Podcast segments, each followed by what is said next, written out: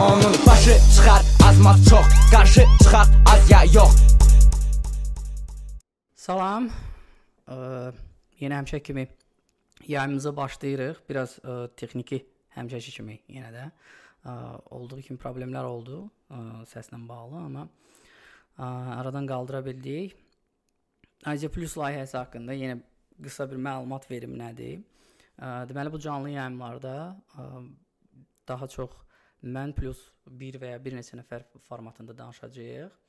Ə, müxtəlif mövzular olacaq. Bir mövzuya aid olmayacaq. Ə, hətta hər hansı bir mövzuya daha çox yönəlsək də daha çox müxtəlif qarışıq mövzular haqqında danışacağıq. Ə, bu gün qonağım var.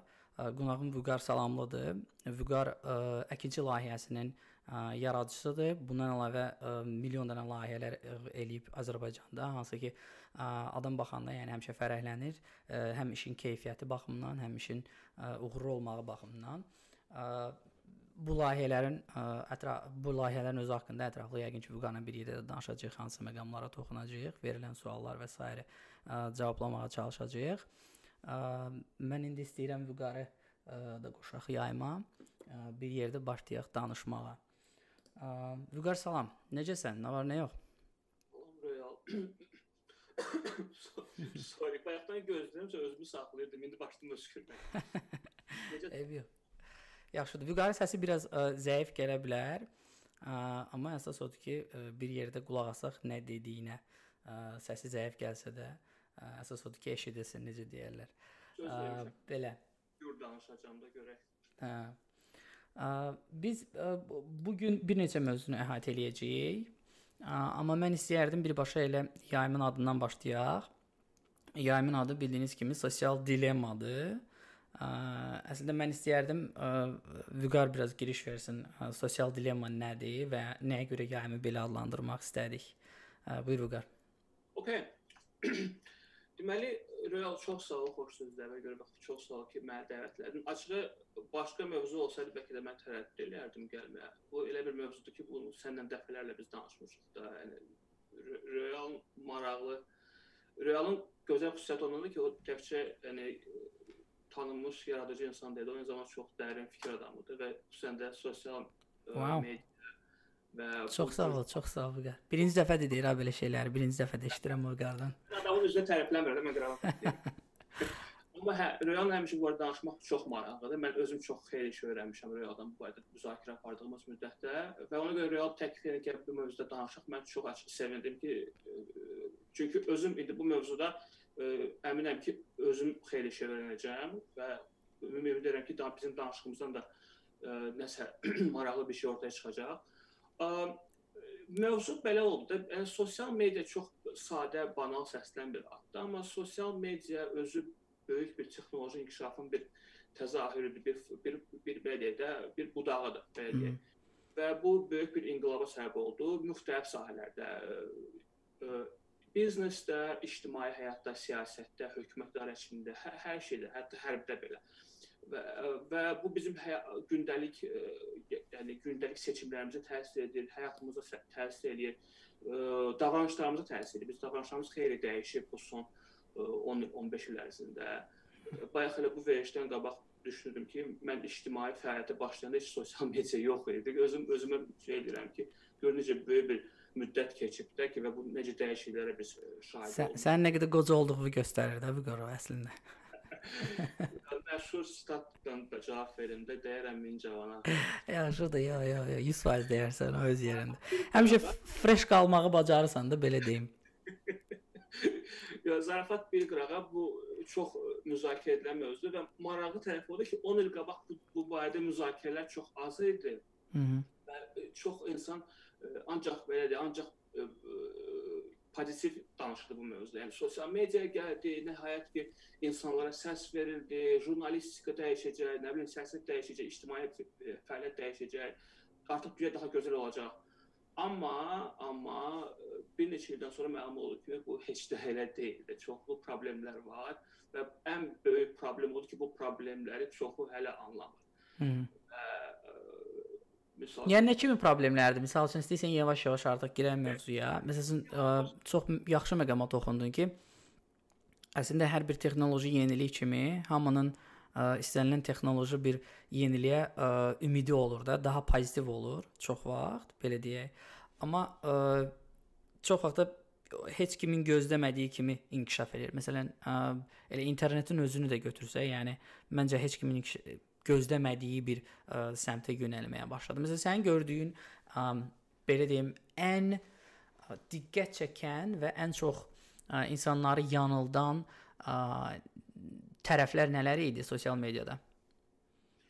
O, belə deyək də, mən çalışacağam öz şəxsi fikirlərimi hələ bildirməyim, çünki Hı -hı çoxlu, yəni insanlar araşdırmalar aparıb, müxtəlif akademiya nümayəndələri və onların bəzi qeyd nəticələrini mən çalışacağam səsləndirim. Hansı ki mən bilirəm də, yəni mən təbii ki bu gündəlik bununla məşğul olmadığım üçün çox detalları bilmirəm, amma ən azından əsas müzakirə mövzularını mən çalışacağam onu ə, qeyd edeyim. Bu birincisi bu data məsələsi və datanın manipulyasiyası məsələsidir. Yəni reklam sahəsində təcrübəsi olan bir insan kimi bunun necə dəyərli bir şey olduğunu mən anlayıram da ki, bu reklamverici üçün çox vacib bir ə, məqamdır. Amma amma bunun idarə edilməsində çox ciddi problemlər var və bu problemlər ə, biz qalmışıq elə bilək də Mark Zuckerbergin və digər sosial media nəhənglərinin böyüklərinin ə, vicdan vicdanına aslıyıq elə bil ki, yəni ciddi bir qanunvericiliyi yoxdur ABŞ-da bu bu datanı qorumaqla bağlı, bunun manipulyasiyasına bağlı. O bu problemlərdən biridir. İkinci problem ə, mən deyər indi bunu danışaq yəqin ki, ikinci problem sırf bu ictimai fəaliyyət və siyasətlə bağlı təsirdir. Çünki başlayanda hamı deyirdi ki, nəhayət biz hamımız danışır artıq ə, mediadan asılı deyil, artıq ifadə azadlığı daha ə, geniş olacaq. Amma nəticə etibarilə biz görürük ki, sosial media hökumətlər daha güclü istifadə edirlər ki, ictimai fəallar və yaxud da müxalifətdə. Bu bütün dünyanın hər bir yerində belədir. Təkcə Azərbaycan kimi ölkələrdə deyil. Bu ikinci problem. Üçüncü problem bəlkə mən deyərdim ki, bu jurnalistika ilə bağlı problemdir və burada iki məqam mən demək istəyirəm. Birinci məqam sırf jurnalist peşəsi ilə bağlıdır. Çünki ə, çoxlu ümidlər var idi ki, vətəndaş jurnalistikası deyilən bir məfhum populyarlaşacaq bununla bağlı problemlər çıxdı çoxlu, onu da müzakirə edə bilərik və ikinci ümumiyyətlə medianın sosial medianın asılı qalması ə, bu problemlərdən biridir. Nəticə etibarilə bu da bir, bir, bir medianın inkişafına, hətta yəni inkişafını dayandırır və eyni zamanda tənəzzülə səbəb olur. Hı -hı. Bu bu üç məqam indi ağlıma gəldi. Yəni ki, daha müzakirə zamanı ortaya çıxacaq bəzi məqamlar. Bayaq sən sual verdin, mən onun cavabını vermədim. E, bu nəyə görə sosial dilemma adlandırılır? Biz Royalla danışanda bu mövzunu o qədər detalları vardı ki, burada bir adla bunu ə, e, cəmləşdirə bilməzdik. Biz ona görə də fikrimiz getdik ki, o məşhur Netflix-in layihəsi olan məşhur filmlər Sosial Dilemma filminə o o filmi çəkənlər çox vacib məqamları orada vurğulayıblar. Ən ciddi problemlərin bəzilərini vurğulayıblar və bütün bunu hamısını Sosial Dilemma adlı adla birləşdiriblər. Biz düşündük ki, elə sosial deməsində ən yaxşı addır bu bütün bu danışacağımız məsələlər haqqında. Onu şərhlərdə də qeyd elədilər sosial dilemma məsələsini, yəni Netflix-in o, o film haqqında belə deyək. Mən elə istəmirəm söhbəti uzadaq, elə birbaşa mövzuya girək. Yəni bizim ən çox danışdığımız məsələlər düzdür, sən burada daha qlobal yanaşmanı göstərdin. Sırf Amerika tərəfdən və yaxud da dünyada ümumiyyətlə necə qəbul olunur bu bütün bu proseslər, sosial mediada baş verənlər ona qarşı və yaxud da ə, yəni Amerikanın seçkilərindən tutmuş, ə, Amerika prezidentinin gündəlik həyatından tutmuş Rusiyanın ə, hardasa soyuq müharibə dövründəki kimi Amerika səs ə, seçkilərinin müdaxiləsinə qədər ə, təsir eləyir sosial media. Amma məsələn yəni biraz konkretləşdirək, konkret ə, tərəfləri haqqında danışaq. Məsələn, bayaq dediyimiz kimi ə, o gözləmədiyimiz tərəfi var idi də və ə, indi konkret bu dəqiqədən danışası olsaq, insanları ən çox narahat edən şeylərdən biri, məsələn, sosial mediadakı ə, toksiklikdir. Yəni ə, o hardasa belə necə deyim, neqativ bir ab-hava yaranıb, ə, toksik sözünü Azərbaycan dilinə tərcümə eləməyə çalışsaq, yəni belə zəhərləyici bir hava. Söz toksik, toksiki tərcümə eləmə yaxşı. Hə, eləməyək, eləməyək. Yəni ümumiyyətlə deyirəm ki, yəni belə bir şey ə, tərcümə olunmalı olsa belə, yəqin ki, hamı başa düşür toksik ə, sözünün mənası, xüsusilə bu kontekstdə nə deməkdir. Yəni cyberbullyingdən tutmuş linçləməyə qədər bunların hamısı Azərbaycanda da görünür. Məsələn, sırf yəni bu sırf Azərbaycana aid olan xüsusi olan bir şey deyil də. Son 1 ayın da daha geniş müzakirə edəcəyik əlbəttə. Amma yəni Twitterdə bu bu anomal anomaliyanın olması əslində Amerikadan tutmuş dünyanın bütün ölkələrində hardasa var. Nəyə görəsə o insanlarda o ə, Twitterdə elə bir ə, Facebook-la mı deyim müqayisədə, yoxsa Instagram-la mı müqayisədə insanlar daha rahat ə, neqativ fikir bildirə bilir, daha rahat ə, bullying eləyə bilirlər. Səncə Azərbaycan niyə bunu götürdü də? Yəni bunun səbəbi nə idi? Bu haqqda çox danışılıb Twitter məsələsində Azərbaycan Azərbaycanın o Twitterçi kəsimi də belə deyim, onların özünü aparmağı haqqında, ümumiyyətlə insanların orada olanda nəsə nəyə görəsə daha özünü ə, belə rahat hiss eləməyi, rahatlıqla söyməyi və s. və ilaxır. İstəyirəm sənin bir qısa fikrini alım o haqqda. Mən həqiqətən də maraqlıdır nə düşünürsən hazırda ə, Twitterdəki vəziyyət haqqında. Sən burada vacib məqam var. Mən bir neçə il ərzində əvvəl mən artıq yəni məndə bir belə bir şey oldu da belə bir ideya ağlıma batdı ki, hansı ki çox gecəsində mənə çatdı, amma yəni gec, gec olması da yaxşıdır. -hı. İstənilən ideyanı danışanda biz həmişə ideya, həmişə texniki məqamlara fokuslanırıq. Amma dərinə dərinə getmir. Çünki dərində daha sadə cavablar var buna. Əslində düşün ki, dərin daha gəlir, yox, dərində daha sadə e, cavablar var. Mən nəyə görə bunu deyirəm? Toksiklik e, insan e, toksik davranış insan insanın emosional, psixoloji, mental vəziyyətini təzahürüdür. Yəni burada sosial media burada sadəcə bir vasitədir. O, o səbəb deyil, o nəticədir. Daha Gəb... yəni alətdir ki, bunu istifadə edə bilir. Mən başa düşdüm o tərəfə, amma gəl belə deyək də, həmin insanın Instagram səhifəsinə baxırsansa, tutaq misal üçün eyni adamdır. Instagram səhifəsində güllər, çiçəklər, yeməklər, hər şey yaxşıdır, əladır, amma Twitterdə ə, yəni ürək dolusuyla ə, hansısa adamı rahatlıqla linçləyə bilər. Eyni adam. Yəni fərqli, yəni bunu məncə inkar eləyə bilmərik də ki, yəni insanın Facebookdakı davranışı ilə eyni adamların Facebookdakı davranışı ilə Instagramdakı davranışı və Twitterdəki davranışı fərqlənir. Düz. Hı -hı.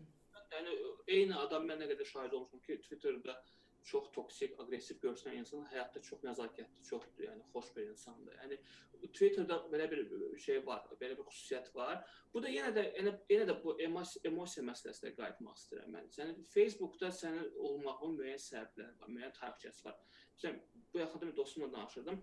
Biz artıq Facebookun populyarlığının azalması səbəbini danışanda biz görə bilərik ki, ən böyük səbəb odur ki, həmin nəsil artıq 40 yaşını keçib, həmin nəslin daha başqa dərdləri var və onlar Facebookda artıq əvvəl kimi istifadə edə bilmirlər. Hmm. Yeni nəsil gəlir, onlar öz həmyaşıdlarını Facebookda tapmırlar deyə başqa yerlər axtarırlar. Bu olur TikTok və yaxud da Instagram və yaxud da başqası. Hmm. Yəni baxanda misal üçün də sən mən durum indi Facebookda söyüş söyüm. Mənim orada Facebookda qohum əqrabalarım var, köhnə iş yoldaşlarım, müdirlərim falan var. Mən orada söyüş söymək istəmirəm, düzdür. Amma Twitterdə yəni daha sadə, daha belə deyim də ə, rahat ab-hava var deyə söyüş söymək də orada və yaxud toksik olmaq da orada daha şey, no, qəbul edilən bir Bir də belə bir məsələ var da, onu əslində sən bir çox adamın niyəsə boynuna almadığı məsələni dedin. Yəni Facebookda ə, daha yaşlı nəsli olan və yaxud da hansısa nə bilim həqiqətən də çox böyük hörmət etdiyi və hörmət etdiyi adamın yanında söyüş danışmadığı bir adam olduğuna görə bir çox adam rahatlıqla Facebookda söyüş söyməkdən çəkinir. Yəni bu özləri nə qədər ə, yəni inqilabçı bu mənada aparmağa çalışsalar da bu faktdır. Onu düz ə, qeyd elədin, amma ondan da əlavə həm də elə bir belə bir ə, o rahatlıq yaranır da insanlarda. Yəni Əli də söyür, Vəli də söyür. Mənim də söyməyim yəqin ki, heç bir problem olmayacaq kimi belə bir şey yaradır. Ondan da irəli gəlincimizə. Amma sırf söyüşdən də getmir axı məsələ. Burada başqa bir faktor da var da. Yəni tək söymək yox, həm də linçləmək faktı var. Yəni rahatlıqla ə, lağa qoymaq məsələsi var da. Yəni rahatlıqla insanları elə bir şey belə bir ə, o quote ə, retweet eləyib ə, hansısa bir iynələyici söz yazmaq ə, tendensiyası var. Və bunu eləyəndə insanlar onu ə, və, çox zaman mən sizə açığı deyirəm, yəni özünü proqressiv kimi göstərmək ə, göstərməyə çalışan adamlar sırf hansısa fikrinə görə insanları linçləyir. Yəni burada ə, hansısa zövqünəmi uyğun və ya da hər hansı bir ə, siyasi baxışına mı uyğun konkret linçləmə gedir. Yəni bu cyberbullying eləyir də hardasa. Yəni bunun özü də qəribə bir şeydir də. Hardasa ə, bütün günü ə, necə deyim, ə, sülhdən danışan və yaxud da ə, insanların bir-birinə daha tolerant yanaşmalı olduğunu deyən insanların ə, özünün ə, rəqəmsal belə deyək etikası ə, daşıdığı fikirlərdən və yaxud da yaymağa çalışdığı hansı ə, ideyadan ə, 160 dərəcə fərqlənir. Ya bunun özü də maraqlıdır ki, deməli burada sırf qohum məsələsi deyil və ya da sırf söyüş məsələsi deyil. Burada hansı elə bir belə bir bu insanları elə bir bir qutuya salmısan, orada rahatlıqla onlara ə, burada hər şey olar da, yəni elə bir ə, zona yaratmısan. O şey kimi. Ə, mən elə əvvəldən elə ona onu qeyd etmək istirdim. Bu Hı. bu emosional vəziyyətdir. Bu insanlar çoxu narazıdır. Yəni şərt o deyil hansısa siyasi sistemdən narazı olsunlar. Ümumiyyətlə insanlar indi bütün dünyada gənclər narazıdırlar. Yəni çox belə ciddi sosioloji ə, e, dəyişikliklər baş verib də son 20 il ərzində. Hı -hı. Yəni bu əslində elə bunu götürsə elə 80-lərdən bəri bu baş verir də. Yəni elə baxsaq 90-ların əvvəllərində Nirvananın yaranmasından tutmuş 2000-lərin əvvəllərində sosial medianın yaranması ilə gedən ə, e, belə dalğaları deyək də və yaxud da cərəyanları deyək. Bu insanların içində çox ciddi bir narazılıq var, aqressiya var və bunu necə çıxartmaq lazımdır. İndi bir dənə məqamı sənə deyəcəm, bunu elə dənə fikirləşirdim belə oldu. Deməli bu e, yəni onu gətirirəm ki, yəni Twitter imkan verir ki, ə, e, sən rahat söyüş söysən, rahat toksik olasan, rahat linçləyəsən kimisə, düzdür? Twitter sənə bu imkanı verir çünki platforma çox rahat düzəldilib onun üçün. Sən çox bir dənə retweet eləməklə bir dənə nə bilim, bir dənə emoji qoymaqla artıq sən bir fikir bildirə bilərsən. Facebookda belə də asan deyil də, çox ağır işləyir Facebook. Twitterlə müqayisədə. Ona orada daha rahatdır bu. Amma amma yenə qayıdırıq biz emosional vəziyyətə. Söyüşlə və ya toksikliklə bağlı bir, məqam var. Məsələn mən dünən fikirləşirdim ki, ə, söyüş əslində indi mən mən sən söyüşə aparıram, sən toksikliyə qaytarsan mən hə, sorry. Amma mən, mən söyüşü düşündüm ki, bəs nəyə görə biz söyüş söyürük də sosial şəbəkələrdə. Mən açığı söy söyüş söyməyin vacib olduğunu düşünürəm də, amma təbii ki, bu söyüş çünki sənin içindəki o aqressiyanı çıxartmaq lazımdır. Ya sən gəlib dava eləyirsən, ya nə bilim bu quruş alırsan, ora vurursan, yumruq vurursan və yaxud da gəlib başqa bir işlə məşğul olsan, yəni normalda qeyri-zorakı yolla başqalarına ziyan vurmadan içindəki aqressiyanı çıxartmalısan sən hansısa bir yolla. Və söyüş bunlardan biri də çıxırsan dost dost dost tanış ə, e, çevrəsində başlasan. Yəni e, şərtli deyil ki, hansısa mövzu barədə söhbət olsun. Sadəcə müzakirə vaxtı ağzından söyüş çıxa bilər. Bu əvvələ bir intim bir ab-havada baş, dost, yaxın dostların yanında baş verdi. Bu son bir il ərzində baş verdi. Biz dostlarımızı görmürük. Biz hamımız oturmuşuq, qapamışıq evdə, dörd divar arasında. və bizim artıq söyüş söyməyə belə imkanımız yoxdur, yerimiz yoxdur və biz bütün aqressiya tök, onsuz da çox idi aqressiya və yeni dalğa aqressiyada gəldi. Məhz bu qapanmaqda oturmusan evdə, sən danışa bilmirsən artıq da, içindəki hissləri boşalda bilmirsən və sənin ancaq qabağında Twitter var. Və şərt o deyil sən məhz narahatlığı ifadə eləsən.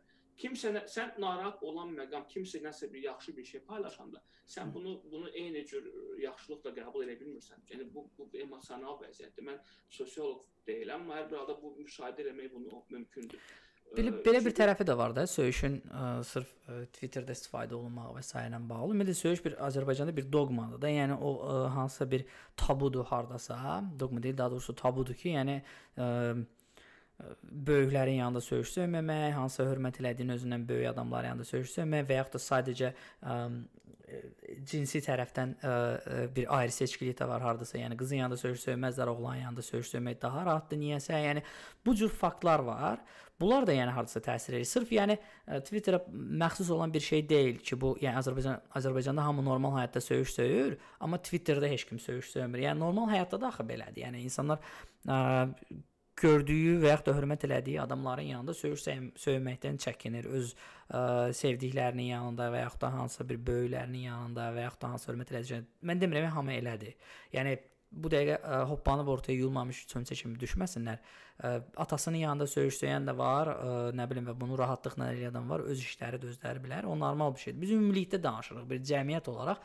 Azərbaycanda bu, yəni bu faktı ignor eləmək olmaz ki, Azərbaycanda söyüş məsələsi hələ də tabudur və bu tabu hardasa bu ə, sakrallığı ə, desakral desakralizasiyası gedir də. Yəni hardasa söyüşün ə, Twitterdə.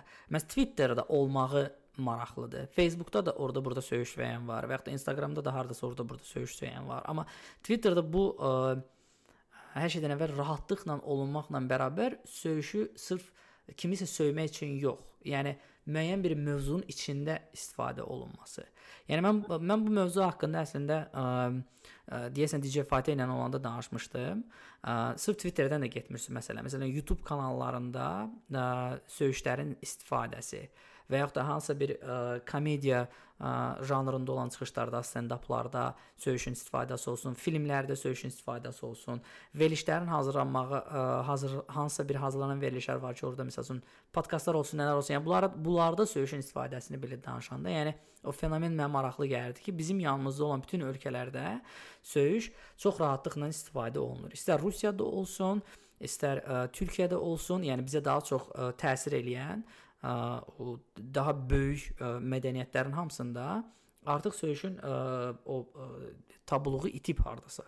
Xüsusilə gənclərin arasında bu rahatdır və rahat istifadə edirlər və Azərbaycan Twitterinə də gələn məhz Türkiyə Twitterindən gələn bir ə, tendensiyadır. Ümumiyyətlə Azərbaycan Twitteri başdan ayağa ə, Türkiyə Twitterinin tender ə, tendensiyaları ilə ə, hərəkət eləyir.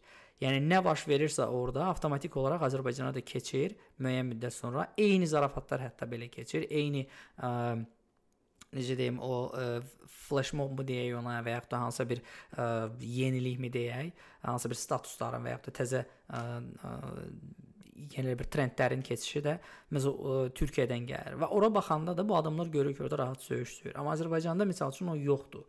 Azərbaycanda məsəl üçün rahatlıqla ə, söyüş ə, tərkibli olan stand-up eləyən adamlar varsa da belə, yəni çox belə ə, yox deyiləcək səviyyədədir. Yəni ümumiyyətlə düşüncə olaraq hələ orada deyil. Baxmayaraq ki, bu virtualdır, bunun özü bir bir anomaliya kimi gəlir mənə. Yəni bu heç nəyi dəyişmir. Yəni o Twitterdə söyüş söyən adam və ya Twitterdə söyüşlə rahat ürəyi istədiyi kimi, əgər rahatdırsa söyüş söyməkdə də əlbəttə ki, insanlar var ki, özlərini rahat hiss eləmir o ümumiyyətlə söyüşü ə, leksikonunda istifadə eləmir. Ona rahat gəlmir o. Yəni əgər o adamlar ə, Twitterdə bunu eləyib, sonra sabahsı gün başqa bir ə, hər hansı bir çıxışında, ə, yəni ə, bir, public çıxışında da belə deyək. Public deyəndə yəni nə qədər public olacaq bilmirəm. Kiminsə 20 nəfərin qabağında duran, 30 nəfərin və ya 100 nəfərin qabağında duranda bundan istifadə eləmir. Yəni bu hardasa mənə şey gəlir. Bu, yəni bu, bu bayaq mən desakralizasiyası dedim. Yəni çox çox e, sən hə. belə e, çox belə ağrılı mövzu deyirsən. Bu sən çox ürəyimi boşaltdırıq deyir. Hə, mən ürəyimi ürəyimi boşaldıram konkret. Çünki mənə yox, ürək ağrılı da deyil əslində. Mənə heç bir ağrılığı yoxdur. Mənə sadəcə fakt kimi ə, maraqlı gəlir və necə inkişaf eləyəcəyi mənə maraqlıdır bunun. Yəni bu sırf virtualda mı qalacaq yoxsa ə, yəni real həyata da keçid eləyə biləcəyimi o mənə maraqlıdır. Çünki mən indiyə qədər gördüyüm Facebookda da var idi. Bu bu tendensiya birinci dəfə başlamamışdı. Facebookda da var idi bu məsələ yavaş-yavaş görsənirdi, amma Twitterdə bu qədər geniş olmağı ilə hansı səviyyəyə çatacağı mənə maraqlıdır ona görə. Bu sən bu bu ə, e, mənə yəni də bunu heç kim deyə bilməz ki, necə olacaq bunun davamı? Çünki bu davranışla bağlı bir məsələdir. Bunu proqnoz etmək mümkün deyil, amma yəni bunun baş verməsinin məntiqi var da. Yəni sən dediyin kimi biz e, e, dünyaya indi əslində mən, mənim müşahidə etdiyim odur ki, biz dünyaya Türkiyə vasitəsilə çıxırıq da. Əvvəllər bu Rusiya idi, sonra bir qısa bir müddət Avropa, Amerika ə, ə, cəhdi oldu, amma o o böyük deyildi. Bizdə dünyaya çıxış həmişə iki yerdən olub, ya Türkiyə ya Rusiya. Uzun müddət Rusiya olub və artıq ə, müstəqilliyin 20 ilindən sonra artıq Rusiya təsiri azaldı. İndi mədəni olaraq biz Türkiyə vasitəsilə çıxırıq dünyaya və Türkiyə vasitəsilə çıxdığımız üçün də biz dünya Türk gözü ilə, Türkiyə mediasının gözü ilə baxırıq. Türkiyə YouTube-nun gözü ilə baxırıq, Türkiyə serialların gözü ilə baxırıq və ə, e, və təsəvvür ki, yeni nəsil formalaşıb. Mən məndən sonra yəni ki, bir iki dənə nəsil ələ gəlib də. Mənim nəslimdə biz Türkiyə təsirinə çox da məruz qalmamışıq da. Yəni bizdə türk türk e, təsiri olanlar da var idi, rus. Mən qarışıq idim daha çox. Amma mən görürəm ki, məndən sonra gələn nəsillər çox Türkiyə mediasına çox bağlıdırlar və təbii ki, orada olan mədəni ə, belə deyək, mədəni meyllər ə, təsir edir insanların davranışına və başqa məqam sən dediyin kimi də biz ə, hörmət eləyirik. Çöldə çox söyüş söymür. Həm qadınların yanında söyüş söymür kişilər, həm qadınlar kişilərin yanında söyüş söymürlər. Yəni elə idi hər halda uzun müddət və təbii ki, valideynlərimizin yanında, qohum-əqrabanın yanında söyüş söymürdük. Amma sosial mediada hətta biz bilə-bilə ki, bizim tanıyanlar, bizim böyüklərimiz, bizim və yaxud digər cins nümayəndələri bizi izləyirlər. Sosial media sadəcə bu bizə müəyyən bir o həmin o sən dediyin tabu qırıldı elə. Yəni sosial media yazıramsa it's, it's okay də, yəni bu okeydir. Buna buna problem yoxdur. Buna kim nə deyə bilər? Bir dəfə əsəbləşdim, yazdım. Heç kim artıq irad tuta bilməzdi sənə. Yəni əvvəllər mən yadıma ki, ilk ilk dağı olanda belə bu belə aqressiv postlar, söyüşlər yadıma ki, insanlara deyirdilər ki, bunu yazma, bunu eləmə, belə eləmə, cəmaət baxır falan, amma artıq indi görürəm ki, yaşlı nəsil də artıq barışıb ki, cavan nəsil belədir. Hmm. Ona görə yəni məncə bu bu ə, burada təbii ki, faktorlar var, amma Rusiya ə, ə, gəncləri də çoxlu söyüş söyürlər. Onlar həmişə söyüş söyüblər də, yəni öz aralarında. Rusiyada mən, mən bildiyim qədərilə rus gənclər arasında tabu olmayıb söyüşlərlə. Orada elə bir daha biraz ə, necə deyim, daha təbii keçid oldu. Yəni sırf ə, onlar necə zalim ol, yəni onlar real həyatda belə rahatlıqla, ə, yəni onlarda bizdə olan tabu yoxdur.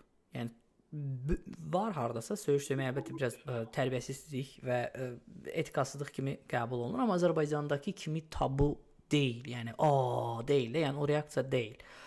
Onun da ə, yəni sosial media keçidi və yaxud da hər hansı bir yeni ə, yaradıcılıq hansısa növünə, istər bu jurnalistikada, alternativ jurnalistikada olsun, istər ə, filmlərdə olsun, istər nə hansısa bir yaradıcılıq nümunələrində olsun, yəni rap olsun, rock olsun, bunların hamısını musiqi və sairdə sosial mediada da yəni paralel olaraq keçdi. Yəni insan mənə şəxsən o şey gəlmədi. Qeyri qeyri-adi bir şey gəlmədi. Ə, yəni bu bu tərəfi var. Amma Azərbaycanda biraz o yoxdur deyə, yəni o o o mənada deyirdim. Məsələn, yavaş-yavaş gecə şey məsələsinə, bu linçləmə məsələsinə ə, insanlar mən bu ə, xüsusilə Amerikada daha çox ə, şey haqqında danışanda yəni ə, toksiklik haqqında danışanda və ya da hansı bir linçləmə və ya da cyberbullying haqqında danışanda ə, ən çox tələb etdikləri ə, şeylərdən, yəni ən çox insanlardan daha ə, düzgün olmağa və ya da daha yaxşı, daha pozitiv yanaşmağa ə, hər şey tələb etməkdənsə və ya da tələb etmək əvəzinə ə, Facebook-dan və ya da Twitter-dən bir platforma kimi bunun qarşısını almaq üçün tələblər, yəni ə, hesabatlar tələb eləyirlər. Yəni nə kimi qarşısını alırsan, hansısa bir ə, dezinformasiya olsun və ya da linçləmə olsun, ə, və ya da toksik ə, yəni o hate speech deyirlər o və ya da irqçilik və ya da hansısa bir ə, necə deyirlər, ə, yəni seksist və ya da hansısa bir homofob və s. və axır bu cür ə, qanunla hardasa bəzi yerlərdə qadağan olunan ə, məsələlərin ə, Twitter, xüsusilə Twitter platformasında və ya da Facebook-un özündə də əlbəttə ki, bu problemlər var. Xüsusilə Twitter-ın özündə ə, ciddi problem, bu mənada ciddi problemlər olduğunu ə, davamlı olaraq danışırlar və ə, yəni bu bu bu bu, bu məsələnin ə, dayanmayan bir məsələdir. Yəni artıq neçə ildir bu davam eləyir. Ə, bu yaxınlarda ümumiyyətlə bilmirəm ə, o məsələ ə, kiminsə gündəmində oldu ya yox.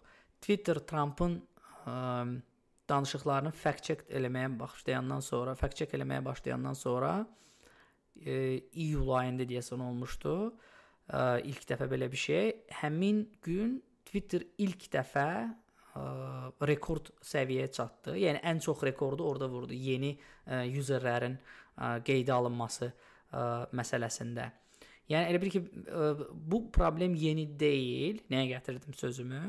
Və Twitter ümumiyyətlə bir ə, bir platforma olaraq daha da məşhur məşhurlaşdığı üçün ə, Twitterdən hardasa ə, müəyyən mənada belə deyək, ə, senzura demək olmur ona, çünki senzura da deyil. Bəlkə də hardasa senzuradır. Yəni ə, filtrasiyanın daha necə ə, inkişaf elətdirə bilər deyə belə bir tələblər qoyulur davamlı olaraq. Ə, Azərbaycanda ümumiyyətlə mümkün deyil yaxın gələcəkdə, amma mən istəyərdim sənin də fikrini o haqqda ki, ümumiyyətlə nə dərəcədə düzgündür məsələn ə, bu dəqiqə ə, Trumpın seçkilərlə bağlı paylaşdığı ə, bütün paylaşımların altında ə, Twitter yəni ə, disclaimer yerləşdirir, elan yerləşdirir və çox vaxtda onun ə, retweet olunmağının və ya da like olunmağının qarşısını alır. Bunu keçmədən qabaq yadıma düşdü. Yəni biz vacib məqamı qeyd eləmədik. Twitterin yaranmasında əslində ən böyük rolu məhz ifadə azadlığı oynayıb. Yəni biz bunu unutduq demək. Çünki Düz. başlayanda həm YouTube, həm Facebook, həm Google-un özü də bütövlükdə Google ə, və digər ə, sosial ə, şəbəkələşmə saytlarında ciddi ə, davranış kodeksləri yazılırdı. Twitter deyirdi ki, mən məhdudiyyətləri mümkün qədər az eləyəcəm ki, insanlar rahat fikirlərini bildirsinlər. Bu bəlkə də əvvəldən müəyyən bir ənənə formalaşıb qərbdə artıq, yazı tərəf, bəlkə də ondan gəlib Türkiyə sonra keçib bizə. Yəni bu məqam da unutulmalı. O ki qaldı ə, Trumpa və yaxud da digər. Ümumiyyətlə mən mən bir, bir şeyə inanıram da. Mən, mən nə inanıram? Mən buna çox ciddi çalışıram. Bunu buna buna e, belə fikir verim. Əgər sən ictimai fiqursansa, əgər sən vəzifə sahibisənsə, əgər sənin heç bir vəzifən belə yoxdursa, sənin minlərlə, yüz minlərlə, milyonlarla izləyicin varsa, sən ə, yazdığına fikir verməlisən.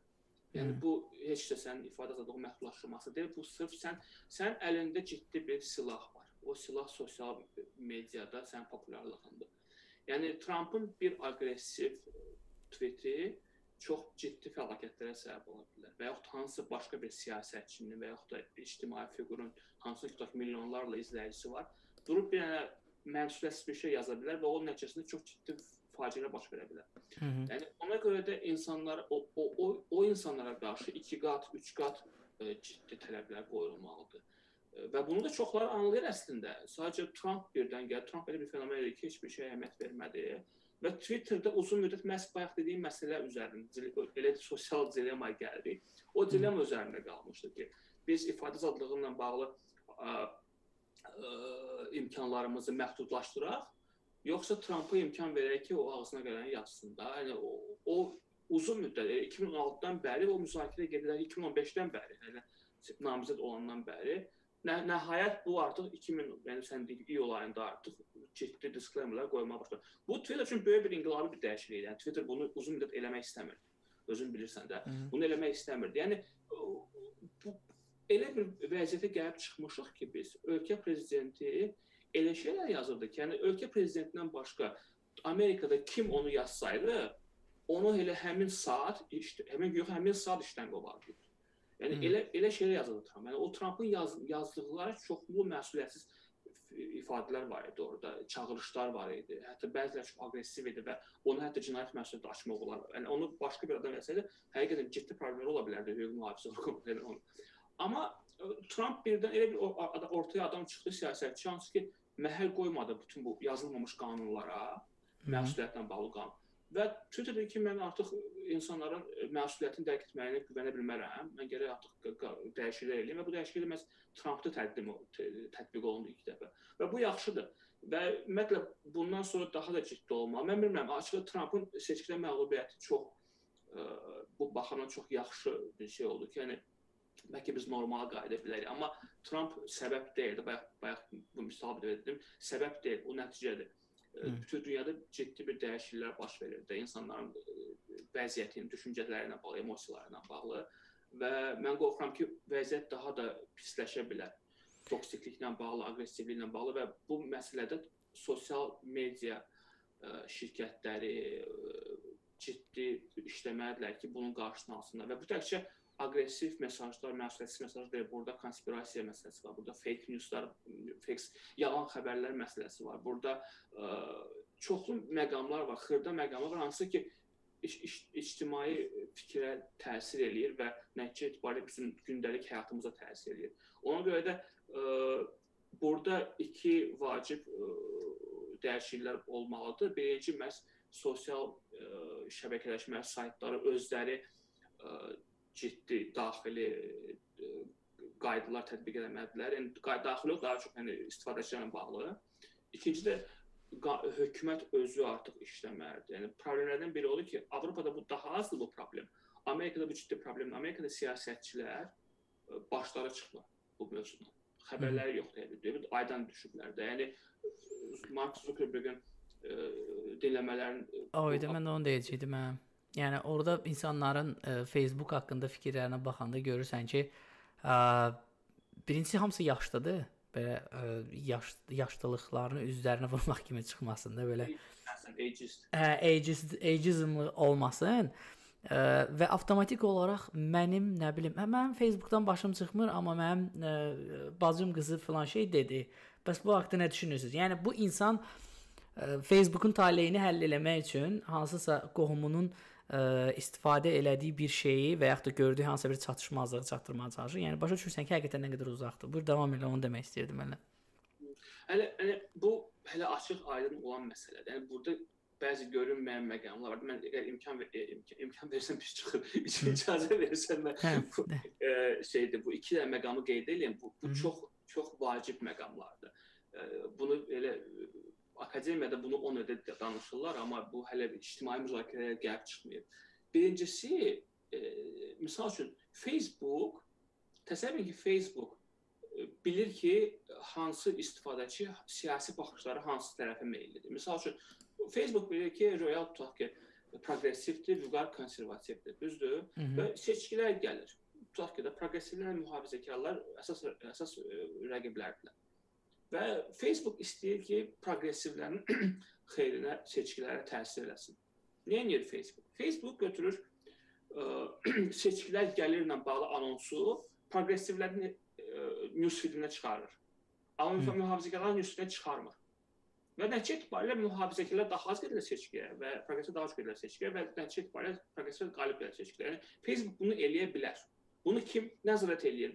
Bu belə bir mexanizm yoxdur Amerikada və mən bilmirəm dünyanın başqa yerlərində bu belə bir şey var. Yəni Facebookun əlində seçkiləri saxtalaşdırmaq imkanı var. Bu birinci məsələdir. İkinci vacib məsələ bu ə, şeydir. Ə, Zeynəb Tüfəkçinin məqaləsi məsələn göndərmişəm bu yaxada. İstəsəm paylaşarıq biz o izləyicilərlə Aha, paylaşaq. bu, bu ifadə azadlığına təsiri ilə bağlı ə, Zeynəb Tüfəkçi məqalə yazmışdı. Açıq bir, bir şey bir, vacib deyim ki, məsələ deyim ki, sosial medianın araşdırma ilə məşğul olan insanlar, alimlər, tədqiqatçılar əksəriyyətlər bir-birinə razıdırlar çox məsələn. Mən ə, ə, mənim müşahidə etdiyim odur ki, çoxlu ə, belə deyək də mübahisələr yoxdur burada. Çünki açıq faktlar açıq-aşkar göz qabağındadır və Zeynəb Tüfəkçi də çoxlarının dediyi, araşdırdığı məsələləri çox yaxşı təqdim etməyi bacarır deyə o ön plana çıxıb məsələ. Ona görə o məqalələrə maraqlıdır. O imkan olanda o məqalələrini oxuyun. Bir məqaləsində o yaxşı bir misal verir. Bu ifadə azadlığı ilə bağlı misaldır. O deyir ki, ifadə azadlığı konsepsiyası o vaxt e, işləyir ki, Hı -hı. sən hamıya eyni cür baxırsan. Yəni sən tutaq ki, bir dənə xəbər çıxır, xəbərin adı nədir? Xəbər tutaq ki, misal üçün də Marsda həyat ə, tapılıb misal üçün. Və bu ə, xəbər hamıya eyni cə, eyni ə, şəkildə çatımlı olan media vasitəsilə hamıya paylanılır. Yəni bu TV-dir, radiodur, qəzetlərdir. Yəni hamı gedib televizor yandırmaqla ə, və yaxud da qəzet almaqla bu xəbəri oxuya bilər. Amma sosial media dövründə nə baş verir? Hı -hı. xəbər çıxır. O xəbəri sən görmürsən, mən görürəm. Nəyə görə? Çünki sən bütün günü oturub məsəl üçün araşdırırsan musiqiçiləri və alqoritm deyir ki, real planetlər maraqlı deyil. Vüqar oturub bütün məsəl üçün planetləri araşdırır, musiqini araşdırmır. Və alqoritm mənə planetlərə bax xəbəri verir mənə. Mənim xəbərim olsa, sənin xəbərin olmur. Hı. Və bu vəziyyətdə biz deyə bilmərik ki, biz ifadə azadlığını təmin edirik. Çünki sən olaraq realın məlumat əldə etmək azadlığını ondan almısan. Çünki alqoritm deyir ki, real real onsuz da maraqlı deyil bu xəbər. O o xəbər bizə gəlir gətirməyəcək, reklam almayacaq. Gəl ondan sonra real musiqi xəbərləri verir. Yəni bu iki məqam necə incə məqamlar, necə incə ə, bu ə, elementlərin mövcudluğunu göstərir. Yəni bu hələ xırdadır. Bunun kimi yüzlərlə bəlkə də misal vermək olar ki, sosial medianın ə, bizim gündəlik həyatımıza təsiri necə ciddidir. Ə, yəni data falan onlar özlərinə amma bu bu cür məqamlar bizim biz elə bilirik ki, biz çıxırıq, biz biz daha azad dünyada yaşayırıq. Amma sosial media bizim azadlığımızı xeyli şəkildə məhdudlaşdırıb və bunu çox az adam deyir. Çünki deyəndə deyirlər ki, məsəl üçün də yəni sən mühafizəkarsan falan, amma həqiqətən yəni baxanda tutaq ki 2011 hadisələri, bu ərəb baharı hadisələrində onda çox populyar oldu ki, hə, sosial media azadlıq gətirdi bu regiona. Amma nəyə görə gətirir? Çünki həmin ana kimi hökumətlər hələ yaxşı araşdırmamışlar sosial medianın imkanlarını. Ondan bir neçə il keçdi, hökumətlər daha yaxşı alətlərə malikdirlər, daha yaxşı texnologiyaya malikdirlər. Müxtəlif texnologiya hazırlayırlar, alırlar, onu başqalarına satmırlar və yaxud da ə, trollar fabriki misal üçün məşhur bir nümunədir. Yəni bu nəticə etibarilə biz görürük ki, sosial media yaxşı bəlkə də niyyətlə ortaya çıxır. Amma nəticə etibarilə çoxlu mənfi tərəfləri var və bu bunu buna cavab verilməsə daha da çətinləşəcək və hansı ki biz müşahidə edirik, bizə ən toxunacaq mövzu bu saxta xəbərlər və konspirologiya məsələsi. Bu indi mən məsələn şəxsən düşünürəm ki, indi dünyada ən vacib problem konspirologiya problemidir. Konspiroloji nəzərlər problemidir. Danışaq da vaxtdan. Okay. yəni əsas bu dəqiqə bu də... biraz nəfəs alıb çox danışdım. Hə, ə, yəni bu dəqiqə biz konspirologiya deyəndə sırf hansısa ə, yəni konspirologiya ilə bağlı əslində ə, elə Əkinçinin ə, çox maraqlı videosu var. Ə, orada ə, universitetin də adı yadımdan çıxıb, danışan ə, spikerin də adı yadımdan çıxıb. Vüqar yadında qalıbsa onları səndinin mütləq ki baxsınlar. O hardasa bir qəşəng bir introdur. Ə, nəyə? Bu mövzunu dərindən öyrənmək istəyən insanlar üçün ümumiyyətlə konspirologiyanın nə olduğu, hansı ə, konspirologiya ümumiyyətlə nə deməkdir, yəni ə, bu bu bunun nəzəriyyəsi nədir? Əslində hansı nümunələri var və yaxud da bizim ağlımızda olan elə bir şablon konspirologiyalar var ki, biz buralara ə, yəni konspirologiya kimi baxırıq, əslində bəlkə də o tam konspirologiya deyil və s. və ilaxır. Vüqar sən isə bir dənə qeyd elə o əkinçini biz yəqin ki əlavə eləyəcəm mən bura description hissəsində, amma sən də istəyirsən də. Deyəsən mən danışın sən səsimi eşitmirsən deyə, yəni şey. Hə, mən biraz bəlkə də sənin səsin zəif gəlir deyə bu arada. Ə, mən burada görürəm kommentlərdə də ə, o, elə o məsələ idi, onu həll etməyə çalışırdıq, amma ə, mən biraz zəif danışım ki, Vüqar da eşidilsin.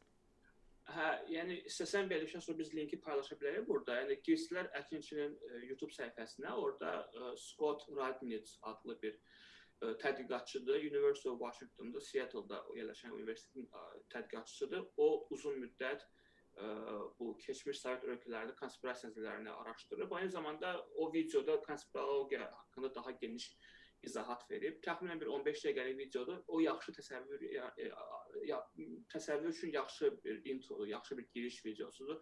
Tövsiyə edirəm ona bir dənə baxasınız. Hə, real.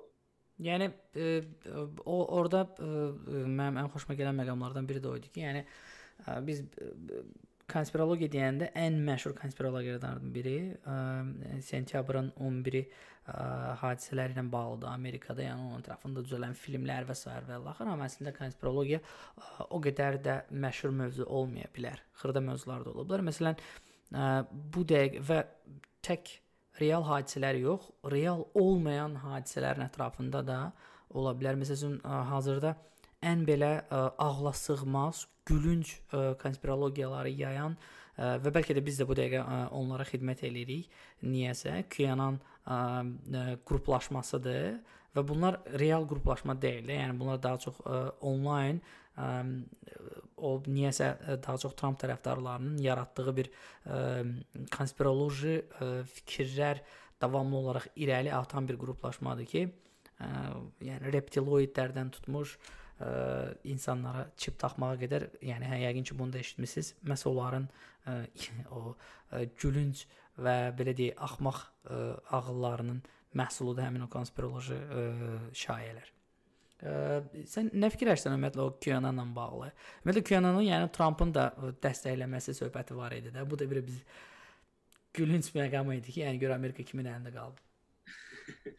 Bu konspirologiya ilə bağlı bir neçə məqam var. Onu gərək biz anlayaq da bu mövzunu müzakirə etmədən qabaq.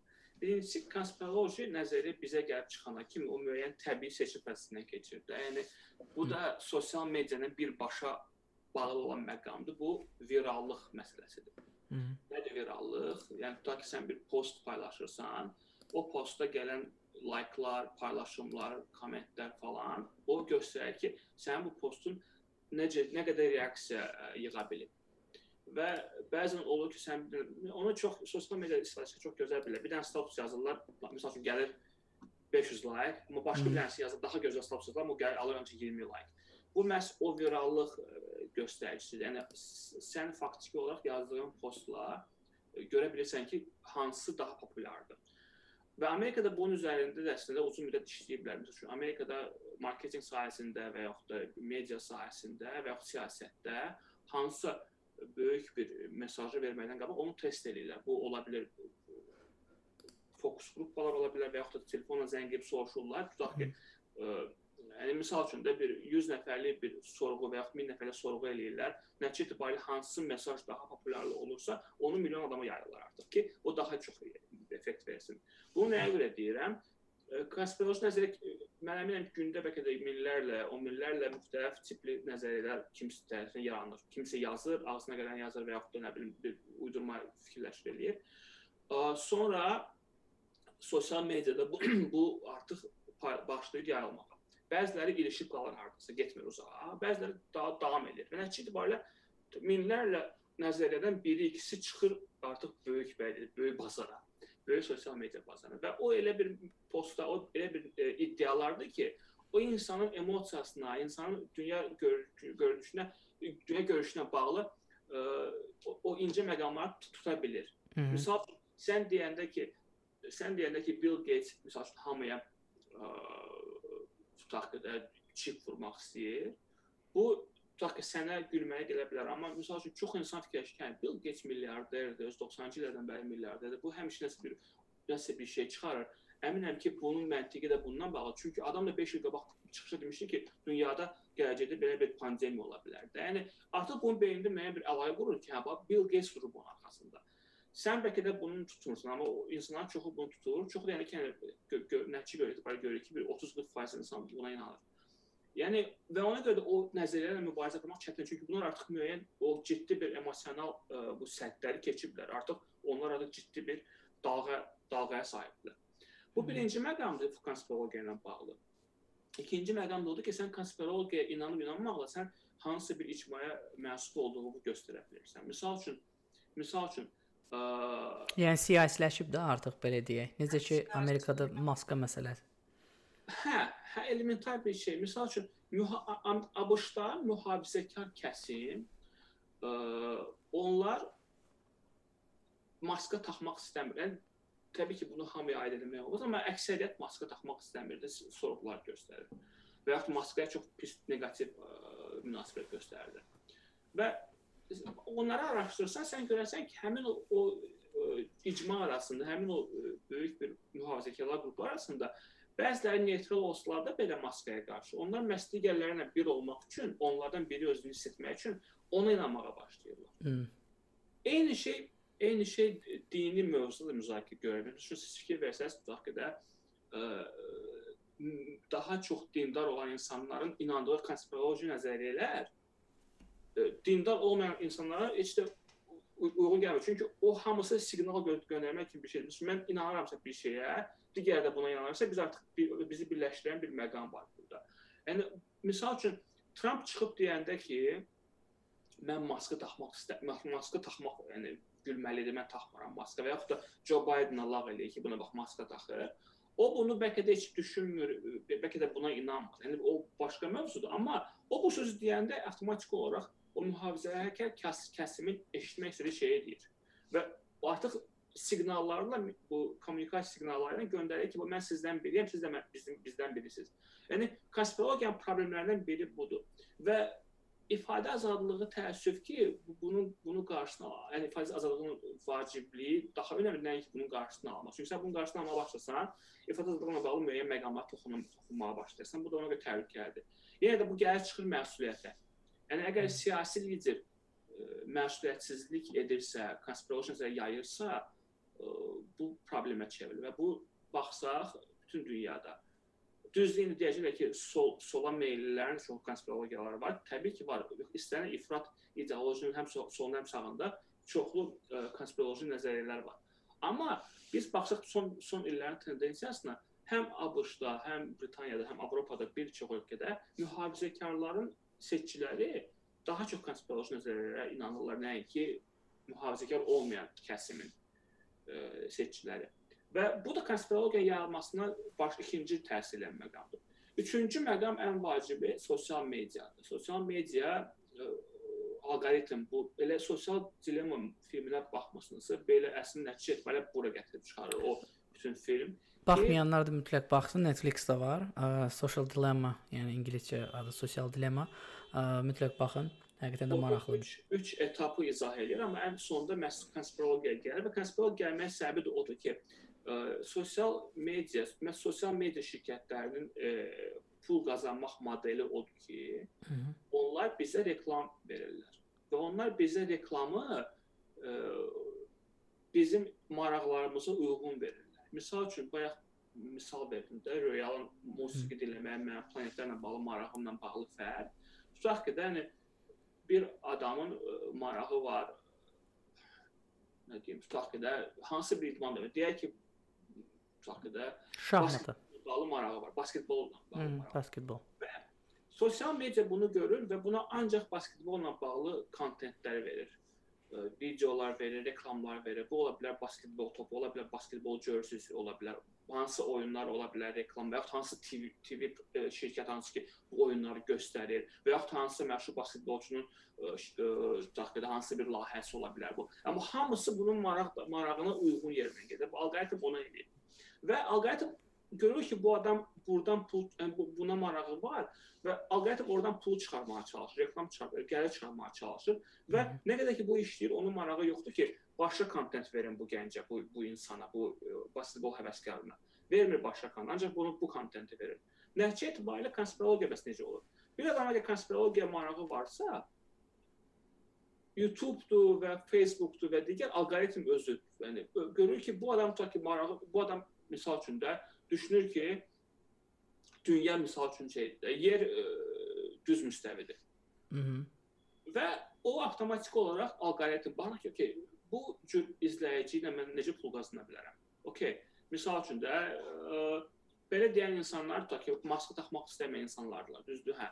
Peyvənd olmaq istəməyən insanlardılar, ha bu. Hı -hı. Və bu bu, bu qrupa aid olan kontenti, videoları, şəkilləri, reklamları verməklə ondan pul çıxarır. Yəni nəticə barədə biz hansısa bir giririksə bir bubble deyək, bir buluda, bir ə, ə, istiqamətə.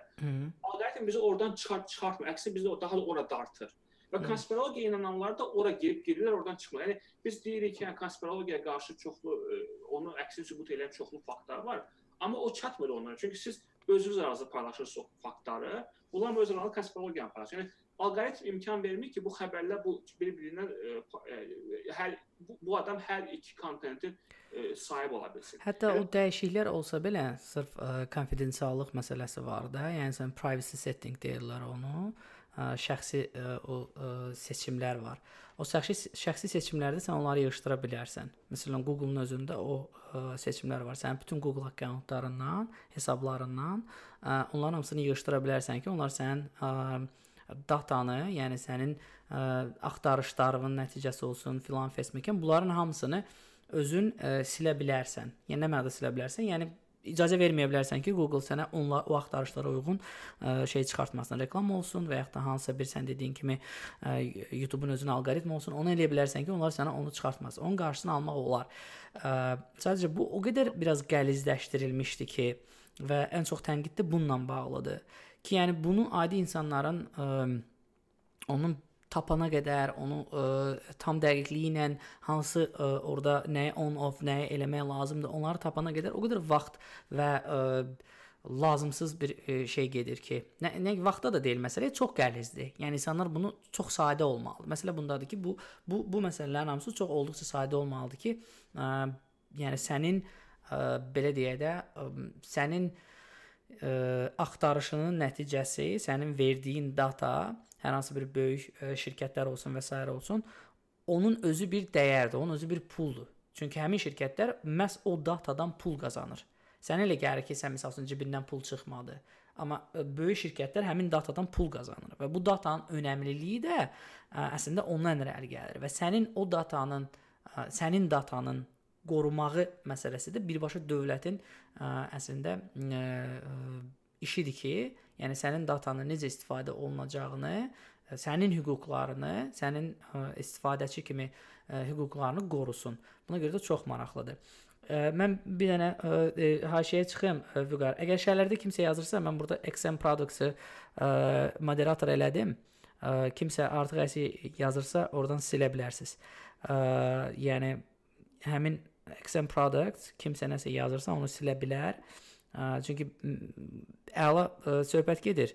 Ona görə də mən şərhləri davamlı olaraq oxuya bilmirəm, amma görürəm burada lazımsız dəxilsiz adamlar əmələ gəlib niyəsə qəribə-qəribə şeylər yazırlar.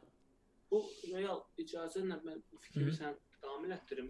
O məsələ ondan ibarətdir ki, yəni şirkət deyə bilər ki, hə mən belə bir seçim qoymuşam, ya bu seçimi öz özünüz dəyişin və siz çox normal sosial media təcrübəsi qazanacaqsınız. Burada iki dənə problem var. Bir problem odur ki, şey o monitorinq eləyən qurum yoxdur ki, bu düzdür yoxsa səhvdir. Danış ondan ümidinə. İkinci məqam da odur ki, bu birbaşa e, həmin o şirkətlərin fəaliyyət ə, e, modus operandi deyirlər də, fəaliyyət modelinə deyə o ziddir. Hı -hı. Bu olmazsa onlar pul qazanmayacaq. Onlar pul onlar, onlar bunlar bu, bu data onlar əlavə gəlir deyil. Bu data onların əsas gəlir mənbəyidir. Nəinki əsas, bəlkə də yeganə gəlir mənbəyidir. Və sən ona deyəndə ki, gəl bunu biz yığışdıraq, o deyir ki, okey, yığışdır, mən nə edəcəm? Mən harda pul qazanacağam? Ona görə də burada ciddi e, bütövlükdə dəyişiklik baş verir. Bu qanunlarla, qaydalarla həll olunan məsələ deyil təəssüf ki. İkinci məsələ onu onu deyirdim ki, yəni hökumət belə e, tətbiq eləsə, o o o, o düşünür ki, yaxşı, mən bunu tətbiq etsəm, bu burada 10 minlərlə insan işləyir. Mən onlara işçi qoyacağam, mən onu edəcəm?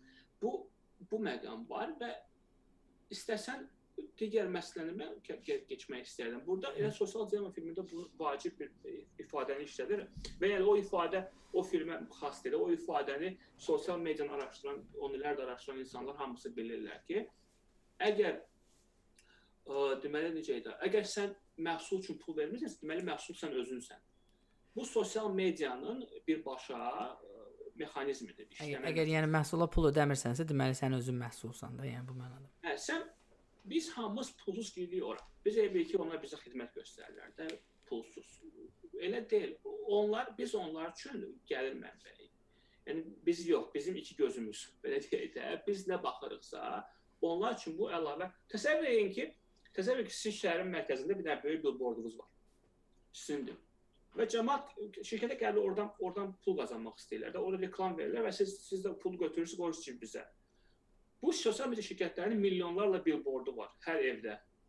Və hər birindən pul qazanır o şirkətlər. Və sən deyəndə ki, mən bunu ki, optimizasiya eləməyim, mən bunu məsələn mən vüqar vüqar tutaq qədər vüqara marağı deyil məsəl üçün falan məhsul, mən vüqara bu məhsul maraqlıdır. Gəl mən onu verim ki, o çünki ondan pul çıxacaq. Çünki məsələn mən görsəm, misal üçün mən görsəm burada indi gözümün qabağına çıxsa tutaq qədər motosiklet çıxsa mən almaq istəmirəm motosiklet. O boş-boşuna xərclənmiş puldur. Amma mənim qabağıma çıxarsa misal üçün də futbol topu, mən gedib onu alacağam. Deməli o bilir məni. Mən istəmirəm ki, o bilsin mənim seçimlərimi. Çünki o nəticə itibarilə təkcə reklamla kifayətlənmir axı. Bu kontentə müdaxilə eləyir. Bu mənə xəbərləri elə verir.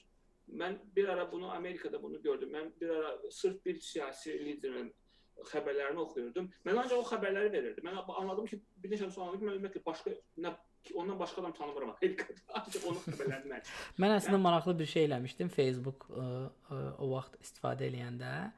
Ə, istəyirəm bölüşüm o, o, o məsələ ilə bağlı. Çünki Facebookun indiki alqoritmi biraz fərqlidir. O vaxtki alqoritm sənin izlədiyin adamlar var idi və o izlədiyin adamlara uyğun nə var idi, o çıxırdı.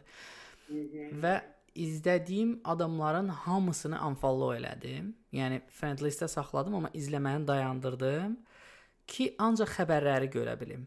Yəni xəbərlər nə varsa o. Çünki nəyə görə eləmişdim onu əsas məsələ? Çünki kimsə nəsə yazırdı, bir fikir görürdün də. O fikrə reaksiya vermə məcburiyyətində qalırdın. Avtomatik hansısa bir ə, e, mübahisəyə çevrilirdi və yaxud da bir müzakirəyə çevrilirdi. Və sən vaxtını elə bil ki, lazımsız yerə itirməli olurdun ora. Və ona görə də o e, çünki xəbər elədi ki, sən informasiyanı alırsan, amma məcbur deyilsən şərh yazmağa da belə deyək. Ona görə də mən orada hamısını silmişdim. Amerika gələndən sonra sən ə, e, sözlü dəstək kimi demək istəyirəm bunu. Ə, mənim izlədiyim ə, belə deyim də 90%, bəlkə də 99% bütün mediaların hamısı ə, Amerikada bildiyin kimi liberal media ə, sayılır. Bu CNN, BBC olsun, New York Times-ından tutmuş ə, bütün ağlınıza gələ biləcək məşhur MSNBC və s. və ilaxır. Bunların hamısı liberal media sayılırdı və mən o bir tərəfi görmürdüm. Yəni düzdür, orada da Fox News-dan başqa belə bir güclü bir mediaları yoxdur. Amma buna baxmayaraq, yəni ə, ən belə konspiroloji ə, sağ media olsa belə, yəni Infowars olsun, ə, ondan sonra ə, adı yadımdaca Bray Bray Bray Brighter Bribe idi yoxsa necə idi adı yadımdan çıxdı. Bu Trump'ın keçmiş müşavirinin Hə, hə. Yəni onların hamısını izləməyə başladım ki, yəni biraz balanslaşdırıb. Çünki Amerika layihəsi idi də, o idi. Deyəsən hə, deyəsən o idi, hə. Adı yadımdan çıxıb gör görsən. Yəni ki, yəni informasiyanı qəbul eləməyində də özünün seçimin var. Amma ə, sırf biz bu, yəni Vüqarın danışdığı məsələdə dediyi söhbətdə isə sənin o seçimin yoxdur. Yəni alqoritm sənə ə, o imkanı belə vermir ki, ə, sən yəni nə nəyi izlədiyini özün seçsən. Düzdür, sən bir şeyə baxırsan deyə. Ona görə məsəl üçün ən güclü hazırda alqoritmlərdən biri nə sayılır? TikTokun alqoritmi sayılır. Məsəl üçün onların alqoritmi necə istifadə olunur? Yəni sənin video baxdığın baxdı videoya baxmaq müddətinə uyğun eləyirlər. Yəni hansı videoya baxdın çox sadədir. Hansı video çox baxdın, o videoya uyğun şeyləri göndərir sənə və özün də filtr eləyə bilirsən ondan. Məsələn sən bilirsən ki, sənə ə, kiminsə ə, yemək bişirmə videosu maraqlı deyil, avtomatik onu ə, ə, swipe eləyəndə, swipe up eləyəndə sən bilirsən ki, sən onu daha göstərməyəcək və özün filtrləmiş olursan. Və mən onun həqiqətən də ə, ə, nümunəsini gördüm nədə. Məsələn mən Call of Duty oynayırdım. Orada bir çox ə, şeylər verirlər, tiplər verirlər ki, nəyi necə eləmək lazımdır. Mən TikTok açdım, ancaq Call of Duty videolarında dayanmağa başladım. Müəyyən müddət mən TikTok açanda ancaq mənə Call of Duty videoları gəlir. Düz arada çalışırdı ki, məsələn buna da baxasan. Amma sən swipe up eləyirdim deyə artıq onu da çıxardırdı. Yəni o orada məsəl üçün mən e, inanıram ki, TikTokun biraz ə, o alqoritmi daha yaxşı istifadə edə bilər o, o mənada. Məncə bu haqqda yaxşı danışdıq. Mən istəyərdim biraz qaydaq ə, ə, yenə sosial ə, nəyə? Toksik söhbətlərə. Toksik söhbətlərə istəyərdim qaydaq. Mənim ə, sevdiyim ə, söhbətə, söhbətlərə belə deyək. Yəni mən ə, bu yayımlara başlayanda mən dedim ki, yəni mən çalışacağam Azərbaycanda olan bu son bir ayı, yəni müharibə dövründə baş verənləri haqqında ə, müxtəlif adamlarla danışım və bu ə, bu prosesləri ə, bir yerdə ə, məndən ağıllı adamlarla ə, müzakirə eləyək və ə, nələr ə, yəni nə iz ə, nə izlədik, nəyi təhlil edə biləriksə, onları bir yerdə danışaq. Çünki həqiqətən də Azərbaycan üçün ə, 2020-ci il ə, tarixi baxımından ə, heç vaxt ə, yəni yadda çıx yaddan çıxa bilməyəcək ə, səviyyədə bir ə, il oldu. Ə, bu proseslərə də yəni ə, qıraqda qalmaq ə, olmurdu. Harda yaşamağından asılı olmayaraq. Ona görə mən istərdim yəni Azərbaycandakı sosial media məsələsi məsələlərindən danışaq və istəyərdim spesifik olaraq ə, bu müddət ərzində ə, Azərbaycanda olan media orqanlarının sosial mediadan istifadəsi və ə, nə dərəcədə effektiv e, istifadə edə bildilərmi və ya hansı səhvlər oldumu? Bu haqqda istəyərdim danışaq. Hər hansı bir fikrin varmı bu haqqda? Əgər yoxdursa, danışa bilərik davamlı başqa söhbətlərin varsa. Mən, yəni bir dənə sadəcə giriş üçün deyim, sən sonra davam eləmək giriş onu deyim ki, döyüşlərin başladığı ilk gündən bəri, elə ilk gündə açıq, yəni, yəni sonrakı günlər heç ehtiyac yox idi mənə gözləməm. Elə birinci gündə Hı -hı. mən ə, hökumətin verdiyi kommunikasiyanı oxuyanda düşdüm ki, bu çox peşəkar bir kommunikasiya komandasıdır. Hansı ki, indiyə kimi heç olmamışdı. Mən mən bu öz daxili resurslarıdır və yaxud da kimisə cəlb ediblər xaricdə. Mən bunu bilmirəm, amma bilirəm ki, bu müharibə 44 günlük müharibə dövründə olan kommunikasiya Azərbaycan tarixində Azərbaycan hökumət tərəfindən heç vaxt belə bir kommunikasiya, keyfi kommunikasiya edilməmişdi. Bu bunu hər yerdə müşahidə etmək olurdu. Yəni sosial mediada, televiziyada və xarici mətbuatda baxanda, yəni xarici mətbuatda yenə xarici mətbuatda verilən müsahibələrdən götürəndə ə, hökumət nümayəndələrinin verdiyi müsahibələr, verdiyi mesajlar, vizual kommunikasiya. Yəni mən çox təəccüblənmişdim ki, bizdə belə bir kommunikasiya aparıla bilər. Yəni bu bu başqa səviyyə idi. Yaxşı baxımdan. Yaxşı baxımdan, hə. Başqa hmm. ya, yəni yəni belə deyək də bu tam olaraq qəlb ə, yanaşması idi. Biz bizdə bu olmayıb heç vaxt və açığı mən sənə deyim ki, müharibədən sonra da mən görürəm ki, qayıdırıq təzədən həmin o əvvəlki səviyyəyə. Üslubuna, hə? Açıqlamalar üslubuna. Yo, ən ən maraqlı söhbətlərdən biri yəqin ki, Twitter məsələsi oldu. Bunu ignor eləmək olmaz. E, istər İlham Əliyevin, yəni Twitterdən aktiv istifadəsi, istər Hikmət Hacıyev olsun, Ceyhun Bayramov olsun, bunların davamlı olaraq Twitterdən yayımlamağı, amma bunların da öz bir səbəbi var idi. Yəni onlar da birdən-birə onu aktiv eləməyə başladı. Xüsusilə yəni prezident administrasiyasının ə, Twitter bu qədər aktiv şəkildə istifadə etməyinin səbəblərindən biri o idi ki, yəni informasiya müharibəsi gedirdi. Və onlar da çox gözəl dərk edirdilər ki, yəni burada axsamaq, axsatmaq olmaq olmaz məsələləri və davamlı olaraq ə, məlumat vermək lazımdır. Yəni bu bu söhbətlər var idi. Yəni nə dərəcədə effektiv idi? Ə, yəni o, o paylaşımların və s. və axır, amma olmalı idi. Yəni belə bir məsələ var ki, əgər şəxsi tərəfdən ə, sənin nəyinsə effektivliyinə inanıb inanmayacağın o normal bir şeydir də. Yəni qərarı özün verə bilərsən, amma ə, sırf ə, dövlət qurumu olanda artıq mütləq mütləq sən bunu eləməlisən. Effektiv olsa da, olmasa da ki, yəni bu ə, presence-ın olmalıdır. Yəni bir iştirakın olmalıdır həmin sosial mediada. Məncə bunu da yəni ə, pis bacarmadılar. İndi nə dərəcədə bir də bir məsələ var idi. Azərbaycanda belə bir mif yaranmışdı məncə mövzunun birini qoyub birinə keçirəm. Sırf ə, erməni diasporasının effektivliyi ilə bağlı ə, və ə, Azərbaycanda əslində bu bu bu bu mənada bir, bir sıra problemlər oldu. Baxmayaraq ki, insanlar troll deyildi və bot deyildi.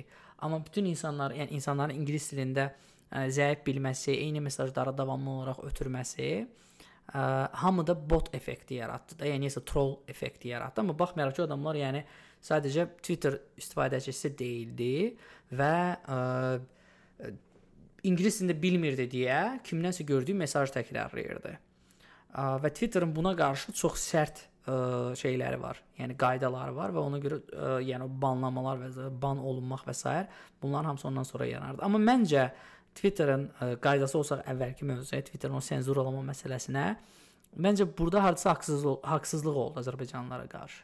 Hər şeydən əvvəl nəyə görə Azərbaycanlılar ingilis dilini bilməlidir? Yəni deyə bir şey yoxdur da. Yəni məcbur deyil bütün Azərbaycanlılar ingilis dilini bilsin.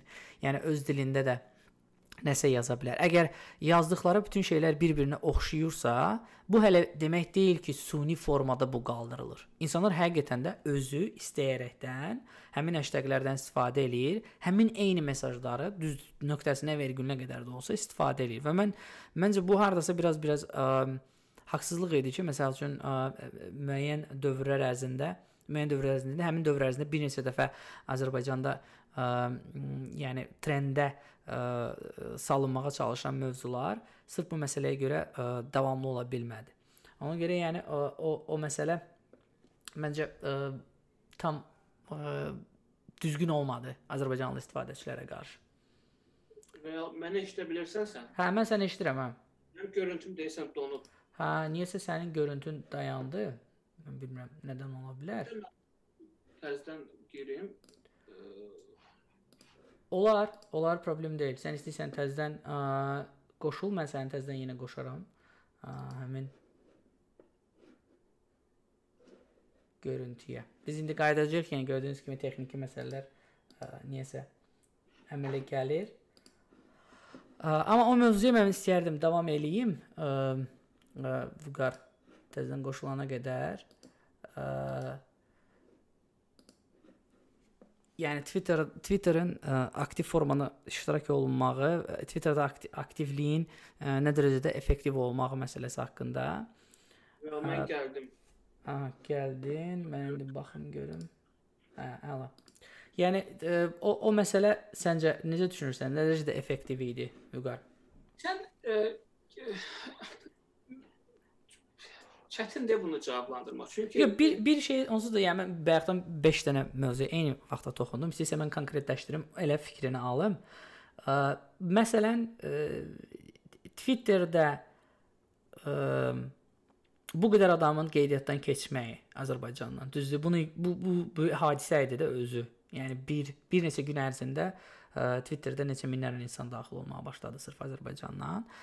Bunu ə, bunun özü pozitiv bir şey idimi hər şeydən əvvəl və ikincisi nə dərəcədə effektiv oldu? Yəni sırf informasiya müharibəsi çərçivəsində götürsək, Azərbaycanın informasiya müharibəsi tərəfdən götürsək, Azərbaycan üçün hansı nəticə idi? Müsbət idi və yaxud da heç bir təsir olmadı? Sən mənə nə qədər çətindir bu suala cavab vermək. Mən informasiya müharibəsi mövzusunda biraz həssasam və mən ümumiyyətlə o mövzunu çalışıram ə, müzakirə eləməyim də. Çünki mən bunu düzgün şey hesab edirəm. Fərqi yoxdur. Müharibə və yaxud da qeyri. Bizə nəzər mən demirəm ki, biz burada nəyisə tərəfini saxlayırıq və yaxud da informasiya müharibəsi. Mən düşünürəm isə. Mən sən deyim də mən burada mən mən nə deyim, nə məqamlar var. Birincisi Birincisi hökumət hökumət çox vaxtında çox operativ və çox lazımlı informasiya verirdi bu, bu onlar öz işlərini görürdülər. Bunu informasiya müharibəsi adlandırmaq düzgün deyil. Çünki bu sırf kommunikasiyanın bu işidir. Ə, digər tərəfdən sən bayaq dedin Twitterin bizim istifadəçilərə qarşı münasibətindən bağlı. Bilsən nə qədər niyyət xoş olsa da adam girib Twitterə girirsə, ingilis dilini bilmirsə və bunu copy paste edirsə, bu artıq troll. Yəni biz xoşumuza gəlsə gəlməsə bu artıq trolldur. Mən yəni... narazı deyiləm səndən. Mən məsəl üçün mənim üçün orada ə, e, bir şey var da, bir belə bir məsələ var. Biri var sən intentional edirsən onu. Sən ə, sən həqiqətən də istəyirsən onu. Yəni pulun qarşılığında eləmirsən bunu. Ümumiyyətlə troll sözünün özü nə olur? Kiminsə trollu olursan da, kiminsə pulunun qarşılığında muzlu işçi kimi ə, fəaliyyət göstərirsən və bir nəfər 5 nəfərin ə, şeyini yaradır, ə, təsirini yaradır. Bir nəfər 5 nəfər kimi akkaunt açır və s. və davamlı olaraq hər il eyni şeyi paylaşır. Amma sən bunu istəyərək eləyirsənsə, sadəcə sənin istedadın ona çatmır ki, sən ingilis dilini bilmirsən və yaxud da e, biliyin hardasa ona çatmır ki, e, sən Twitter düzgün istifadə edə bilmirsən, yaxud da biliyin çatır ya hardasa, sadəcə Twitter sənin üçün yeni bir şeydir və onu e, düzgün istifadə edə bilmirsənsə, bu sənin ə, bu səni şey eləməməlidir, bu səni troll eləməməlidir. Və məncə orada çox belə bir nazik olsa belə qırmızı belə yaxşı bir e, yağlı xətt var. Belə axı burada əslən dənəcək Twitter, Twitter tək Azərbaycan deyil. Twitter dünyanın 200 ölkəsində işləyir və sən istisna eləsən Azərbaycana bunu. Birincisi bunu mümkün deyil sən istisna eləmək. Bu özüm ki, bu konkret Aqrət. Mən demirəm istisna eləyək. Yox, yox, mən qətiyyən istisna demirəm. Və sadəcə Azərbaycan olmaya da bilər bu. Be belə yanaşaq da. Yəni bu bunu mən ə, Azərbaycanlı istifadəçinin minusu kimi görmürəm. Mən əksinə bunu Twitter minusu kimi görürəm ki, birincisi Azərbaycan dilli moderatoru yoxdur, multi milyardlıq ə, şey olmağına baxmayaraq. Və yaxud da rus dilli yoxdur, və yaxud da türk dilli yoxdur. Varsa belə çox azdır ki, bu moderatorluq düzgün aparılmır və düzgün qiymətləndirmə verilə verilmir. Ümumiyyətlə mən belə hesab edirəm ki, yəni Twitterdə nə qədər elə hadisələr oldu. Məsələn, mən ə, son 1 ay ərzində, son 1 ay ərzində, yəni həmin o müddət ərzində mənim tweetimi sırf şikayətlər və reportlar əsasında 4 dəfə və deyəsən 4-dən də çox blok olundu. Nə mənada blok olundu? Yəni şikayət əsasında yazdılar ki, bəs 12 saatlıq və ya 24 saatlıq, birində də 7 günlük blok olma məsələsi oldu.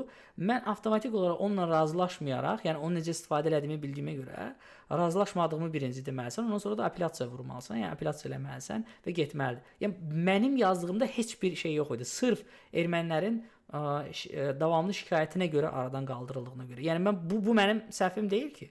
Bu yenə də Twitterin mexanizminin düzgün işləməməyidir də. Yəni yenə də Twitterin hə, düzgün sisteminin olmamağına nə gəlir. Dil məsələsi də mən səni inandırım ki, özüm bilirsən ki, ingilis dilində də eyni problemlər olur. O qədər aləm dəyər bir-birinə və adamlar say çatmır bunu moderasiya eləməyə. Nəzər bu, bu force majeure hadisədir və iki dənə tam danışmadığın dildə baş verir. Amma mən sən yəni bu bunu bu səncə bu o, çox din çətin müzakirə mövzusudur. Hı -hı. Amma asan olan bir başqa məqam var. Asan oldu ki, mənim üçün böyük bir sürpriz oldu ki, ə, ABŞ-da ə, yüz minlərlə erməninin yaşadığı bir yerdə, haradakı onlar Amerika mədəniyyətini, Amerika ingilis dilini doğma dil kimi, doğma mədəniyyət kimi qəbul eləyirlər, bilirlər. Onların yazılarında mən gördüm ki, yəni mən düşünürəm ki, Twitterdə yəni yerlə yeksan olacaq, olacaq da Azərbaycan istifadəçi. Çünki Hı. o qədər say, mən Twitter birincisi bizdə populyar deyildi. İkincisi sən dediyin kimi ingilis dilli insanların sayı çox deyil. Üçüncüsü yazmaq istəyənlərin sayı çox deyil. Mən düşünürəm ki, tam olaraq ə, yəni Twitter itirilib artıq. Azərbaycan Amma gördüm ki, yox, belə deyil. Və nəyə görə belə deyil və nə, nəyə görə mən belə olmadığını anladım. Hı -hı. Ona görə ki, Azərbaycanlı istifadəçi bir icmada qalıb ə, qalmamışdı. Yəni sən baxanda erməni istifadəçilərin çoxu Kaliforniyada yaşayanlar və ya da Bostonda yaşayanlar onlar aşağı-yuxarı eyni fikirləri təkrar edir və onların bir vahid bir ə, hekayə ya tərzi yox idi. Yəni onlar sadəcə hansısa eyni şeyləri təkrarlayırdılar və bu çox da bax gülməli ol görsənirdi. Yəni tarix 3000 il əvvəl baş verən hadisə ilə bağlı arqumentlər aparılırdı. Amma Azərbaycan istifadəçilərinin xüsusilə Twitterdə olanlar gördük ki, çoxu, çoxu xarici təhsil almış gənclərdirlər. Onlar düzdür, onlar orada doğulmayıblar, amma onlar hər halda daha çox mədəniyyətə ingilis demiş ekspoz olurlar, daha çox mədəniyyətlə tanışdılar, danışıq tərzini bilirlər, nə yazmaq olar, nə yazmaq olmaz, onu anlayırdılar. Və mən gördüm ki, Azərbaycan dilli segment daha korrekt yazırdı, daha dəqiq yazırdı və daha ciddi arqumentlər verirdi. Və bu bu mənə böyük bir sürpriz oldu. Çünki mən düşün mən açığı Ermənistan diasporasını daha aktiv gözləyirdim Twitterdə. Gördüm ki, o, yəni bu da nəyə gətirib çıxarır? Biz Azərbaycanlılar uzun illər ərzində ə, bu arqumentləri eşidiblər, müdafiə ediblər, yazıblar, pozublar. Yəni, Azərbaycanlı segment arqument baxımından hazır idi bu münaqişəyə internetdə. Bir də belə bir məsələ var idi ki, bayaq dediyim məsələ, ə, erməni diasporası nə qədər ingiliscə də bilsə, onun savadı ingilis dili ilə ölçülmür də. Yəni o insanların həqiqətən də ə, yəni Los Ancelesdə olanlar bir iki dəfə və yaxud da ə, yəni aşağılamaq istəmirəm, amma yəni onların yaşadığı və dünya görüşü ə, yəni rusların bıdlalıqlarından başqa bir şey deyil. Yəni onlar da eyni məntiqlə burada çoxu, çoxluq kompakt yaşadığı ərazilərdə o adamlardır və onların deyəcəyi fikir də əlbəttə ki 3000 il nə bilim əvvəl dinozavrların və yaxud da Tigran the Great-in necə olduğundan o tərəfə keçə bilməyəcək. Eyni ritorikanı təkrar edəcəklər və sənin dediyin kimi Azərbaycanda ingilis dilindən istifadə edən adamlar isə, yəni daha çox ingilis dilindən aktiv olan adamlar da belə deyək, onların hamısı yəni ə, ə, sənin dediyin kimi yenə də daha məntiqli və öz fikrini əsaslandıra bilən adamlar idi. Yəni ən azından ali təhsilli almış adamlar idi və ə, ə, necə yanaşmaq lazımdır onu da bilirdilər. Yəni bu bu bunun özü çox böyük rol oynadı. Bir də bir məsələ var ki, biz bunu ignor eləməməliyik heç vaxt. Azərbaycanlılar sayı ə, ermənilərdən çoxdur. Mən bunu hər dəfə təkrar edirəm, amma bu çox böyük faktordur. Azərbaycanlıların sayı say olaraq ermənilərdən qat-qat çoxdur və ə, virtual presence-də, yəni sənin ə, ə, sosial mediadakı ə, varlığın da bir ölkə olaraq sənin ölkənin sayından ə, sayı ilə seçilir. Və əlbəttə bu da bu da nə demək idi? Onların ə, faiz olaraq oxumuş, ağıllı, savadlı, qəşəng arqumentlər gətirə biləcək adamlarının faizi bizimkilərdən avtomatik olaraq az idi. Sırf buna görə ki, biz çoxuq və bu çoxluq öz sözünü deyirdi məncə. Bir də ən vacib məqam bu biz onu unuduruq, amma o məncə hər bir şeydə əsas vacib məqam idi. Yəni beynəlxalq hüququn nə dediyi hmm. vacib idi. Yəni sən haqlı haqlı tərəf olmaq asandır, həmişə daha asandır. Düzdür, haqlı tərəf ola-ola özünü haqsız çıxara da bilərsən. Necə ki, necə ki yaylar yay ayında biz atom stansiyasına bağlı bəyanat xatırlayırsansa. Təxsilsiz hə. Yəni bu dövrdə nəyə görə bayaqki bu tərifim nəyə görə əsaslanırdı? Yəni haqlı olan tərəf bu müddət ərzində demək olar ki, ciddi bir səhv buraxmadı. Hökumət nəzərdə tutulur. Vətəndaşlar da, yəni beynəlxalq hüququn tələb etdiyi məsələni vurğulayırlar, onu tələb edirlər. Amma gəl belə deyək də, Vüqar, məsəl üçün onların hayasızlığı mənə çatmır və mənim üçün ümumiyyətlə ə, belə bir yeni bir şey oldu əslində. Ə, Twitterdən ermənilərin çoxluğunun fikrini öyrənməkdə. Mən demirəm hamısı eynidir, ümumiləşdirmək səviyyəsində və mən ümumiləşdirilmiş oldum hardasa. Yəni belə bir hayasızlıq görməyə başladım. Məsəl üçün Amnesty International ə, bir report yazıb ən axırıncını deyirəm də. Yəni ya Amnesty səhv eləmirəmsə Amnesty International-dan gedir, ə, Human Rights Watch-dan yox. Amnesty International-ın bölüşdüyü ə, məqalədə nədir nədir Azərbaycanda Azərbaycanın 7, ə, Ermənistanın isə 11 ə, fiksasiya olunmuş ə, hərbi cinayəti olduğunu deyib deyə bunlar ona etiraz eləyir. Sən təsəvvür elə, yəni bu hansı dərəcədə hayasızlıqdır ki, Amnesty International-ı da ə, satılmaqdan tutmuş, halbuki 2 ay əvvələ qədər eyni şey Azərbaycanlılar deyirdi ki, niyəsə Amnesty International satılmışdı. Başa düşdün necə? Yəni o, o onların o şeyi çatmırdı. Yəni bizim reaksiyamız daha ciddi, bizim deyəni Azərbaycan dilli ə, kütlənin reaksiyası daha ciddi və həqiqətən də problemli faktlara əsaslanmamış ə, məsələlərlə bağlı şeylərə reaksiya etsə, ə, yəni biz nə ilə mübarizə aparırıq? Biz onunla mübarizə aparırdıq ki, insanlar ümumiyyətlə ə, Nagorno Qarabağ deyəndə ətrafındakı 7 regionu da ora salırdı. Yəni fakta qarşı mübarizə aparırdıq. Onların dediyi isə nəyə görə sən Amnesty, Amnesty International Ermənistandan, Azərbaycandan çox göstərmisən hərbi cinayətini. Nəyə görə belə eləmisən? Yəni orada da yazır ki, bizim gördüyümüz və tapdığımızdır bu.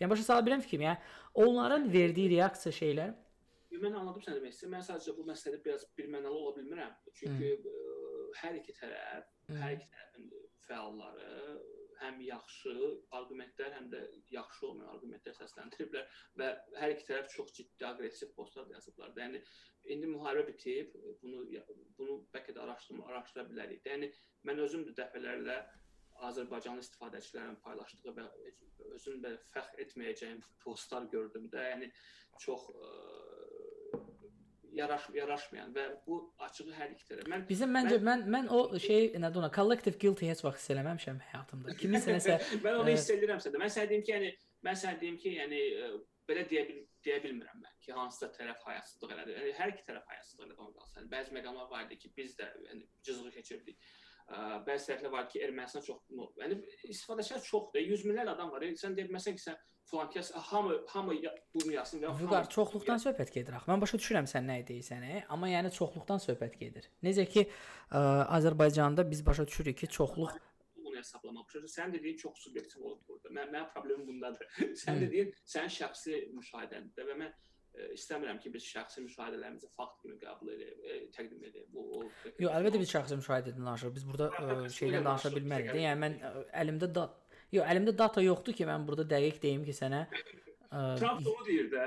Trump deyir ki, məndə data yoxdur, mən buna inanıram. ya Trumpla mənim müqayisə eləməyin düzgün olmadı açığı. Yəni açığını deyim. Ə, amma amma yəni ə, əlbəttə hamı öz fikrini öz gördüyünü deyir də. Yəni öz ə, müşahidəsini danışır. İndi mən Trump deyiləm, mən prezident deyiləm. Prezident yəqin ki ə, olsaydım ə, elə ə, faktsız və əlində dəlil olmadan fikrə səsləndirməzdim. Amma biz burada ümumi müşahidədən danışırıq, ümumi şeylərdən danışırıq. Mən gördüyüm o idi. Yanıla bilərəmmi? Hə, əlbəttə yanıla bilərəm. Amma bu demək deyil ki, mən bunu danışmamalıyam da. Yəni insanın şəxsi fikri var və onu səsləndirməkdən təbii heç nə yoxdur deyim, Royal, mən sənə bir şey deyim də, mən Twitter-ı, Twitter-ı ona görə sevmirəm. Halbuki indi ən çox onu orada vaxt sərf edirəm, amma bu döyüşlər başlamaqdan, hətta iyul iyul iyul hadisələrindən qabaq belə mən 2-3 ildir Twitter-a girmək istəmirdim. Girirdim, peşman olub qayıdırdım. Twitter bu bunu çox qabard qabardır bəzən. Bu bu davranışı qabardır. Çünki mən Amerika siyasətindən yaxından maraqlanan insan kimi görürdüm ki, hətta bir partiya daxilində belə elə ciddi mübahisələr baş. Mübahisə demək də olmur. Buna sadəcə ittihamlardır, linçləmək, təhqirdir. Yəni həqiqətən təhqirdir və baxırsan ki, əgər bu bir partiya içində iki adam tərəfdarlar bir-birini belə qırırlarsa, sən ümumiyyətlə Laçın Ermənistan tərəfinin şey münaqişəsi necə bunu görə bilərsən? Yəni hmm. mən dediyim odur ki, ə, bayaq sən dediyin o toksik məsələdə, yəni hadisə baş verəndə insanlar hər şey yazırlar.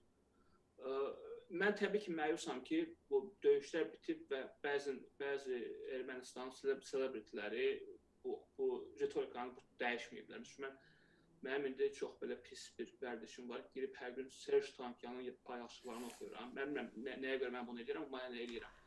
Mən baxıram onun paylaşımlarına, mən çox belə yəni həqiqətən mən çox pis mən mənə reaksiya gəlir ki, necə ola bilər ki, sən Amerikada yaşaya-yaşaya belə reallıqdan belə bu qədər uzaqsan. Mən demirəm, məsələn öz Tək, öz... tək o deyil. Mən misal üçün sizə bir dənə şey deyim Serj Tankinyanla bağlı. Ə, onun ə, Vice News-a müsahibəsi var. Okay, Serj Tankinyan propagandist. Belə götürək də, düzdür. Ə, hansısa maraqları var diasporada. Heç kimə lazım olmayan rockerdir bu dəqiqə, bezdarını, heç kimə ə, diqqətini çəkməyən və s. və indi düşüb diaspora məsələsinə. Düzdür, diasporanı irəli aparmaq istəyir, diaspora işi ilə məşğul olmaq istəyir, öz karyerasını belə görür. Hər nə pox yeri özü bilər də, belə desək, göbut desək. Yaxşı, bunu bu adam belədir. Vice News. What the fuck? Yəni sən hara baxırsan da, yəni o insanın dediklərini fakt check, fakt check eləmək yox.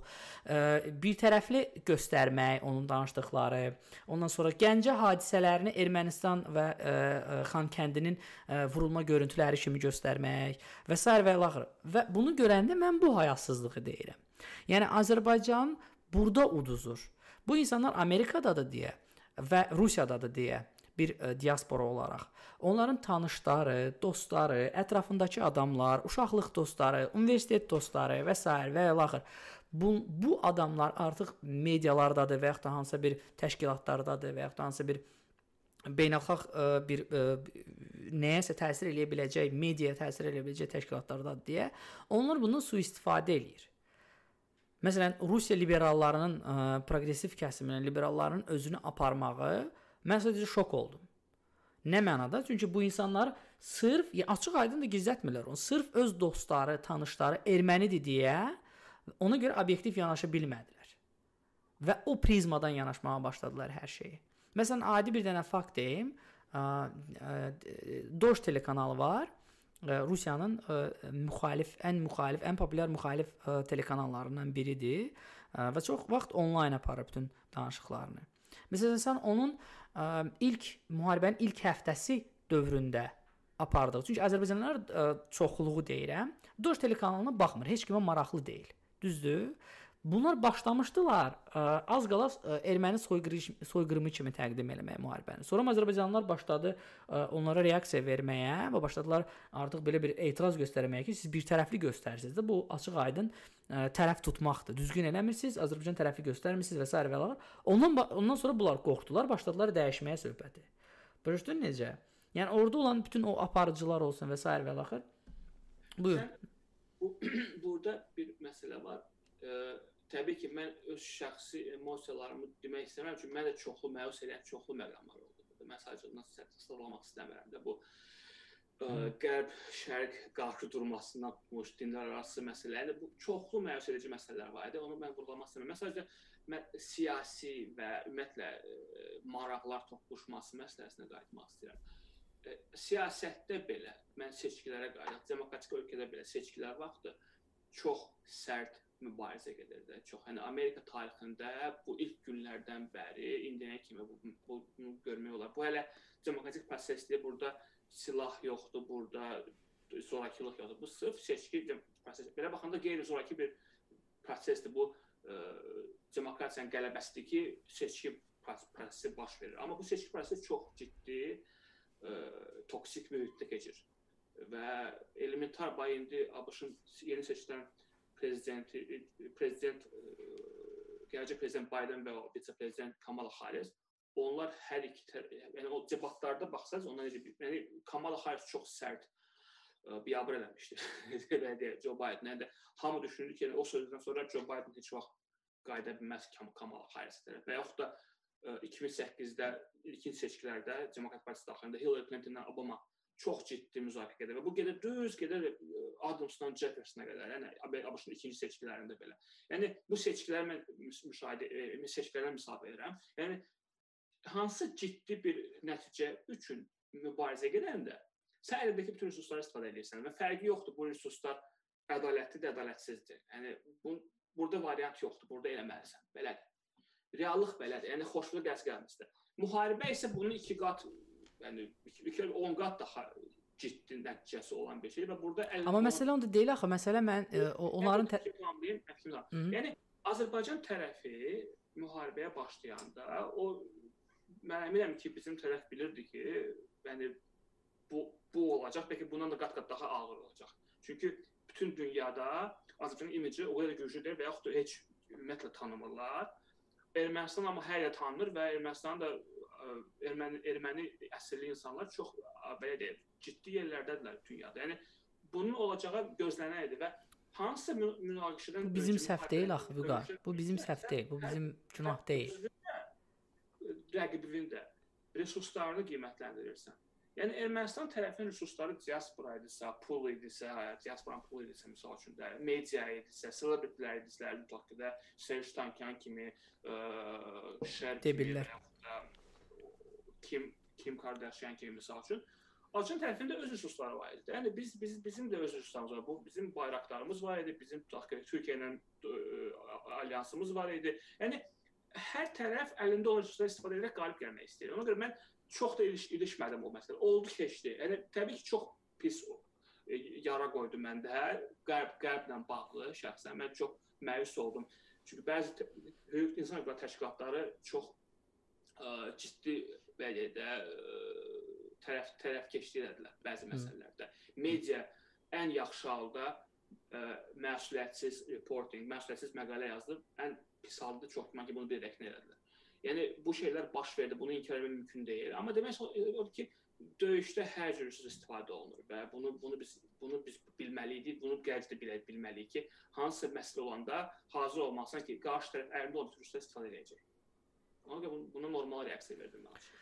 Bu bu bu məsələ bizə necədir? Yəni o, o mən deyəsən bunu demişdim. Ə, stereotip məsələsi var da, insanlarda olan stereotiplər. Və sən ömrün boyu ə, stereotiplərlə yaşayan bir ölkədə böyüyürsən və ona qarşı çıxmağa başlayırsan ki, yox da belə deyil, ümumiləşdirmək olmaz. Ə, hansısa ölkələr niyəsə Azərbaycana düşmən kəsilməlidir, fikir səhvdir və s. və ilaxır. Ruslarla bağlı olsun, fransızlarla bağlı ümumi fikir olsun, qərblə bağlı hər hansı bir stereotiplər olsun. Bunlara qarşı mübarizə aparırsan və axırda yəni onu o, o reallığı qəbul eləmək istəmirsən və axırda belə bir moment olanda sənin qabağına elə bir, bir üzvə bir şapalaq vururlar ki, o stereotiplərin hamısı bir-bir düz çıxır da. Mənə məsəl üçün ən çox təsir edən olmuşdu. Yəni Fransa niyə də? Yəni nəyə görə sən birdən-birə erməni pərəst oldun bu qədər? Yəni bu mən, mən hamısı məntiq, hamısının məntiqi izahı var. Hamısının məntiqi izahı. Sadəcə bilən bir şey var. Mən bunu öz özüm Oy. Yox, səsin kəsilirsən deyirsən. Mənim səsim kəsilmir, gəlir. Deyirsən mən danışanda sənin səsin kəsilir, yox? Hə, okay. biz paralel danışanda Okay, okay. Hmm. Hə, deməli burada e, mən özüm elə düşünmüşəm uzun müddət və hmm. çoxlu azərbaycanlılar da elə düşündü. Biz elə bildik ki, 2 nəfər dava eləyirsə, üçüncü adam gəlib bağlanır ki, kim haqqıdır və onu onu müdafiə edir də. O da düz deyil. Mən ona elə də baxmıram. Yo, yo, yo, mən qətiyyən şey demirəm də ki, ə, kimsə gəlsin bizi ə, bizə hakimlik eləsin. Yox, qətiyyən elə deyil. Yəni I don't give a shit. Yəni nə fikirləşir özü bilər. Sadəcə təsir məsələsi var da, sənin verdiyin, sənində yaranan ə, səhv və ya düz fərqi yoxdur. Səndə yaranan ümumi bir belə bir şey var ki, yəni ə, qərb dəyərləri, demokratik dəyərlərin hamısı nəyin əsasında durur? Yəni bütöv hamısı nəsə ədalətin də justice-in tərəfində durur və sənin o ə, ədalət tələb eləməyin ən sənin üçün şəxsən olsun, şəxsi səviyyədə olsun. Məsəl üçün Gəncə hadisəsindən sonra mən həqiqətən də pis olmuşdum. Çox pis olmuşdum. Dəhşət pis olmuşdum ki, çünki bu mənə şəxsi təsir edən bir şey idi və o şəxsi təsir eləyəndə də mən o ədaləti görməyəndə mənim o həmin dəyərləri, həmin ə, insanlara, ə, yəni belə ə, yumşaq desək, ə, necə deyim, yumşaq deyə bilmirəm. Yəni onların gözündən nə belə düşməyi normal bir şeydir. Bilirsən, bu bunu gərək anlayaq da biz biz ə, necə işlədiyini anlayaq. Yəni hər ölkənin öz öz spesifikası var. Hər ölkə siyasətinin, hər ölkə partiyasının və ya hər ölkə partiyasının hər ölkə regionuna görə seçilmiş namizədinin xüsusi spesifikası var. Bunu anlamaq lazımdır. Belə asan deyil ki, biz deyək ki, Fransa niyə belədir, Fransa belədir. Hər bir şeyin dalında bir bir məntiq var, bir bir e, izah var. Hı -hı. Və və hətta mən irəli gedərdim ki, mən sənə deyərdim ki, yəni Fransa, ABŞ və Rusiya Rusiyanı çıxaraq, çünki Rusiya Krım hadisəsində bəlkə də bu bununla bağlı onun moral authority yoxdur, amma ABŞ-la Rus e, Fransa və digər qərb ölkələrinin uzun illər onların onların qurduğu e, onların başçılığı ilə qurulan BMT-nin qətnamələrdir, bizim tərəfin tutduğu şeydir. Yəni Amma onlar ona səs verməyib ha bu arada. Özləri o qətnamələrə səs verməyib. Fransa səs verməyib. Fransa, Amerika və Rusiya üçü də qarşı olub hər bir qətnaməyə orada. Yox, mən o, o detalları bilmirəm, ona görə yalan. Mən baxdım ona. Hə, Sən təsəvvür elə. Yox, mən mən nəyə gətirirəm bu sözü? Siyasətdə xüsusən də bəli, bu müharibə e, force major bir hadisədir. Xüsusən də Məni mən bunu qlobal səviyyədə demirəm, bizim region üçün, Azərbaycan üçün və Ermənistan üçün çox vacib hadisə idi və bu digər ölkələrlə münasibətdə ə, həlledici olur. Yəni və siyasətdə heç də ictimai şəkildə edilmir. Yəni sən ictimai şəkildə gördüyün şeylər, eşitdiyin şeylər heç də reallığı əks etdirmir. Hmm. Misal üçün də mən dünən Twitterdə bir nəfərə yazdım. Bu bunu həmişə mən beynimdə saxlayıram bu məsələni. Çünki bu çox sadə bir məsələ olsa da siyasət haqqında, danışıqlar haqqında çox maraqlı bir şey verir də, bucağı göstərir. Bizim müəllimlərdən biri bu ABŞ İran nüvə danışıqlarında iştirak edirdi. O demişdi ki, bir dəfə ki, deyir biz otağa girirdik, çox çox maraqlı müzakirə gedirdi, çox belə rasional müzakirə gedirdi. Hər kəs bir-birini anlayırdı, hörmət eləyirdi, söz kəsilmirdi, deyilirdi, gülürdü. Hər şey çox gözəl idi və nəzərə almaq ki, ABŞ e, İran hökumətində olan insanlar çox ABŞ təhsil alıblar. Ona çox rahat kommunikasiya edirdilər. Və nəinki kommunikasiya yaxşı, eyni zamanda gələcəyə böyük bir ünvan var idi və həqiqətən də danışıqlı nəticəsində İran e, nüvə sazişi imzalandı. Amma deyək ki, o saziş müddətində hər dəfə qapıdan çıxandan sonra İran döşüyürdü bizə. İran hökuməti çünki daxili daxili auditoriya bunu tələb edirdi. Yəni hökumət populizm nəsə elində tutaq ki, Makronun bəyanatı hamı xatırlayır. Hmm. Amma həmin Makron da getdi Ermənistan e, Erməni e, Erməni təşkilatının könüllərinə dedi ki, ora Azərbaycan torpağıdır. Yəni eyni adam iki dənə söz deyir. Mən demək istəyirəm ki, biz gərək fokuslanmayaq. Yəni hansısa bir hadisə baş verəndə Açın öz resurslarını dəyərləndirmək. Yox, bu fokus deyildi. Gəl belə bir şey deyim də. Bu bir sən nəyə oxşur daha çox Füqar? Başda sözü də kəsirəm. Burada belə bir məqam var ki, ə, bunu eləyəndə Fransa Azərbaycana heç nə eləmir. Azərbaycanı özündən, yəni Qərb nə qədər çağırsa da ki, Azərbaycan əgər istəyirdisə həqiqətən Qərb ki, Azərbaycan ona yaxın olsun, Azərbaycan qərb dəyərlərini və hər hansı bir demokratik institutları dəstəkləsin və hər hansı ə, baş verən bütün proseslərə qoşulsun, aktiv olsun, xalq səviyyəsindən söhbət gedir, adi cəmaət səviyyəsindən. Ə, bütün bu maraqları nəzərə almalı idi bütün institutlar. Bunların hamısı həm ölkə səviyyəsində, həm dövlət başçıları səviyyəsində, həm ayrı-ayrı hüquq ə, beynəlxalq hüquq təşkilatları səviyyəsində bunların hamısı nəzərə alınmalıdır ki, sən Azərbaycanın maraqlarını vecinə almırsan. Sən Azərbaycana birbaşa hörmətsizlik edirsən və bunun qarşılığında sən necə gözləyə bilərsən ki, Azərbaycanda olan adamlar sənə müsbət fikir versin və yaxud da qərb dəyərlərinə açılsın və yaxud da Avropaya açılsın və yaxud da Avropa mədəniyyətinin yəni özünü bir hesab eləsin. Əlbəttə hiss eləməyəcək. Sən onu ə, marjinallaşdırdıqca, sən onu söydükcə, sən ona haqsızlıq elədikcə insanlar da kör deyil. Yəni bunu gör elədir. Bu bu bu dediyim məsələ biz indi öz canımızda bunu hiss elədik. Amma bu dediyim məsələ ə, e, elə 90-lar, 80-in e, axırlarından hətta ən yaxşı ən, ən ciddi nümunə bəlkə də elə 9/11-dən sonra da 11 sentyabr hadisəsindən sonra ABŞ-ın e, yaxın şərqdə, Əfqanistandakı olan ə, siyasəti də bu bu bu çox ciddi rol oynadı. Yəni hamı deyirdi ki, sizin bu münasibət oradakı insanların ABŞ-a qarşı olan münasibətini dəyişir və bu nəticə etibarilə vəziyyət daha da gərginləşir. Amma demokratik ölkələrdə problem ondan ibarətdir ki, onlar e, çox uzağa bax baxa bilmirlər. Onların hamısı məqsədi seçilməkdir. Seçki olur. Amerikada ümumiyyətlə çox şeydir, yəni dəhşətli. Amerikada hər 2 ildən bir seçkilərdir. ABŞ nümayəndələr palatı hər 2 ildən bir seçilir. Və yəni və onlar hər gün onlar onlar hər gün işə gəlirlər ki, Necə mən seçiləcəm. Onlar ancaq birinci düşündürən seçilməkdir. Və seçilmək üçün nə lazımdırsa onu da edirlər. Və ABŞ-da e, ABŞ demokratların fəal olduğu e, Kaliforniya, Massachusettsdəki senatorlar və e, şey konqresmenlər, konqres konqres adamları, onlar hamısı erməni diasporasından asılı idilər. Gəl baxaq da nə qədər təşkil edir ki, hamı onu deyir, o faktı şey kimi təkcə ondan deyil. Sən təsəvvür et ki, birdən-birə o boyda qrup keçir, gəlir. Məsələn, Kubalılar, Kubalılar keçib o boyda respublikaçı, neçə il demokratlar onları çitəb çəkə bilmirlər. Yəni sən fərqi Amerikada hər bir nəfərin bir bir bir bir yer indi bax, bax elementar. Böyük axı, Vüqar sən onu düzgün müqayisə eləmirsən. Floridada Kubalıların bir miqdarı və senat seçkiləri olacaq ABŞ-da. O oldu daha doğrusu noyabrda və 2 yer qaldı. Çünki lazımi səs seçilmə yığılmadı. 50 plus 1 səs yığılmadı. Nədir vəziyyətində?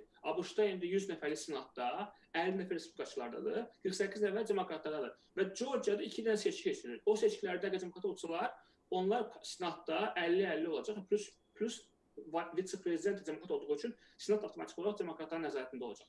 Bu nəyə deyir? bir adamın seçilməsi belə ABŞ-da bütün o boyda konqresi tərəzini dəyişə bilər. Sən deyirsən ki, gəl ermənilərin səsini unudaq. Ermənilər də orada Unutmaya kim demir unutma da. Sırf ermənilərin xoşuna gəlmək üçün, yəni onların dalına girməyə də ehtiyac yoxdur da. Yəni şey, sən insansan, sənin karyeran var, sən siyasətçisən, sən düşünməz. Siyasətdə elədir. Siyasət sən sən sən seç, sənin 100 min seçicilər 70 min ermənidir. Sən nə edirsən? Mən elə elə asan. Çıxacağam orada, köçəcəm oradan. Yox, düzdür. Burada bir dənə sual var, Adnan yazıb Hacızadə. İstəyirsən yavaş-yavaş suallara keçək. Post müharibə dövründə ölkədəki söz azadlığı ilə vəziyyət dəyişəcəkmi? Bu hamını düşündürən sual. Hamını düşündürən ə, yaralı sual, heç kimin danışmaq istəmədiyi, hamının bölündüyü sual. Radikal olaraq ə, ya hə ya yox deyə deyir niyəsə hamı onu. Heç kim ortanı fikirləşmir məncə o məsələ ilə bağlı. Arzumu deyə bilərəm də. Mənim mənim arzum odur ki, ə, I have a dream, hə? Hə, ifadə azadlığında irəliləyişlər olsun. İfadə azadlığı irəliləyiş təkcə təkcə ifadə azadlığına bağlı deyil. Yəni ölkədə ciddi islahatlar ol olmalıdır və bu ciddi islahatlar mən açıq heç toxunmaq istəmirəm ki, bizim reputasiyamız falan da xaricdə. Yəni bu bu mövzuya heç girmək istəmirəm. Bu müharibə dövründə çoxlu müsbət, yəni hökumətin kommunikasiyasında, hökumətin qərarlarının çoxlu müsbət məqamlar olması ilə bərabər biz bir şeyin şahidi olduq ki, kadrların sayı azdır. Yəni faktiki biz bu 44 günlük müddətdə prezidentdən Hikmət Hacıyevdən və Ceyhun Bayramovdan başqa heç kimi görmədik demək olar ki. Bu 3 nəfər və ən çox da elə Hikmət Hacıyevdən prezident özü görünürdü. Birbaşa yəni, nəzarət eləyirdi də, yəni prezident administrasiyası mən belə başa düşdüm. Nəyə görə baş verdi? Yəni bu ona görə baş verdi bəlkə Hikmət Hacıyev hamıdan daha savadlıdır. Buna görə baş verdi ki, Hikmət Hacıyevdən başqa heç kimə etibar edilmir danışmağa.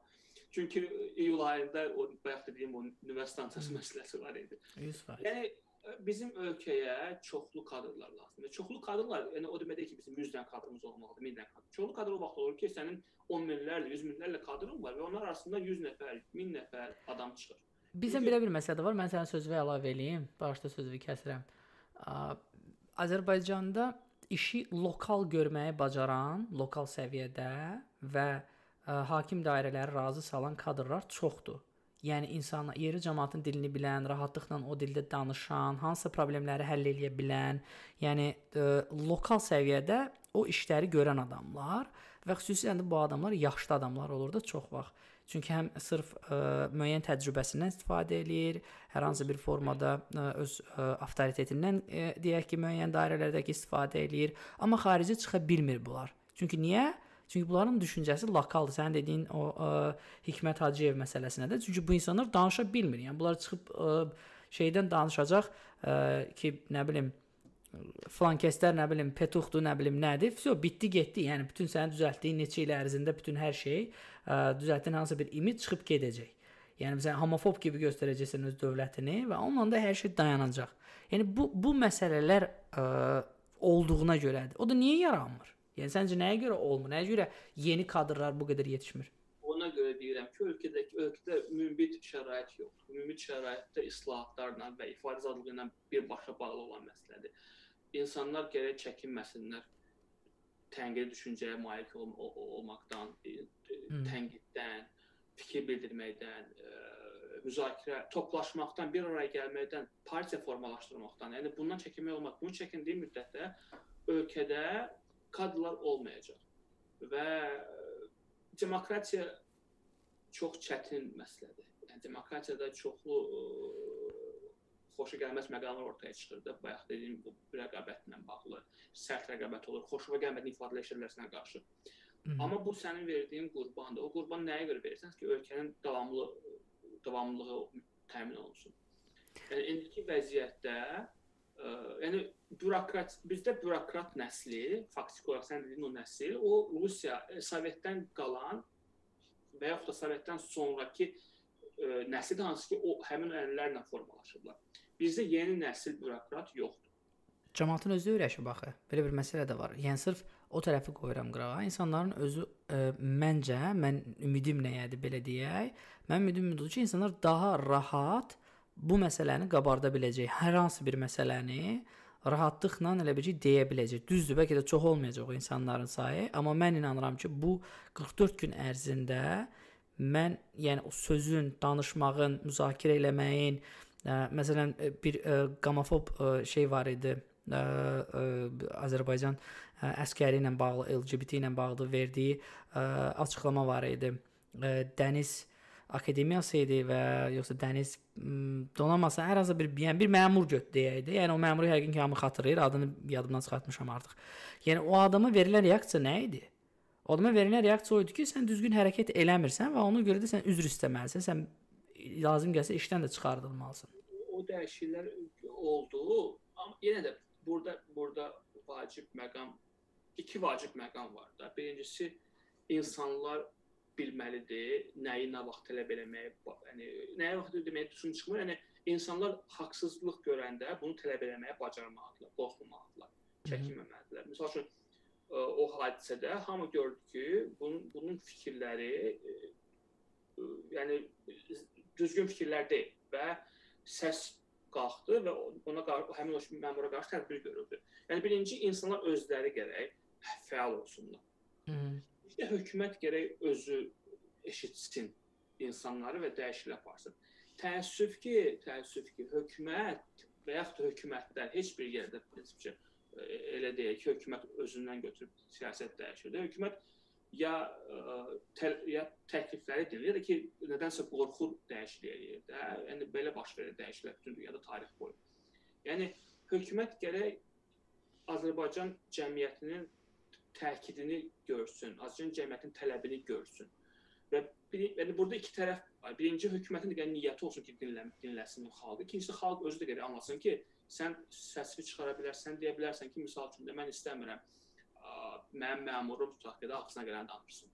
Düzdür? Çünki buna qədər danışırdılar, heç kim heç kim də reaksiya vermirdi. Buna qarşı deputatlar da danışıblar belə, nazirlər xatırlamır, deputatlar danışıblar belə homofob ifabələr bir şey və yaxud təkcə bu söhbət mövzu deyil, çoxlu məsələ ola bilər burada. Amma amma e, bu çox xırda bir nümunədir. Mənim dediyim odur ki, bizdə gərək hər addımda bizdə kadr olsun. Hər addımımız. Çünki kadr tək hökumətə lazım deyil, kadr lazımdır bizneslərə.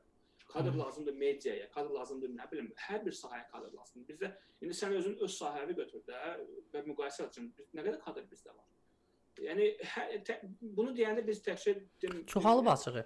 Yəni o sahə biraz şey olduğu üçün ə... əvvəl 20 nəfər idi, indi 30 nəfərdir də. Yəni mən danışıram 30 mindən, 40 mindən, 50 mindən.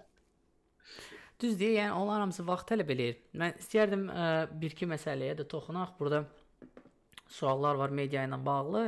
Ə, əslində mən verəcəyim suala aidi aidi aidiyyatı var idi. Azərbaycan mediasının bir quruma bağlı olması, rəqabətin olmaması müharibə dövründə aşkar göründü. Bununla necə mübarizə aparmaq olar? Məncə burada bir quruma bağlı olması yəqin ki, Meydan TV-ni nəzərdə tuturlar. Hə, və rəqabətin olmağı dönür və yaxud da bilmirəm nəyi nəzərdə tuturlarsa, amma mən başa düşdüyüm qədərilə bir medianın başqalarından daha aktiv olmağı ilə ə, medianın ə, mediadan asılı, yəni sərbəst, azad medianın azlığı məsələsi. Ə, yəni mən, mən bir dənə şey deyim, ə, əgər Vüqar Sadə söz verəcəm 100%.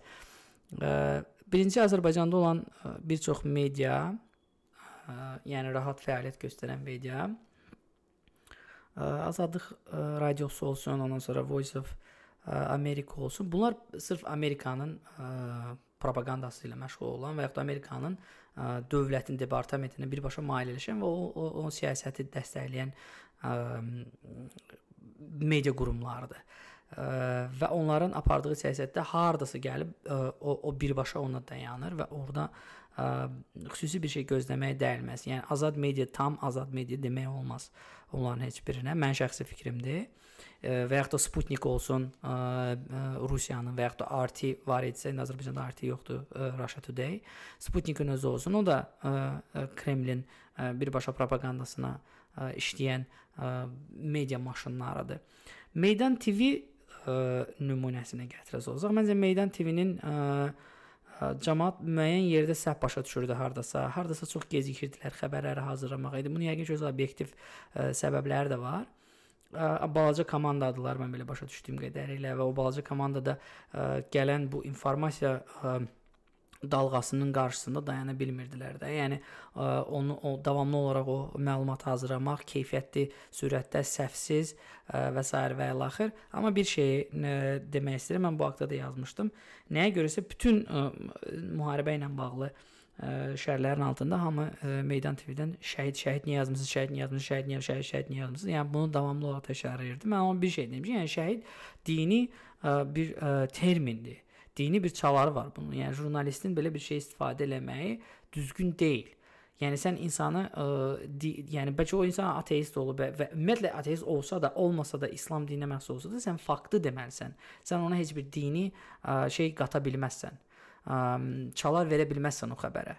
Amma sən onu şəhid deyəndə artıq o dini çalar ol, ə, düşmüş olur. Buna görə ə, həlak olmaq yazmaq, yəni mənim üçün tam normal bir şeydir və burada pis bir şey yoxdur. Həlak olmaq hörmətsizlik demək deyil. Düzdür, biz onları şəhid kimi qəbul edirik və onların şəhid statusu verilir dövlət səviyyəsində və s. amma buna görə qınamaq məncə çox ucuz gəlir. Qınanılası milyon dənə şey var idi. Ə, yəni ə, sırf ə, medianın səhvləri ilə bağlı hansı faktların dəqiqləşdirilməməsi və s. və axır. Yəni bunu görməyib ə, belə ə, şeylərə ilişmək ə, məncə düzgün deyil. Mən gördüyüm ə, şəxsin ə, şey ə, təcrübə, yəni gördüklərim bundan ibarət idi. Sən mən bəzi məqamlara şey eləyim və sən bildin ki, mən buna cavab verəcəm də. Bu Azadlıq Radiosu və Amerikan səsi və BBC. BBC başqa misal BBC çünki Britaniya mətbuatıdır. Amerika səsi ilə Azadlıq Radiosu ABŞ Konqresi tərəfindən maliyyələşir. Amma bu yarananda vaxtilə bu yaranıb vaxtilə Nazi Almaniyasına qarşı propaganda üçün. Propaganda daha çox yəni şey üçün, yəni orada insanlara alternativ xəbər vermək üçün.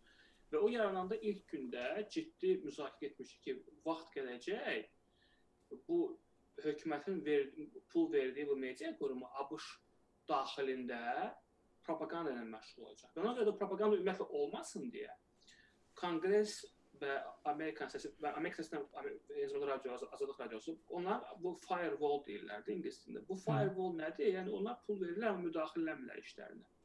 Və buna nəyə görə mən bu məsələyə toxundum? Çünki aktual məsələdir bu günlərdə. Bu, bu, bu son aylarda daha doğrusu. Bu uzun illər bu, bu belə qalıb. Heç kim heç vaxt onların işinə müdaxilə eləmir ki, onların özlərinin jurnalistik azadlığı olub, media azadlığı olub və ona çalışmaq standartları qorusunlar. Sadəcə bir neçə ay qabaq Trump ora öz adamını təyin elədi və orada ciddi narazılıq, narahatlığa başladı ki, bu artıq bu qurumlar artıq propaganda alətinə çevrilə bilər. Amma indi Trump Yox, mən demirəm ki, onların yəni ə, Russia Today kimi və ya da Sputnik kimi hansısa bir ə, propaganda söhbətləri var. Mən onu demirəm. Sadəcə mən deyirəm ki, onlardan gözləməyə dəyməzdi. Hansısa Azərbaycan bir şey deyim də, mən bir şey deyim də, ə, Amerikan səsi də, Azərbaycan radiosu da, BBC-nin özü də məsəl üçün də, onlar Onlar nə qədər jurnalist yetişdirib Azərbaycanda. Onlar birbaşa olaraq yerli jurnalistləri beynəlxalq standartlarla tanış edir, onlara öyrədib. Yəni bizdə media media məktəbi, media universiteti olmaya olmaya bu qurumlar özləri bu rolu oynayıblar və bunların olması Azərbaycanda çox böyük bir müsbət bir nəticə verməlidir. Əslində onların olmağının səbəbi o, o, odur ki, əslində onlar yerli yerli medianın inkişafına təkan versin, nümunə olsunlar. Və ona görə də Azadlıq radiosu demək səsi də onlar belə bir misal gətirim də, başda sözümü də kəsirəm. ANS də vaxtilə Azərbaycanda çox ə, yaxşı ə, inanılmaz dərəcədə ə, savadlı və istedadlı jurnalistlər yetişdirib, amma bu ANS-ə heç bir müsbət bir şey qatmır ə, növbəti praktikalarında. Mən onu demək istəmirəm. Mən sadəcə demək istəyirdim ki, gözləməyə dəyməzdi də. Yəni bu insanların müəyyən bir standartı var. Bunlar tərəf tuta bilməz. Bunlar Azərbaycan Azərbaycana hər hansı ə, baxımından müsbət bir nəticə gətirəcək bir şeyləri elə bilməz. Çünki birinci jurnalistikada onu yoxdur. Sən obyektiv yanaşmalısan hər şeyə sən sən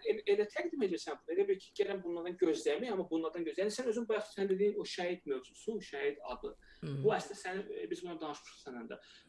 Şəhid e, adlandırılır. Tək şəhidlərin çoxlu ifadələr var orada. Hansı ki, obyektiv, qeyri-obyektivliyi e, göstərir. Məsələn, nə qədər xoşumuza gəlməsə də, Azərbaycan mediası şəhid yazmayanda biz qıcıqlanırıq ki, necə bu bizim yerli, yerli, yəni bizim Azərbaycanlı əskərdir, amma bu, bu, bu bunu həlak olub yazırsınız siz. Hı -hı. Amma bu media standartlarıdır. Çünki sən standartlara uyğun hərəkət eləməyəndə sən sənin obyektivliyin sual altına qalır. Sual altına obyektivlik sual altında sən artıq media ə, peşəkarlığın sual altında olur. Sən media kimi güvənilirliyin sual altında qalır. Ona görə vacib və o baxımdan da, o baxımdan da sən sən ə, gözləmək. Bəs kimdən gözləyək? Ölkədə media qurumu var ki, Heç kimlə. Mən ümumiyyətlə, Yəni ümumiyyətlə insanların bizə necədir? Məsələ odur ki, yəni mən insanların göz, göz bu göz niyə gözlədikləri mənə çatmır. Nəyə görə gözləməlisiniz ki? Yəni artıq Azərbaycan uzun illər sən təsəvvür et ki, yəni indiki belə ə, ağsaqqal kimi çıxmasın, amma biz kimi bunu deyə bilərik də. İndiki gənclər 90-cı illərin mətbuatını xatırlamaz.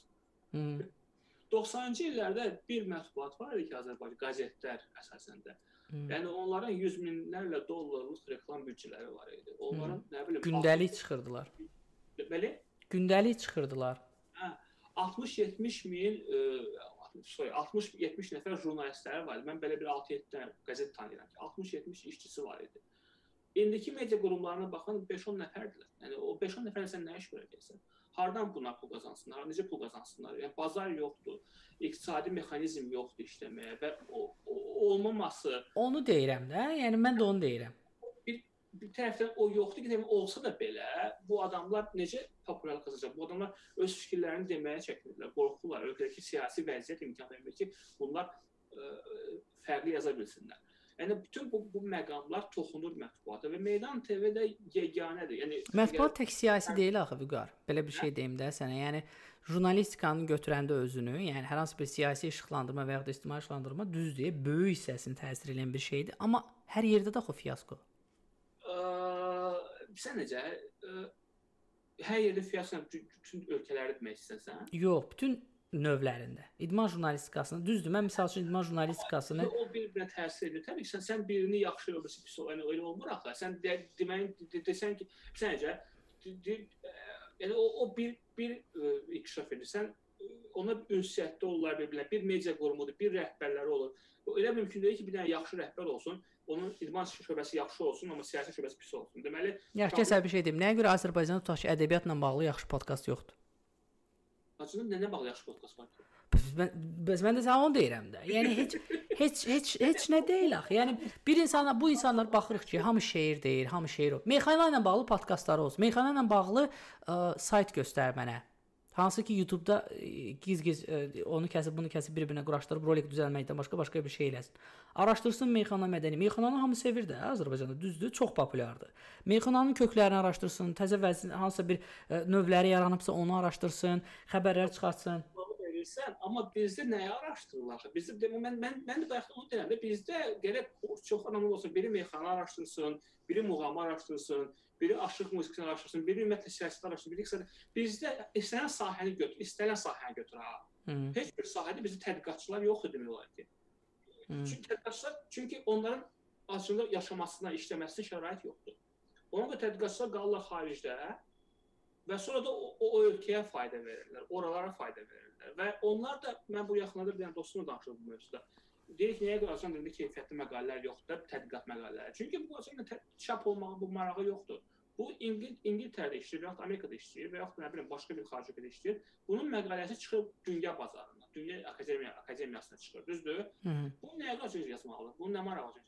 Nə pul var, nə rəqabət var ki, bilsin ki, ta ki Flankes bunu yazıb, Flankes buna cavab verdi. Yəni bütün bu şərait hər mən bəs bayaq dediyim də o idi ki, ifadə azadlığı bizə xaricdən daha çox daxildə lazımdır ki, rəqabətimiz, rəqabət artsın, çoxlu yeni insanlar girsin hər bir sahəyə, həm biznesə, həm mədəniyyətə, həm siyasətə, həm hər bir sahəyə. Xoşumuza gəlir, ola bilsin ki, ola bilsin yox, 100% bu rəqabətdə sən də mən də udacaq, qalacaq qıraqda. Amma qoy olsun ki, kimsə qabağa getsin ki, ölkənin gələcəyini məşğul edəcək insanlar qalsınlar. Yoxsa mən son 10 il ərzində mən aşağı-yuxarı eyni adamları görürəm. Sən də bəlkə də mən razılaşsan mənimlə. 100%. Cavabım gəlirlər, amma Tək yəni- tək onda deyil. Keçən dəfə mən danışırdım Azərbaycanda ə, rock məsələsi ilə bağlı. Mən dedim ki, Azərbaycanda artıq 12 ildir bütün rock konsertlərində eyni adamlardır. Prosta adlar dəyişir. Bir də istənilən ə, hansısa bir rock elementi olan başqa bir ə, populyar müğənninin ə, gitara hissəsində eyni adamlar, eyni adamlar şey eləyir. Yəni bu bu o deməkdir ki, yəni ə, yeni bir şey yoxdur. Yeni bir ə, yaranan ə, bir şey yoxdur. Ə, davamı gəlmir də, yəni yetişmir. Yəni və və bunun da açıq xoşumuza gəlsə də gəlməsə də bunu deməliyik. Bunun da səbəblərinin birinci səbəbi odur ki, insanlar fikirlərini paylaşmağa qorxurlar. İnsanlar risk riskə girməyə qorxurlar. İnsanlar səhv eləmədən qorxurlar. İnsanlar təzyiqlərdən qorxurlar. Və elementar bu 44 gün ərzində Hı. hökumətin nəzarət etmədiyi nə qədər qruplar var idi, çox keyfiyyətli kontent yaratdılar. Vizual kontentlər, mətnlər, çıxışlar. Yəni özün xatırlayırsan da. Mən əksinə onun tərəfindəyəm ki, daha çox fərdi olmalıdır o. Çünki Amma maşın olmamalıdır, propaganda maşınına çevrilməməlidir. Yox, yox, mən, mən o elə mən də onu deyirəm. Yəni bu nəyə görə baş verir? Çünki bu insanlar neçə illər əzə yığılıb. Mən demirəm bizdə kadrlar yox. Bizdə kadrlar bəlkə də var. Sadəcə Hı. onlar e, istəmirlər girsinlər rəqabətə, özləri haqqında çox məlumat versinlər. Onlar ümumiyyətlə fokus olmaq istəmirlər, amma bu da azdır. Yəni sözümün canı odur ki, Hı. biz cəmiyyətdə səhv etmək, təzyiqə məruz qalmaq qorxusu azalmalıdır. Ümumiyyətlə olmamalıdır. İndi səhv eləmək qorxusu təkcə siyasi sistemlə əlaqəli deyil. Burada mədəni mentalitet məsələsi də var. Əslində bu çox şeydir də, yayılmış məsələdir. Amma bu bu mümkün qədər minimum olmalıdır. Sən fikir versən, ə, xarici təşkilat, ümumiyyətlə nə təşkilat, yəni xarici qərb ölkələrinin özündə nəyə görə orada rəqabət çox? Çünki insanlara uşaqdan belə öyrədilir ki, səhv eləmək olar. Səhv eləmək problem deyil. Bizdə səhv eləyirsən, sən mən səhv eləm, eləməmək üçün deyirsən ki, mən baş qoşmuram buna. Və bu bunun üstünə siyasi təsdiq də gələndə ki, sən falan şey yazma, falan şey demə, falan kəsin xoşuna gəlməyəcək. Amma xoşuna gəlməyəcək deyəndə ki, ay nə nə niyə bəs? Yəni heç nə olmasın da. Ölkə ölümlə Yaxşı, Vüqar, konkret bir şey deyim də onda sənə. Mən ad çəkmək istəmirəm. İstəmirəsə başqa bir istəmirəm. istəmirəm. Amma adamlar var ki, Twitterdə sən sənin də yaxşı tanıdığı, mənim də yaxşı tanıdığım, hamının da yaxşı tanıdığı ə, insanlar var ki, bu adamların kiminsə agenturasına işlədiyi və Azərbaycana və Azərbaycançılara qarşı getdiyi, əclaflıq elədiyi, yəni sıfır şübhəm var mənim. Yəni şübhəm yoxdur. Onların o o hərəkətləri ə, yəni mümkün deyil ki, sən başqa cür dəyərləndirəsən. Evet. İnsanlar insanlarla bağlı fikri və s. ilə bağlı. Yaxşı, o onlara o, onlara necə ə, yəni onların fonunda necə baxırsan? Yəni o fikirlər də mi şey olmalıdır? Yeni şey deyil ki, o həmişə olub. Bizdə ə, siyasətdə də, hökumətdə də yəni həmişə elə adamlar olublar da və hökumət indi son dövrə kimi yəni nə qədər yəni gör görünür də ki, yəni bu cür insanlar və təkcə Azərbaycan bağlı deyil, bu yenə də bu bütün dünyada bu var. Bu cür insanlar olub, var və olacaq. Bu bayaq dediyim o siyasi mübarizədir. Hər cür şeyə əl atmaq. Bu bunun bu sənin həmişə mübarizə aparmalı olduğun məsələdir. Bunu bunu hökumət edir. Bunu sən etmirsən. Bunu sən edə bilməzsən. Və bəzi hallarda sən göz yummalı olursan. Çünki sən görürsən ki, bəzi insanlara qarşı ə, sərt addımlar bütövlükdə bütün ekosistemə ziyan vura bilər də ifadə azadlığında. Yəni bu casus məsələsi yeni bir şeydir. Onu istəyirəm. Casus o şey söhbəti var mən onu desin demişəm. Deyir, sənin fikrinlə razı deyiləm, amma ə, sənin fikrini deməyin demək haqqın üçün ölməyə hazıram söhbəti. O da öz yerində. Hı. Yəni sən ə, mən mənə hərdən deyirlər ki, belə çox belə şey səslənir belə. Hə, mənə mesajlar gəlir ki, səslənir. Yox, bəzən izləyicilər mənə yazır ki, bir dəqiqə qoy fikrimi qurtaram. Bu çox vacibdir. De, de, de, de, sorry. Bəzən danışıq belə heç acını tanımayan insanlarla danışıram. Bax, biz xaricilər Amerikanla danışıram. Görürlər ki, mən siyasət haqqında çox danışmağı sevirəm də. Və deyirlər ki, sən niyə siyasətlə məşğul olmursan? Və mən deyirəm ki, mən siyasətlə məşğul ola biləcək məndə xüsusiyyətlər yoxdur da. Mən dözmürəm də bu cür şeylərə də. Mən kimisə yalan danışmağını, kimisə təmbəxtinə hayasızlığına, kimisə aqressivliyinə dözə bilmirəm. Məndə o vıcışqa yoxdur. Siyasətçilərdə o var. O o iradə var, o güc var, o ambisiya var da. Yəni o olmadığı halda sən girə bilməzsən buna. Və nəyə görə bu var? Çünki siyasət ən ən aparıcı, ən həlledici e, sahədir də. Yəni siyasətdə sən qalib gələndə sən milyonlarla insanın taleyini həll edən qərarlar qəbul etsən. Və burada hər cür insan olur. Yəni hər şey el etməyə qabil qadir olan insanlar olur. Və casuslar da olacaq orada, Ə, yəni qəddar insanlar da olacaq, sosiopatlar da olacaq orada. Yəni o bu normal prosesdir. Yəni normal deyil təəssüf ki, amma bu belədir.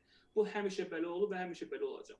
Ona görə də nəyisə girişəndə biz inciməməliyik. Yəni filan kəs həyasızlıq elədi, mən oynamıram. Yaxud filan kəs yanında mən mən küsürəm, mən inciyirəm, mən özümə gəlmirəm sonra. Topu ver mən gedirəm evə.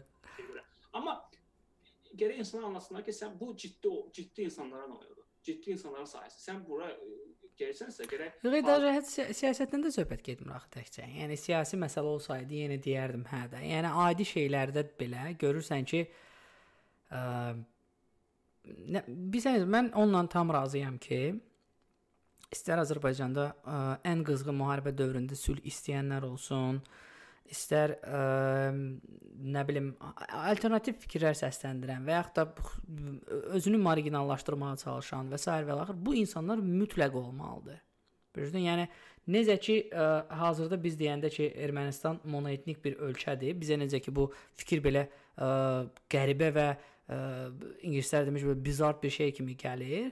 Eləcə də fikir müxtəlifliyi də elə olmalıdır. Yəni hamının eyni fikirdə olmağı birinci mümkün deyil, ikincisi də olmasa yaxşıdır. Fərqli fikirlərin olmağı ə, balanslı bir ə, cəmiyyət yaradır. Yəni sənin gördüyün, görmədiyin hər hansı bir şeyi başqa adamlar görür və bu, bu, bu buna qulaq asılmalıdır. Mən onlara bir şey demirəm və və yaxud da insanların həqiqətən də ürəkdən ə, sülh məsələsinə, ondan sonra şəhidlər məsələsinə, yəni əskərlər məsələsinə, insanların ölməyi məsələsinə çox ciddi yanaşmağı. Yəni mən məsəl üçün heyvan aktivisti deyiləm və misal üçün deyim ki, etiraz eləmirəm də kimsə şuba, kurtka geyinəndə üstünə nə bilim nəsə töküb aktivizm eləmirəm, amma belə bir insanlar var ki, bunu eləyirlər. Yəni onlar onu vacib bilir. Bu da onların haqqıdır da. Yəni və bunu ignor eləmək olmaz. Və ya da vegan adamlar var, elə bir aktivizm e, eləmir.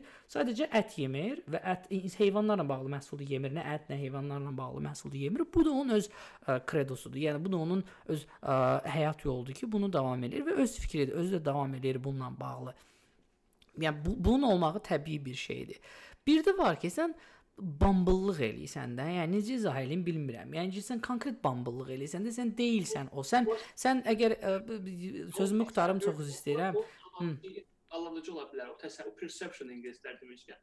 Bu nə nə bağlı? Bu mövzunu əslində sosial mediaya bağlamaq olar. Hı. Ə, istənilən cəmiyyətdə fərqli düşən insanlar olur da. Yəni bəzi cəmiyyətlərdə onlar susurlar, bəzi cəmiyyətlərdə sus daha çox danışırlar. Ə, sosial media ə, bu fərqli fikirləri sistemləşdirməyə başladı.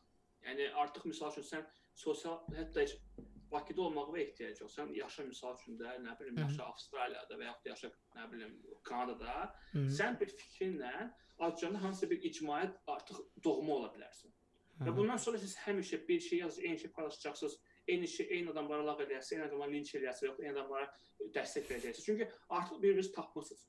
Əvvəllər bu yox idi. Əvvəllər gərək sən gedən hansı təşkilata qoşulardın eləyərdin. Daha çətin idi. İndi amma sən onlayn belə o fikirli adamları birləşdirib və insanı təsəvvür edir ki, bu, bu insanlar hansı bir gücə malikdirlər, hansı bir səsə malikdirlər. Amma əslində çox cüzi bir miqdarda onlar. Pislik, yaxşılıq başqa məsələ. Amma demək istəyirəm ki, sosial media bir səhv təsəvvür yaradır. Ə, başqa məsələ də o idi ki, bax mən son vaxtlar bu test başıma başıma gəlir. Mən unduram nə istəyirdim. Hı -hı. Mən sənə bir şey deyim, Kakras o haqqda danışmaqda sən də yadıma salmağa çalış. Ə, sosial mediada müzakirə məsələsi də düzdür. Birincisi mən bunu demək istəyirəm. Sosial mediada müzakirə sağlam və nəyəsə nəticəyə gətirə biləcək müzakirə mümkün deyil. Ona görə də nə vaxtsa sizin fikrinizə qarşı kimsə nəsə çıxıb yazsa, onunla nəsə müzakirə eləməyə çalışmayın. Səbəbi yoxdur. Çünki insanlar ə, virtual o şeyin yaratdığı bir atmosferin yaratdığı ə, rahatlıqdan istifadə eləyib özünü doğru çıxartmağa çalışacaq. Yəni buna spor kimi baxır. Sporu kim uddu? Yəni müzakirəni, yox mübahisəni kim uddu?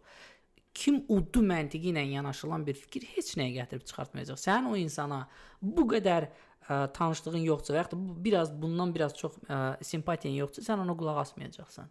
İçi mən daxil, içi hamı daxil, ə, bütün müzakirələr fail olmağa və ə, aqressiya və bloklanma və və yaxud da nə bilim mute olunmağa məhkumdur da belə deyim. Twitter dili ilə götürsək. Elədir. Ə, açığı bunu bu gün yayın çatdırmayacaq, amma bunu danışardıq. Bu davranışlarla bağlı, bizim e, sosial mediamızda davranışlar təsirinə bağlı bu, bu uzun bir müzakirədir.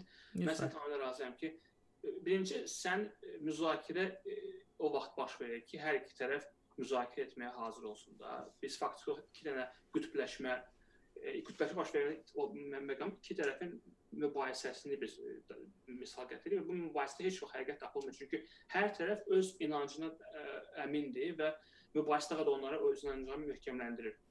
Mən demək istədiyim şey hansı ki unutdum mən. Ə, o vacib məqamdır. Mən, mən bunu açıqca son aylar daha da anlamağa başladım. Daha da çox anlamağa başladım bunu. Çünki yəni bizdə bayaq dediyim o bu perception, bu təsəvvür ki, sosial mediada biz hamımız fərqli, müxtəlif qruplar var. Biri nə bilim heyvan hüquqları müdafiə, biri vegandır, biri ə, feministdir, biri nə bilim mühafizəkardır, biri homofobdur.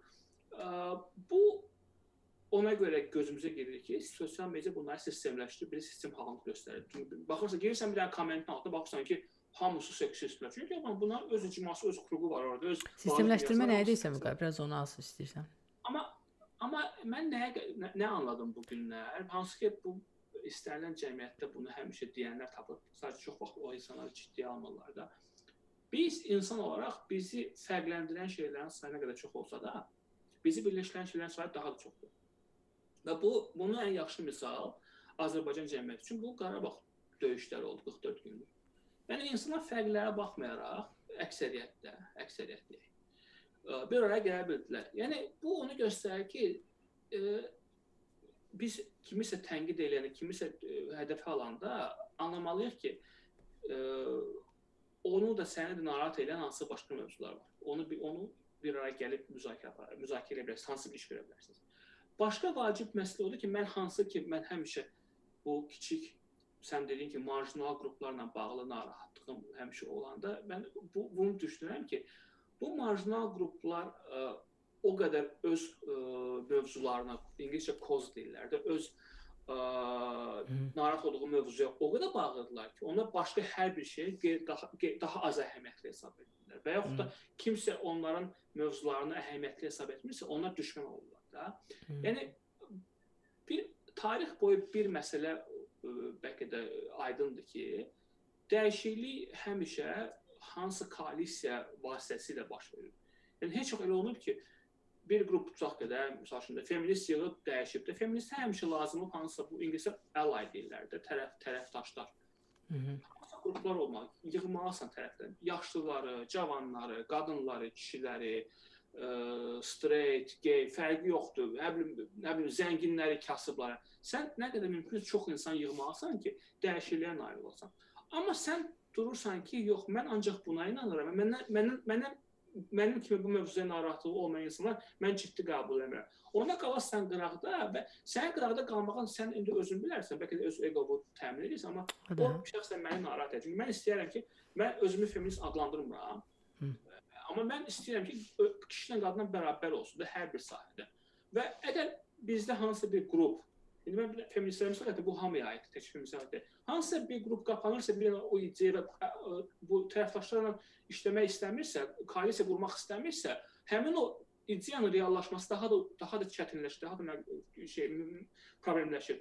Hı. Eyni problem Amerikada biz görürük də. Yəni Amerikada uzun müddət bu liberal kəsim Hı. Qapanır öz öz ideyasına və çıxmır qırağa. Yəni Amerikada indi bilməyənlər sadəcə misal kimi deyim, son 10 il ərzində Amerikada ciddi siyasi dəyişikliklər baş verdi. Yəni hər iki partiyada ə, ifrat deyək də qanat güclənməyə başladı. Bu ə, qütbləşmə yarandı da. Bəli. Qütbləşmə yarandı da, bir kəskin. O da təsiri idi, amma demək Demokrat Partiya hər iki partiyanı biz mərkəzə yaxın baxsaq, hər iki mərkəzə yaxındır, amma hər partiya daxilində ifrat hmm. sola və ifrat sağa meyllər yarandı. Demokratların daxilində ifrat sola olan cavan nəsil progressivlər idi, hansı ki bu bu mübarizə aparmaq istəyən kəsim idi. Hansı ki mərkəzi siyasətdən razı deyildilər. Başqa daxildə isə bu daha da sağçı bir kəsim, daha da mühafizə bir kəsim formalaşdı. Amma fərqləri nə oldu? Fərqləri oldu ki, respublikaçıların mühafizəgər bu ifrat mühafizə kəsimləri maliyyə dəstəyi almağa başladılar zəngin insanlardan. Onlar öz deputat öz konqresmenlərini seçdilər konqresə, konqresə, senata, senatla seçdilər. Onlar artıq söz sahibi oldular. Siyasi təsir gücləri oldu. Amma proqressiv kəsim indi indi başlayıb girməyə konqresə. Bu EOC və digər cavan proqressivlər. 10 10 il ərzində onların səsi çıxmırdı, onun gücü yox idi və sən çıxırsan küçəyə, milyon insan yığırsan küçədə. Amma seç siyasətdə ə, ə, təsir gücünə malik insanların yoxdur, liderlərin yoxdur. Yəni bu nə nəyə gətirirəm sözümün canına? Yəni demək istəyirəm ki, biz gərək qapanmayaq öz kiçik çevrəmizə. Biz gərək çıxaq əl uzadaq bir-birimizə. Çətindir. Mən alıram. Mən bəzən olur ki, adamla otururam, danışa bilmirəm, amma əminəm ki, otursuq söhbət etsək çoxlu ortaq xüsusiyyətlər var və bir-birimizə düşmən kimi baxmadan hansısa yaxşı bir iş görə bilərik cəmiyyətdə. Elə deyil. Mən məsəl üçün bir dənə şey deyim. Yəni sən dediyin kimi də elə deyil deyəndə, yəni başqa şey nəzərdə tuturdum. Yəni o özünü aparan adamlar var nə mənada mən özümü şey eləmə, elan eləməmişəm ki, tutaq misal üçün deyirəm ki, mən feministəm və feminist aktivizmlə məşğulam, düzdür? Bu bu bu insanlar amma bunu eləyib. Sən bunu eləmisənsə, sən bu mübarizə həqiqətən də sənin üçün vacibdirsə, sən həqiqətən də öz həyatını buna həsr eləmisənsə, sən vüqarın bu dəqiqə dediyi məqamları ignor eləyə bilməzsən. Eləyirsənsə deməli yalandan eləyirsən bunu.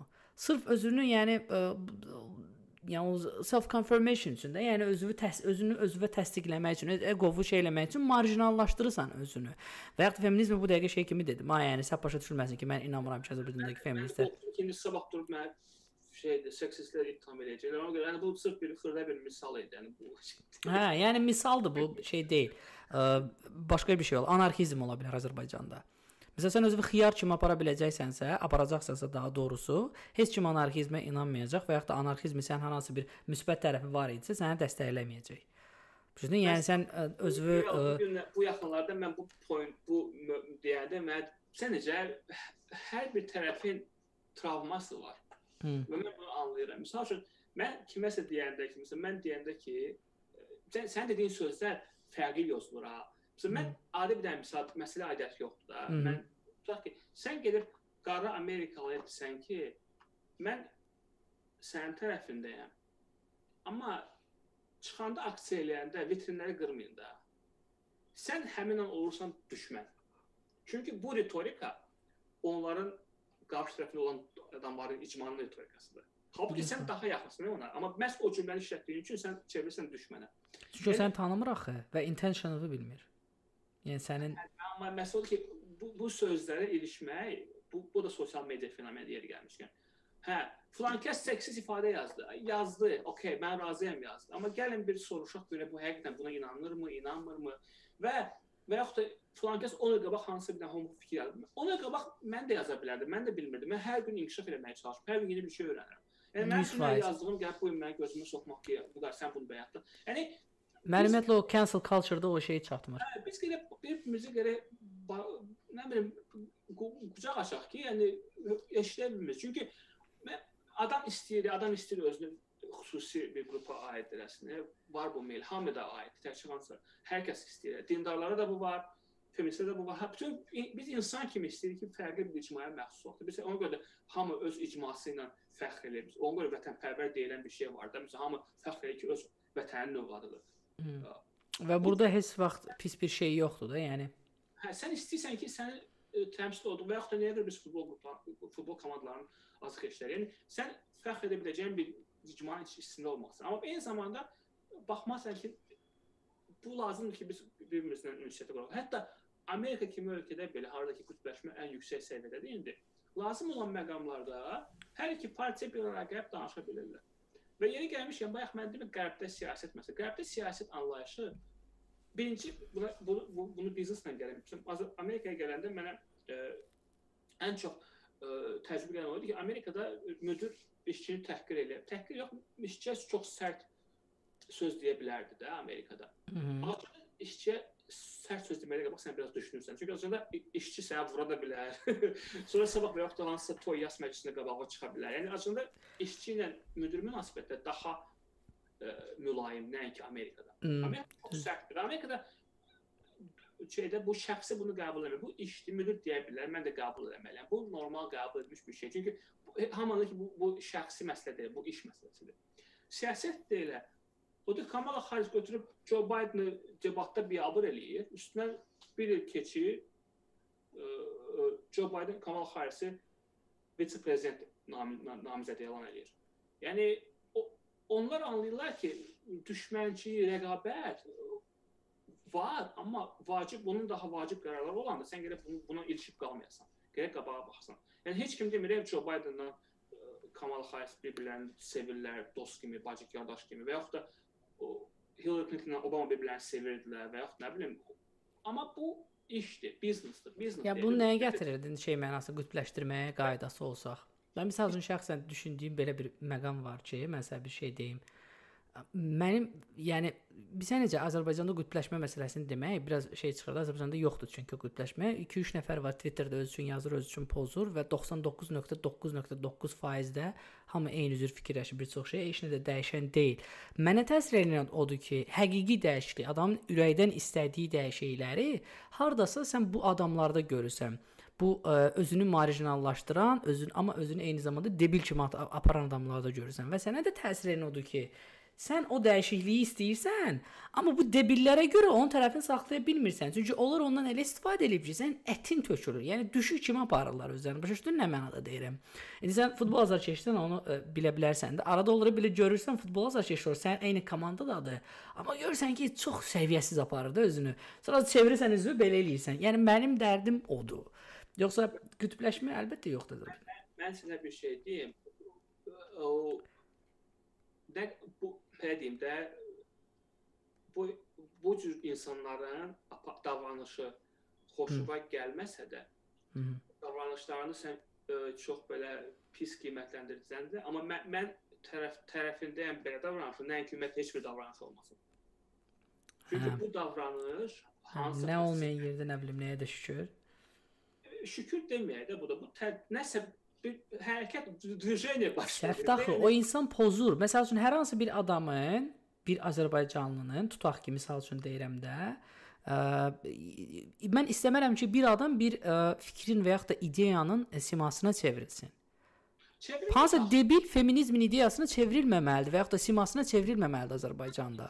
Özü özü yəni o səncə kimisə hansı simaya çevrilməsi O heç kimə asılı deyil. Onu heç kim bilə bilmir. O təsadüf nəticəsində müəyyənləşir. Yəni insan iddia ortaya qoya bilər, amma o demək deyil ki, o mütləq ə, lider olacaq. Gandhi və yaxud da Mandela onlar lider olacağını düşünürdülər. Yox. Bu proseslər baş verir. Amma mən vaxtını səhv eləmək məsələsi. İnsan səhv etmək mən deyirəm buna səhv edirlər. Ha, elə də səhv, özümü səhv görməsin. Biz hamımız mən özüm mən özüm yazanda nəsə, nəsə deyəndə mən əmin olmaq istəyirəm ki, mənim səhv etdiyimi sonra mən boynuma almaq alsam, mənə deməyəcək ki, yox, bu qədər getdi. Mən istəyirəm səhv eləyim. Mən səhv eləməyi sevirəm. Çünki səhv eləyəndə mən öyrənirəm. Mən səhv eləməyəndə öyrənmirəm. Sən yəni sən təsəvvür et ki, sənin böyük bir zavodun var. 60-cı ildən bəri konveyerlə maşın buraxırsan. Sovet kimidən 06 buraxırsan neçə ildir. İndi 90-larda 2000 ildə buraxırlar, buraxmırlar, amma 2000-lərin əvvəllərinə kimi 06 buraxırdılar, 07 buraxırdılar. Bütün dünya dəyişib maşınlar. Nə var, nə var? Konveyer dəyişə bilmirdilər. Amma Qərbdə bu Toyota modeli oldu, bu və yaxud da digər bu Agile deyilən model var. Nədir o modellər? Sən bu uzun müddətliyi qısaldırsan. Agile ümumiyyətlə başqa bir modeldir. Yəni sən elə bil ki, hər bir işə gəlsən, yeni bir şey edirsən və səhv eləməkdən qorxmursan. Səhv eləsən belə növbəti gün sən sistemi dəyişirsən.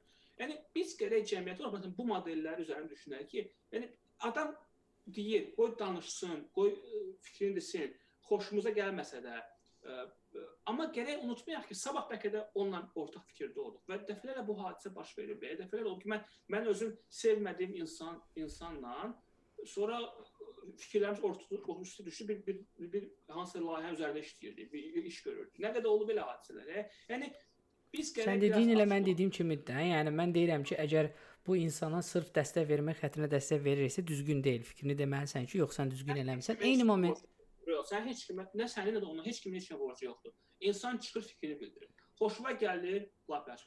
Xoşuma gəlmir, yenə də özün bilərsən. Amma durub demək ki, o o fikirlər zərərli olmasın. Bax bu problemdir. Bu, bu buna biz yol verə bilmərik. Gərək insan istəyir. Mən demirəm, mən mən mən, mən sadəcə xoşuma gəlməyə çalışıram fikrimi eləm. Çünki mənim mən kimisə haqqında mənfi fikirlərim e, sonra üst-üstə yığılır, tamam başqa istiqamətə gedir də, yəni gedə bilər. Hər bir insan bu linçləmə gəlib çıxar. Çünki mən çalışıram öz fikirlərimi məsuliyyətli ifadə edeyim. Bəlkə mən adamla sonra salamlaşmayacağam, bəlkə ondan adamla heç vaxt iş görməyəcəm və yaxud da ümumiyyətlə də yəni ömürlük kəskin münasibət. Amma mən istəmirəm ki, bunu mən çıxarıb bəyan verim məsələn bu gün gördüm, ə, yazıblar ki, filan kəsdən artıq şeydir, yəni izləmirəm filan kəsi.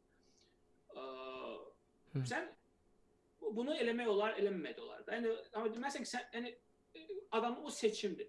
Amma biz nəzərə almalıyıq ki, elə bir dövrdür ki, indi biz Hı. gəl- biz deyəndə ki, yəni hamı bunu eləməyəcək. Amma sənin tutaq minlərlə izləyicin var. Mənim indi 2-300 izləyicim var. Biz hər 2000 halda nə nəsə qədər? yazanda 3000-ə mən yaxın. ki, ə, mənim sözüm sonra kiməsə kimis həyatını bədbəxt eləmək, kimisə ümumiyyətlə məhv eləməyə istiqamətləmək. Çünki bu da yeri gəlmişkən siyasətin və ictimai ə, işlərə və eyni zamanda biznesdə mənim öyrəndiyim bir şey var. Bu bu bu sahədə sənin yaxşı niyyətlə dediyin sözlər həmişə kimisə kiməsə qarşı istifadə olunur. Və bunu, bunu mən 100% dəfələrlə şahid olmuşam. Ona görə də mən nəsə hətta tənqid eləyəndə belə çalışıram ki, baxım ki, bu bu mənim tən, mənim tənqidlərimdən kim necə istifadə edəcək. Çünki mən tənqidi saf niyyətlə verə bilərəm. Amma mənim tənqidimi paylaşan, onu tirajlayan insan tam fərqli niyyətlə bunu edə bilər. Mən istəmirəm kiminsə məqsədimdə alət olum. Yəni bu cür məqamlar var da. Yəni, dediyim odur ki, yəni ə, xoşumuza gəlməsə də məncə biz bir-birimizə heç olmasa dinləməyə bacarmalıyıq. Yo mən o 100% başa düşürəm sən nə deyirsən mən elə başlayanda da onu dedim ki, yəni bunlar 100% olmalıdır. Bunların hamısı normal bir şeydir və hətta insan istəyir ki, daha çox olsun. Fərqli fikirli, müxtəlif yanaşma hər şeyə və s. və lax. Mən qətiyyən ona qarşı deyiləm və belə pis çıxmasın kimin pox yeri özü bilər. Yəni nə iş görürlər, görsünlər ondan mənə nə. Yəni nə mən də amma fikrimi də mən çəkəsi deyiləm ona görə. Onu demək istəyirəm ki, yəni mən Sən deyirsən Tək mən bu- deyəndə mən özümü nəzərdə tutmuram. Yəni məndən söhbət getmir bayaqdan. Yəni ümumiyyətlə, yəni insanlar onu tənqid eləyirsə, onların da ona haqqı var. qulaq as. Necə dəfələrlə olub ki, insanlar ad tənqid edir, amma haqqı olmurlar. Yəni bu bu O da məqamlar var çox 100%. bir, bir nümunə şey eləmir də. Mən dedim odur ki, ə, bax yenə yaddan çıxardım. Bu, bu tez Hmm. baş verir axır vaxtlar mənim həyatımda. Sən qocalmısan görə. Qocalmısan. Yəni belə bu bu bu məsələlər əslində ə, sən dediyin məsələ ilə çox razıyam ki, ə, yəni o, o qulaq asmaq, daha pozitiv yanaşmağa çalışmaq, bunların hamısı olmalıdır o öz yerində. Yadıma Aa, düşdü, am- yadıma düşdü. Yadıma- Kəsb yox, yadıma düşdü. Yəni sən deyirsən daha çox olsun. Necə olsun? Bu etdiyin məsələdə ifadə azadlığı yoxdur. İfadə azadlığı olmayan insanlarda daha daha ekstrem insanlar ortaya çıxırlar. da, Daha ə, cəsur deyək, qorxmaz insanlar ortaya çıxırlar. Və o insanların da fikirləri hə- bəzən xoşuma gəlmir çünki onlar daha ə, şeydilər, daha ə, necə deyim, necə ifadə edim bunu, daha Yəni mən onu dözməliyəm, ona görə xiyarlıq eləyir deyə. Sən tələb eləməsin ki, azadlığı daha çox olsun ki, onunla bərabər başqa adamlar da olsun. Yoxdur da. Bu adama baxıb axı heç kim elə olmaq istəməyəcək. Yenə ə, şeyə gəlirik də, zakrit tıçıqla gəlirik. Əgər bu adamı görəndən sonra o nümunə olmayacaq. Əgər sən təksənsə, sən yaxşı nümunə deyilsən. Nümunə axı kim deyir ki, o insanlar nümunədirlər? Yəni ki- kim kimi nümunə götürür? Və sən sən Azərbaycan kimi xırda cəmiyyətlərdə götürülür də. Niyə götürülür? Mən mən ümumiyyətlə düşünürəm ki, bizim cəmiyyət ümumiyyətlə nümunəyə baxmır. Amma çıxır özündən Necə baxmır, e, Vüqa, necə baxmır? Okay, gəl Azərbaycanda bir dənə adi dilinə istifadə olunmuş sözdür. Mütrif sözü, düzdür, aktyor deməkdir. Elə? Azərbaycan dilində şey çaları nədir onun? Mütrif Hə, deyil bu. söyüşdür, amma aktyordur da. Aktyor deməkdir. Görsən hansı səviyyəyə gəlib? Kimsə aktyorluq elib və mütrif, vəsə o mütrif. İndi Azərbaycanda da şey də novorçu. Başa düşdün necə? Hə bu novorçudur. Avtomatik sənin ağlında bir klişə mələ gəlir. Novor pis şeydir, bəyən müharibə yox deməkdir. İndi o novorçu deyəndə sənin ağlına nə gəlir? Konkret bir simalar gəlir də, düzdür? daha ciddi, daha ciddi e, problemlər çıxacaq qarşımıza, müzakirələr və onda hər bir kəsin dəstəyinə və hər bir kəsin köməyinə ehtiyac olur. İndiki zamanda, yəni nə deyim, e, nə deyim sənə? Heç nə. Yavaş-yavaş yekunlaşdıraq istəyirsən, artıq Sözümün canı sosial mediadan, amma sözümün canıdır ki, Hı hı. bizə çoxu rəqabət lazımdır ölkədə ki, daha çox kadr ortaya çıxsın, daha yaxşı keyfiyyətli kontent çıxsın ortaya, daha 100%. keyfiyyətli kadrlar ortaya çıxsınlar. rəqabət həm də qoymur ki, bir adam yerində paslansın. İstənilən peşənin adamı. Yəni yoxsa sən elə bir nəfər ol, ə, ə, ən yaxşı o işi görən ol. Ə, ikinci ildə artıq görəcəksən ki, o işi elə eyni səviyyədə belə görə bilmirsən rəqabət olmayandan sonra. Ona görə çox vacibdir. Biz artıq yavaş-yavaş yekunlaşdıraq. Ə, suallara deyəsən vaxt ayıra bilməyəcək. Əgər varsa hansısa cavablamaq istədiyin. Heç bir sualı Mən valla sual çoxdur, bilmirəm nə, nə nəyə cavablandırım. Nə qədər vaxtımız var? Biz nə qədər istəsən danışa bilərik, davam edə bilərik. Mən sadəcə Maraqlı suallar seçək. Yorulmusan ya yox. Çünki insanlar sual verə bilər.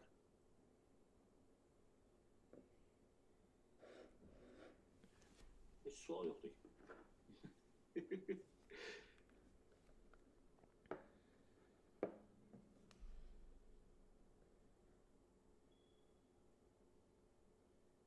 Bizə necə biz artıq o mövzuları danışmışıq deyə mən burada oxuyuram. Elə hamısının üstündən keçmişik sualların. Məni tanımır çoxu. Sizcə universitet vaxt itkisidir məsələsi var. Bilmirəm indi buna cavab vermək istəyirsən ya yox. Özün də ə, bir neçə universitet qurtarmış adamsan. Sən həmişə təcrübələnirsən. Ə, İstəyirəm ki, universitetə gedəndə bir şey düşün. İndi mən Bakıdakı vəziyyəti bilmirəm. Mənim vaxtımda yaxşı deyildi, amma hətta xarici belə getsəz universitetə oxumağa, Mhm. Nəzərə alın ki, siz oxumağa başladığınız ixtisas 4 ildən sonra olmaya bilər. Sürətlə dəyişir.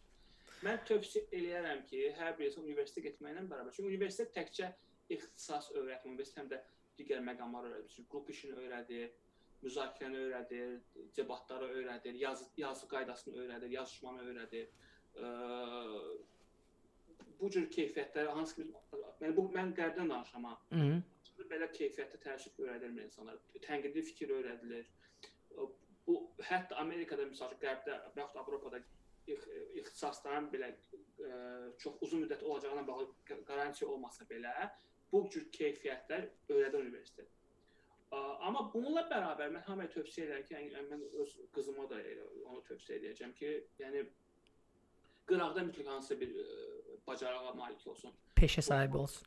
kodinq ola bilər, bu dizayn ola bilər, bu bu nə bilim, bu yaxşı yazmaq qabiliyyəti ola bilər. Bu belə bir iş ki, həmişə ə, əlinin altında olsun. Çünki 2 dənə 3 dənə oxumaq ə, gülüncdür, amma bir universitet üçün oxumalısan ki, bu bazanı götürəsən. Düz. Ə, Və onun da bərabər əlavə yanında da bu həmin o öz xüsusən indiki dövrdə çoxlu ə, yeni şeylər var da, ixtisaslar var da. Hı. Bu kodinqlə. Özü belə kodinq deyəndə çox qə- qəliz səslənir çox sadə şeylərdir, yəni çox böyük bir ə, s- səy sərf etmədən Kodinq mənə artıq klişe gəlir. Mənə elə gəlir ki, müəyyən bir müddətdən sonra artıq kodinq bilməyən olmayacaq. Yəni elə bir reallıq olacaq. Aa, Və yaxud da kodinqə artıq ehtiyac olmayacaq. Elə şeylər yaranacaq ki. Azərbaycan kimi ölkədə hətta insanlar çoxunun e-mail yazmadığı bir yerdə, yəni məncə bu aktual məsələ olacaq uzun müddət. Hmm, yox, Belə 100%. e-mail yazmağı bacarmır. Belə. Bur burada sənə başqa bir sual da var. Əm, deməli itirmədim o sualı. Azərbaycanda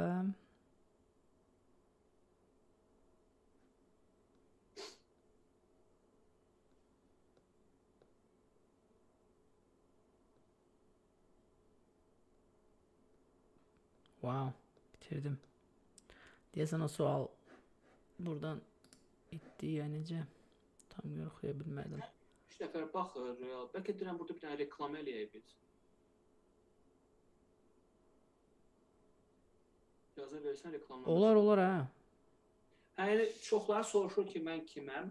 Mən mən dondum yenə. hə? Deyəsən. Deyəm dənə düzəldim. Burada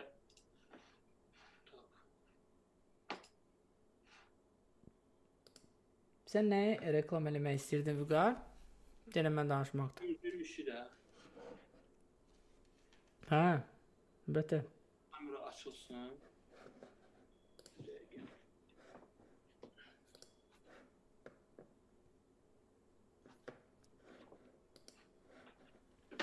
Belə. Vüqar ə, kamerasını düzəldənə qədər əgər hər hansı bir suallarınız varsa, ə, Vüqara və yaxud da mənə hə qoşuldu deyəsən. Qayıtdı Vüqar. Deyə bilərəm mən indi. Hə, de. Buyur. Mən şeydir, bu ə, bir neçə insan soruşdu ki, mən mən kiməm? Ə, ə, kim olduğumu çox danışmayacağam. Yəni sadəcə hal-hazırda məşğul olduğum işlə bağlı danışmaq istəyirəm. Artıq 3 ildən çoxdur ki, Əkinçi adında bir layihəni, layihə rəhbərlik edirəm. Əvvəllər biz animasiyalar düzəldirdik, amma 1 ildən çoxdur ki, artıq əlavə kontentlər də hazırlayırıq. Bu videolar, müsahibələrdir, müxtəlif təqdimatlardır və s. Əkinçinin YouTube səhifəsinə girsəniz, orada bütün kontent orada öz özü öz haqqında danışır artıq. Yəni orada müxtəlif mövzularda biz çalışırıq maraqlı kontent yaradaq Azərbaycan üçün, Azərbaycan dilində. Bu işlə məşğulam və mən çoxlu açığı müsbət rəylər alırıq biz, amma təəssüf ki, hələ izləyici sayımız çox deyil.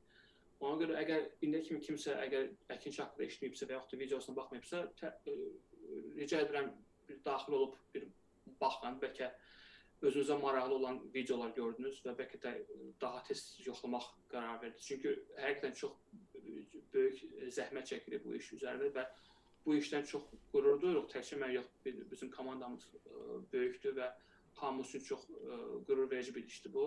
Amma təəssüf ki, yəni çox az adam hələ baxır. Ona görə əgər maraqlıdırsa, kanalımıza girib videolarımıza baxın. Mütləq YouTube ə, mən 100% əlavə eləyəcəm ə, description hissəsinə canlı yayıma sonra baxanlar adamlar üçün. Hər, hər sosial media ə, kanalında varıq, amma əsas videolarımız YouTube-dadır. youtube.com/akinçi yaza bilərsiniz və ya sadəcə Əkinçi adı ilə axtarış verin çıxacaq. Amma Instagramda da, Facebookda da, Twitterdə də ə, varıq. Əkinçi project. Adı belə gedir. Hə. Yəni bir də mənim ən ə, xoşuma gələn əkinçi layihəsi ilə bağlı ə, çox səliqəli olması ilə əlavə çox tərəfli olmağıdır. Ə, mən inanıram ki, istənilən mövzuya marağı olan adam ə, orada yəni ə, həm maraqlı ə, spikerlər tapa biləcək, yəni ə, mövzuları seçib danışan adamlar bu işin ə, detallarını və ə, o dəqiqliklərini bilən adamlardan, ustalarından belə deyək, həmin hansı mövzular olursa olsun, onlarla bağlı, həm də yəni sizə bəlkə də o qədər maraqlı gəlməyən mövzular ola bilər ki, mən məsləhət görərdim ki, yəni heç vaxt ağlınıza gəlməyən başqa mövzular olmur ki, ola bilər ki, yəni hansı bir boş vaxtınızda izləyəsiniz, qulaq asasınız, ə, olduqca maraqlı insanlar var və o ə, məs o YouTube kanalına ikincinin baxanda ə, adama ən xoş gələn məsələ odur ki, ə, insanlar ə, nə qədər hər tərəfli adamların Azərbaycanda olduğunu, əslində nə qədər peşəkar insanların olduğunu görsən, məncə bu da ə, yəni əkinçinin üstünlüklərindən biri odur ki, ə, o adamları tanıda bilir. Mütləq abunə olun youtube.com ərixət əkinçi ə, ə, kanalına. Yəni linki də yəqin ki paylaşacaq buralarda bir yerdə. Hardasa ya description-a, yəqin ki description-a əlavə eləyərəm. Burada da pop-up kimi hardan çıxır göstərirlər belə mən bilmirəm hansı tərəfdən. Yəni buradan çıxacaq da yəqin ki bu tərəfdən çıxır. Sağ sol küncdən çıxar qoyarıq linki oradan çıxar. Girib abunə olarsınız. Belə. Vüqar deyəsən şərhləri oxuyur. Hə, hələ ki. Sual sual qarşıma çıxmadı. Hə. Bilmirəm, bu bu pis yoxsa yaxşıdır sualların az olması. Suallar ə, yuxarıda mən bilmirəm sən baxırsan ya yox. Mən iki tərəfdən də izləyirəm. Ə, həm ə, şeydə Twitch-dən gələn şərhləri. Necə? Varsa ki cavablandıraq da çünki Hə. Hə, burada yenə mən məsəl üçün həmin mövzuya uyğun yazılan Azərbaycanda təhsil almağa necə baxırsınız? Var belə bir sual. Valla mən mən almışam təhsil 99-cu 99-2005-ci illərdə nə deyim valla mən o 6 il ərzində öyrəndiyim şeyləri mən ABŞ-da bəlkə də 2 ay öyrəndim. Hmm. Yəni elə ciddi fərq var da. Yəni xoş, kimisə xoşuna gəlməyə bilər bu, amma təəssüf ki, bizim universitetlər e, beynəlxalq səviyyə. Mən təbii ki, dilə ada keyfiyyətli təhsil verir. Mən adından xəbərim. Mən o vaxt orada olanda ada yox idi hələ, amma hmm. ə, e, dediyim eşitdiyimə görə Bakı Dövlət Universiteti və İqtisad Universiteti kimi yerlər çox da ciddi dəyişikliklər yoxdur orada, amma özümdən deyim ki, mən təhsil aldığım müddətdə təhsil aldığımı düşünürdüm, amma ABŞ-a gələndən sonra görürəm ki, nə qədər şeydə çatışmazlıq var məndə. Xüsusən də bu aiddir araşdırma bacarıqları, yazı bacarıqları, danışıq bacarıqları, ümumiyyətlə mübahisə bacarıqları, tənqid düşüncə. Bunlar vacibdir. Yəni bu təkcə təkcə elə belə xoş söz deyil də. Bu insan kimi formalaşmağa çox böyük bir köməyi dəyir. qərarlar qəbul edən çox böyük köməyi dəyir. Və bayaq sual oldu ki, hansı ixtisas falan. ABŞ-da indi indi real təsdiq eləyər də, yəni istənilən işdə demək olar ki, sən işə çalışa bilərsən. Təbii ki, yəni söhbət tipdən və yaxud da başqa e, peşə elmdən getmirsə, digər işlər çox rahatlıqla işləmək olar da. Çünki işə götürəndə diplomdan daha çox şəxsi keyfiyyətlərə fikir verilir. Yəni hansı necə özünü təqdim edə bilirsən, necə danışa bilirsən, necə düşünürsən, necə necə müzakirə aparırsan. Çünki digər şeyləri hamı bilir ki, öyrənmək mümkündür. 2 ay, 3 ay, uzaqbaşı 1 il, 2 il öyrənə bilərsən.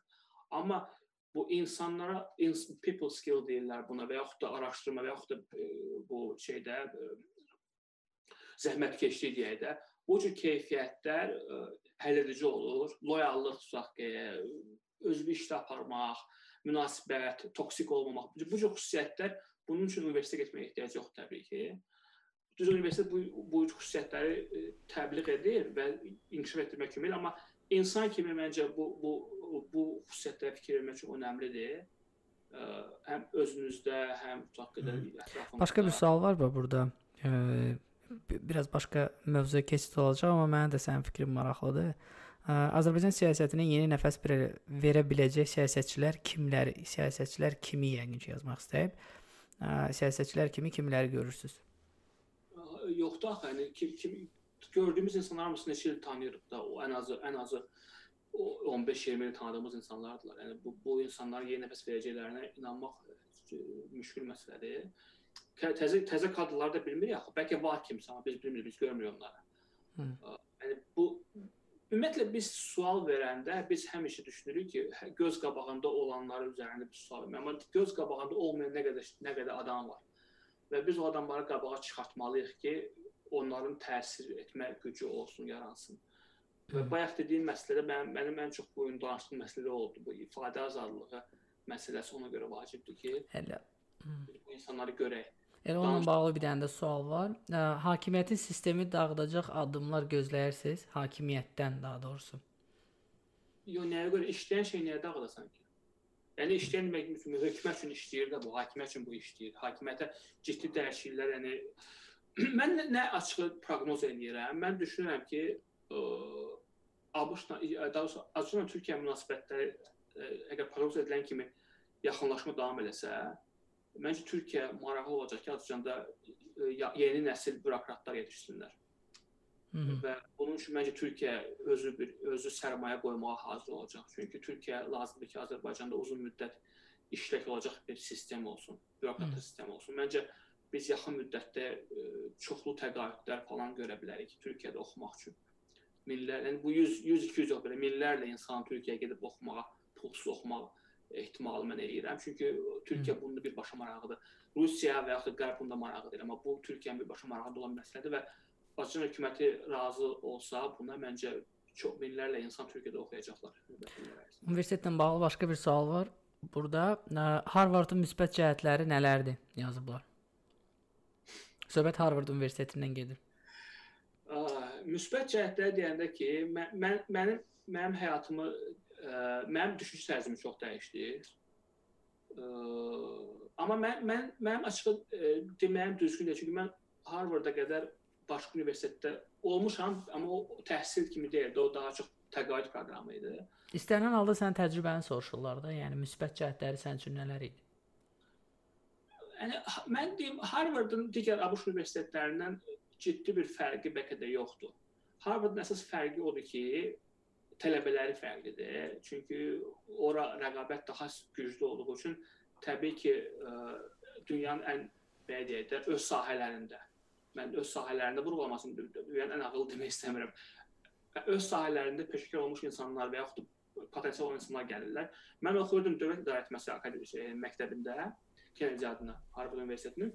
Orada bizim e, mənim bərabər dünyanın hər bir yerindən həm hökumətdə işləyən, həm də qeyri-hökumət təşkilatlarından olan ə, və eyni zamanda müxalifətdən olan təbii ki, aparıcı insanlar gəlib oxuyurdu və onlardan çox şey öyrənirsən, xeyli şey öyrənirsən. Mənim qrup yoldaşım biri növbəti il qayıtdı, Argentina maliyyə naziri oldu məsəl üçün. Və belə çoxlu qrup yoldaşlarım var mənim. Onlarla təbii ki, ünsiyyətdə xeyli şey öyrənirsən. Həm siyasət haqqında, həm ümumiyyətlə dünya görüşü haqqında və getsən baxsan tutaq ki, biznes məktəbə, orada eyni cür. Məsələn ki, biznes məktəbdə oxuyursan və sənin hər tərəfində ABŞ-ın və dünyanın ən aparıcı şirkətlərinin ən ən perspektivli ə, işçiləri səndən bərabər oxuyurlar. Öyrənməyə daha çox şey olur. Top ümumiyyətlə ə, ən yaxşı universitetdə oxumağın ə, fərqi o universitetin keyfiyyəti ilə bağlı çox da bağlı deyil də. Var əlaqəsi, amma birinci ilk növbədə ən vacib olan məqam məhz tələbələrdir. Ə, ona da çox şey öyrənirsən. Nə bilim vallahi, yəni düşünməmişəm açığı nə müsbət mənfi cəhətdən. Çünki mənim fərqləndirməyə imkanım olmayan başqa universitetlərdə oxumamışam uzun müddət ki, deyim fərqi. Amma nə bilim, amma ya, yaxşı məsləhətlidir belə məsləhətlidir. Belə bir şeydə sual verirlər ki, ə, Azərbaycanda oxumaq, yazmaq səviyyəsi yüksəkdir, amma ümumi götürsək savadlı, dünya görüşlü insanlar azdır. Bu sizcə nəyə görə belədir?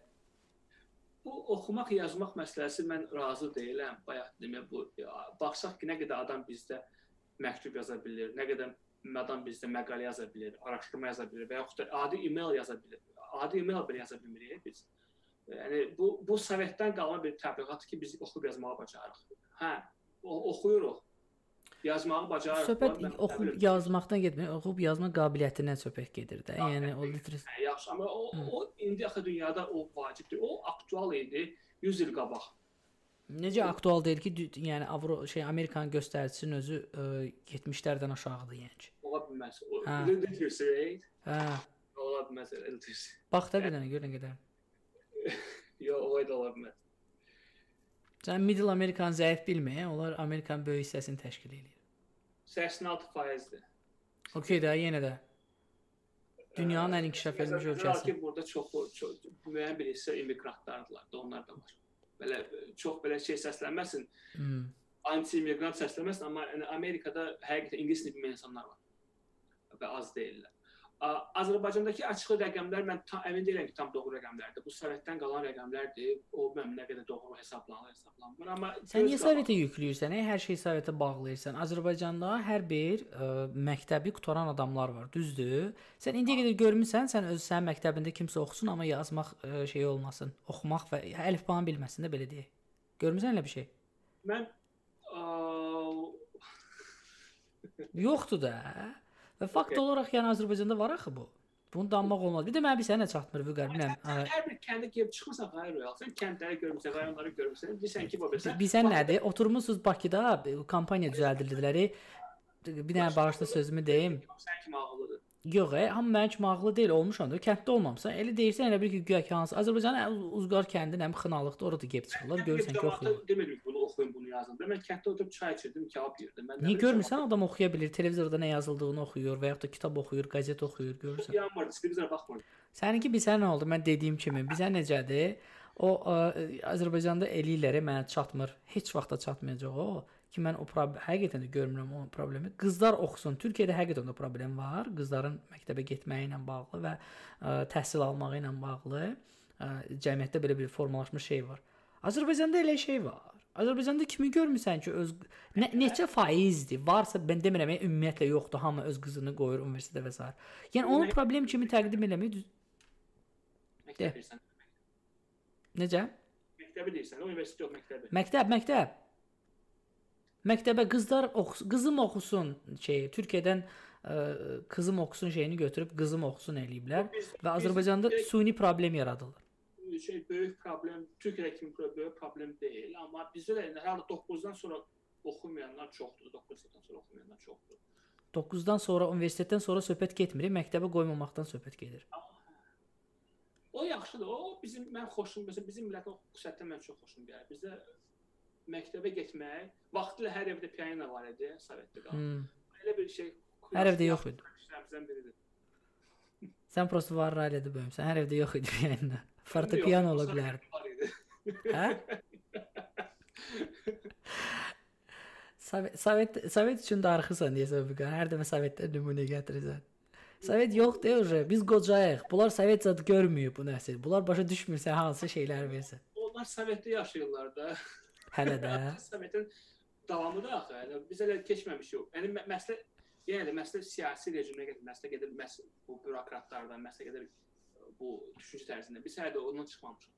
Onu çıxandan sonra məsəl üçün mənə gəlir ki, mən yox mən məncə bəlkə məncə mən haqlı olaram bunu desəm, məncə o Sovet ə, bəlkə də mübahisələr olacaq. Mənə gəlir ki, Sovet ə, bu varis ə, Sovetin verdiyi təsirdən Hı -hı. biz daha gec ayrılacaq, nəinki Gürcüstan və Ermənistan. Okay, belə bir maraqlı bir sual bu mövzu ilə bağlı yazıblar burada. Sizcə Azərbaycanda rus dili daha vacibdir yoxsa ingilis dili? Ə, rus dilinin ə, yəni ə, əlbəttə ki, təsiri və Azərbaycanda rus məktəblərinin olmağı ə, məsələsini nəzərə tutaraq deyirlər. Mən istəyirəm sənin fikrini alım. Mən bu haqqda çox danışmışam. Seçim olsa, təbii ki, ingilis dili. Seçim olsa, əgər ikisindən biri olmalıdır. Mən, mən ingilis deyirəm, amma əgər imkan varsa, nə qədər çox dil öyrənsəz, o qədər yaxşı. Rus dilini bilməyi çox bilir. Yəni rus dili mən açığı ona görə xoşlayardım ki, xoşlayıram ki, rus dilini bilməyimi. Çünki mən ə, bəzi şeylər var ki, ə, məsələn rus rus dilini biləndə çoxlu maraqlı söhbətlər var, hekayələr var, zarafatlar var. Onları onları anlaya bilirsən. Hı -hı. Amma mən yadıma salıram ki, mən mən axı başqa nəsiləm. Mən bilmirəm, məndən sonrakı nəsil nə qədər bunun üçün bu maraqlı. Çünki Rusiyanın mediası da çox dəyişib son 20 il ərzində. Əvvəl daha maraqlı idi. İndi baxırsan ki, ancaq propagandadır. Mən bəlkə də indi rus dilinin bəlkə də ziyanlı bir şey, mən onu bilmirəm. Çünki özüm Bakıda deyiləm uzun müddətdir. Hı. Amma mən, mən hər halda çoxu dil bilmək daha yaxşı. Yəni əgər açığı rus dili bilməyin nə, nə yaxşı cəhəti var? Rus dili yox, rus dili öyrənməyin. Sən rus dili öyrənsən, sən bunu tətbiq eləmək üçün imkanların olacaq. Sən o dili inkişaf etdirə bilərsən. Şimdi sən gəlib öyrənsən fransız dilini və yaxud nə bilim ispan dilini, Bakıda o dilləri bilən adamlar sayı yoxdur. Ümumiyyətlə yoxdur, az da dil yoxdur. Amma Hı. rus dilini öyrənməyə başlasan, sən bunu tətbiq edə bilərsən və əlavə dil bilmək həmişə yaxşıdır. Ə, məncə yəni mən hamıya məsləhət görərdim ki, yəni rus dilini öyrənsinlər. Yəni rus dili, türk dili onsa bilirik demək olar ki, rus dilində imkan var öyrənməyə. Ətrafdakı çox adam rus dilini bilir. Niyə də öyrənməsin? Okay. Um, üçüncü saata yaxınlaşırıq. Bir-iki dənə də sualları oxuyaq. Mütləq oxuyun dediyin hansı kitablar var Vüqar bəy? O, sualdan qorxurdum mən. mən təəssüf ki, çox şey bədii ədəbiyyat oxumuram. Mən də mən bilirəm ki, buna görə çox tənqidlərə məruz qalıram həmişə. Yox, kitab deyir, demir ki, bədii ədəbiyyat. Abi kitab Mən kitab oxuyun. De, mən kitab de, oxumuram deyəcək Vüqar bu dəqiqə. Kitablarla bağlı bir şey deyəcəm. Mən onu onu Azərbaycanda çox müşahidə edirəm. Azərbaycanda elə bunu Amerika ilə son fərqində mən bunu bu fərqlərdən birini e, birinci dərk etdiyim oldu. Azərbaycanda sən bir dənə kitab oxuyursan, elə bilirsən ki, bu kitabda hər şey həqiqət yazılıb. Ümumiyyətlə biz kitablara həqiqət mənbəyi kimi baxırıq Azərbaycanda. Hı. Amerikada belə deyil və ümumiyyətlə dünyada belə deyil. Kitab bir kitabdır və kitabda fikir ola bilər. Elmi kitabdırsa, birinci elmi kitabda heç vaxt fikir olmur. Elmi kitabda sübutlar olur. Hı -hı. Bu bir fərqdir Azərbaycan qərb arasında. Qərbdə normal ciddi elmi kitab ə, e, sübutlar əsasında olur. Sübut olmasa fərziyyələr kitabdan dərc olunmur. Ə, e, bu bir ikincisi, hətta sübut olsa belə bu bir sübutdur. Bu nəzəriyyələrin başqa sübutları da olur. Ona görə də əgər ə, e, öz istiqamət, öz sahəniz üzrə kitab oxuyursunuzsa, öz yəni maraqlandığınız istiqamət, elm sahəsi oxuyursunuzsa, düşünməyin ki, bir kitab sizə bütün cavabları verəcəm. Mən Bakıda təəssüf ki, mən çox bunu rast gəlirəm də. Biri girib yazır ki, bu kitabda bu yazılıb da. Mənəm okey də, amma bu kitabda başqa şey yazılıb da. Sən bu götür bu ikisini özün bir nəticəyə. Yəni o dedim o düşüncə, tənqidi düşüncə məsələsi ABŞ-da gənclərə daha çox imkan verir ki, kitabları oxuyub öz nəticələrinə gəlsinlər. Bizdə təəssüf ki, gənclər kitab oxuyurlar, kitabı əzbərləyirlər və həmişə kitabı şey, nümunə kimi saxlayır. Bax, burada bu yazılıb, bu belə olmalıdır. Yox, yəni o kitab sənə sənə düşünmə imkanı verir ki, sən gənclik nəsə deyəndə buna misal göstərə bilərsən. Amma bu o deməkdir ki, burada tam həqiqət var. Başqalarını da oxu, öz nəticəyə gəl. Mən bunu bilən tövsiyə edərdim, çünki bu mənə çox kömək edir. Amma yəni kitab məsləhət görmədin də belə başa düşdüm və çəkdin onu. Okay. Um, nə babudur bu nə, nə bunu göstərim. 3 dənə kitab seç oradan göstər onu. Bunu oxu. Why Nations Fail. Bunu okay. çox adam oxuyub artıq, amma yenə də oxumayanlar varsa oxusunlar. Okay. Keşe kitap e, kakras. Hamı da gördü bilmeyenler daha doğrusu e, rahat oldu. Qeyd eləmək üçün inanıram. E, başqa suallar var idi burada. Mən onu tapmağa çalışıram indi onu. Harvard müsbət cəhətlərini oxuduq. E, kanala link e, yəqin ki mən əlavə eləyəcəm description-da. Ona görə narahat olmayın. Hə, Vüqar hansı dəyişiklik olsa Azərbaycana qayıtmaq və çalışmaq istərdiniz? Sual belə idi Vüqar. Mən faydalı ola biləcəyim hər bir sahədə işləməyə hazıram. Amma ə, heç onun üçün də dəyişiklik ehtiyac yoxdur. Dəyişiklik etmək üçün niyyət olsun kifayətdir. Niyyət, səmimi niyyət olsa mən işləyərdim və etibar olsa işləyərdim Azərbaycanda. Amma təəssüf ki, mən onu müşahidə etməmişəm və indi də etmirəm ki, səmimi niyyət olsun. Yəni mən islahatlar danışırlar, amma islahatlar, real islahatlar mən görmürəm. Hı -hı. Oh, özüm faydalı o, o, o istər sadə faydalı olmaq. Yəni, mən ümumiyyətlə çalışmışam ki, nəsə faydalı iş görüm. O, kimsə mənə güvənsə də. İstəyərdim iş, faydalı iş görüm, amma yəni indi onu müşahidə etmirəm. Mən müşahidə yəni inanmıram ki, yaxın vaxtlarda o belə bir şey olsun. Çünki bunun üçün bizə çoxlu kadrlar lazım, çoxlu fikirlər lazım, çoxlu debatlar lazım, çoxlu mübahisələr lazım. Yəni bu bu elə belə göydən düşmür. Bu bu bir inkişaf prosesidir. Bu mərhələlər olur. Buna Hı. 10 il, 20 il vaxt verirsən, amma bu 10 il, 20 il gərək düşünülmüş şəkildə olsun da, yəni ümidlə yox ki, nə vaxt düzələcək. Və onun addımları indi atılmalıdır ən azından. İndi də atılmır o addımlar və inanmıram ki, nə vaxtsa yaxın müddətdə atılacaq. Təəssüf ki. Bədbin danışdım biraz. Okay. Aa, başqa bir sual var amma baş tamam fərqli mövzudur. Aa, amma biraz da yaralı mövzudur yəqin ki bu. Aa, okay, mən o sual verməmişdən qabaq başqa bir ə, burada follow up var belə desək. Deməli sistemin dəyişməsi üçün hakimiyyətin dəyişməsi mütləqdir yazıblar. Ya, Yox, qətiyyən yox. Yəni sistem deyəndə ki, sistem dəyişmək, hakimiyyət dəyişməsi. Ümumiyyətlə hakimiyyətlər dəyişə bilir, sistem qala bilər. Yəni o demək hakimiyyət dəyişmək o demək sistem dəyişəcək. Ə, Yəni ABŞ sistemi neçə 2 əsrdən çoxdur eyni sistemdir, amma hakimiyyətlər həmişə dəyişir. Məncə məncə biz düşün elə model düşünməliyik ki, bizim sistemimiz dəyişməz qalsın. Amma hakimiyyətlər tez dəyişsinlər. Məsələn bunu düşünmək lazımdır. Əgər hər dəfə hakimiyyət dəyişir, sistem dəyişikliyi gətirib çıxarırsa, bu təhlükəlidir. Bu artıq ciddi bir təhlükədə davamlılıqla bağlı, sabitliklə bağlı. Məncə biz cəmiyyət olaraq iqtidarlı, müxalifətli, ictimai sektor fərqi yoxdur. Ham hamı düşünməli ki, o nə sistem olmalıdır bizdə. O sistemin nə olduğunu müəyyən edəndən sonra artıq biz düşünə bilərik ki, hə, okey, sistem artıq o demək ki, hakimiyyət dəyişsə, bizdə katastrofa olmayacaq da, yəni aləm bir-birinə dəyməyəcək, bizə sabitlik olacaq, davam edəcək. Necə ki, yəni mən hakimiyyət dəyişikliyi bir sistemin bir hissəsi kimi görürəm.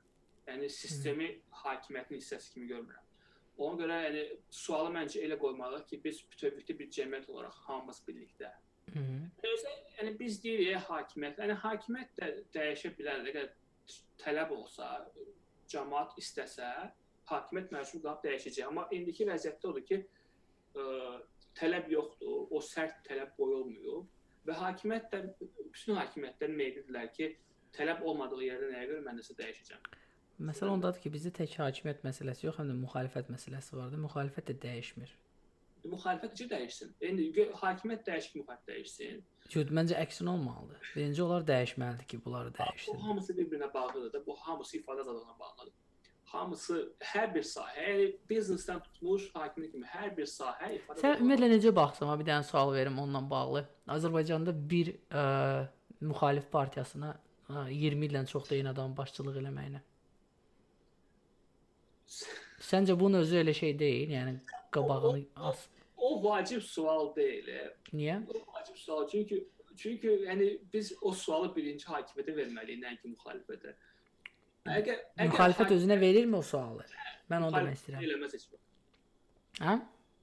Əgər hakimiyyət tez-tez dəyişsə, müxalifət də bunu eləməz. Müxalifət bunu eləməyə haqqı çatmır. İşte dəxli var. Müxalifət istəyir ki, dəyişiklik olsun.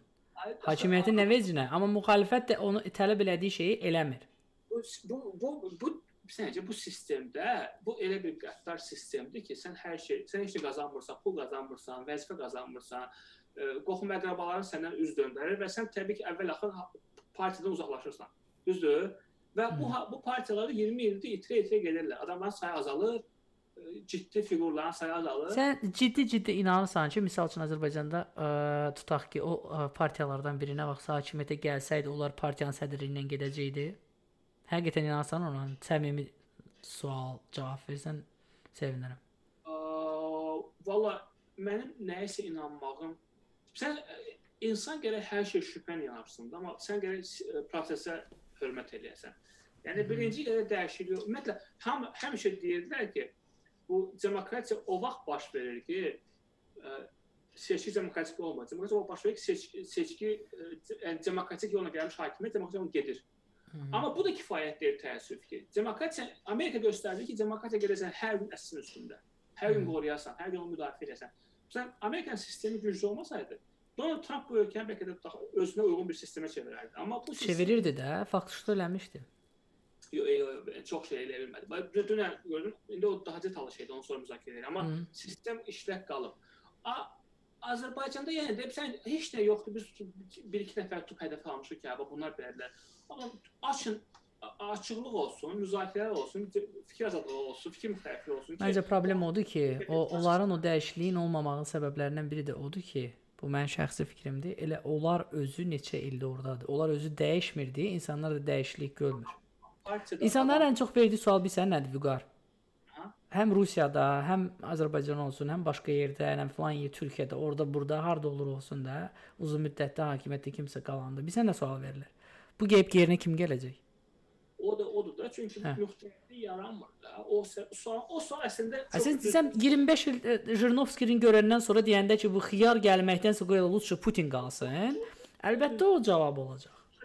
məsələ odur ki, real o, o özü özlüyündə baş vermir. Də müxalifətdə iqtidar da sistemin parçalarıdır. Onlar fərqli. Biz elə biz sən Azərbaycanda elə düşünürlər ki, müxalifət tamam fərqlidir. Gəlir hakimiyyəti gözünə götürür.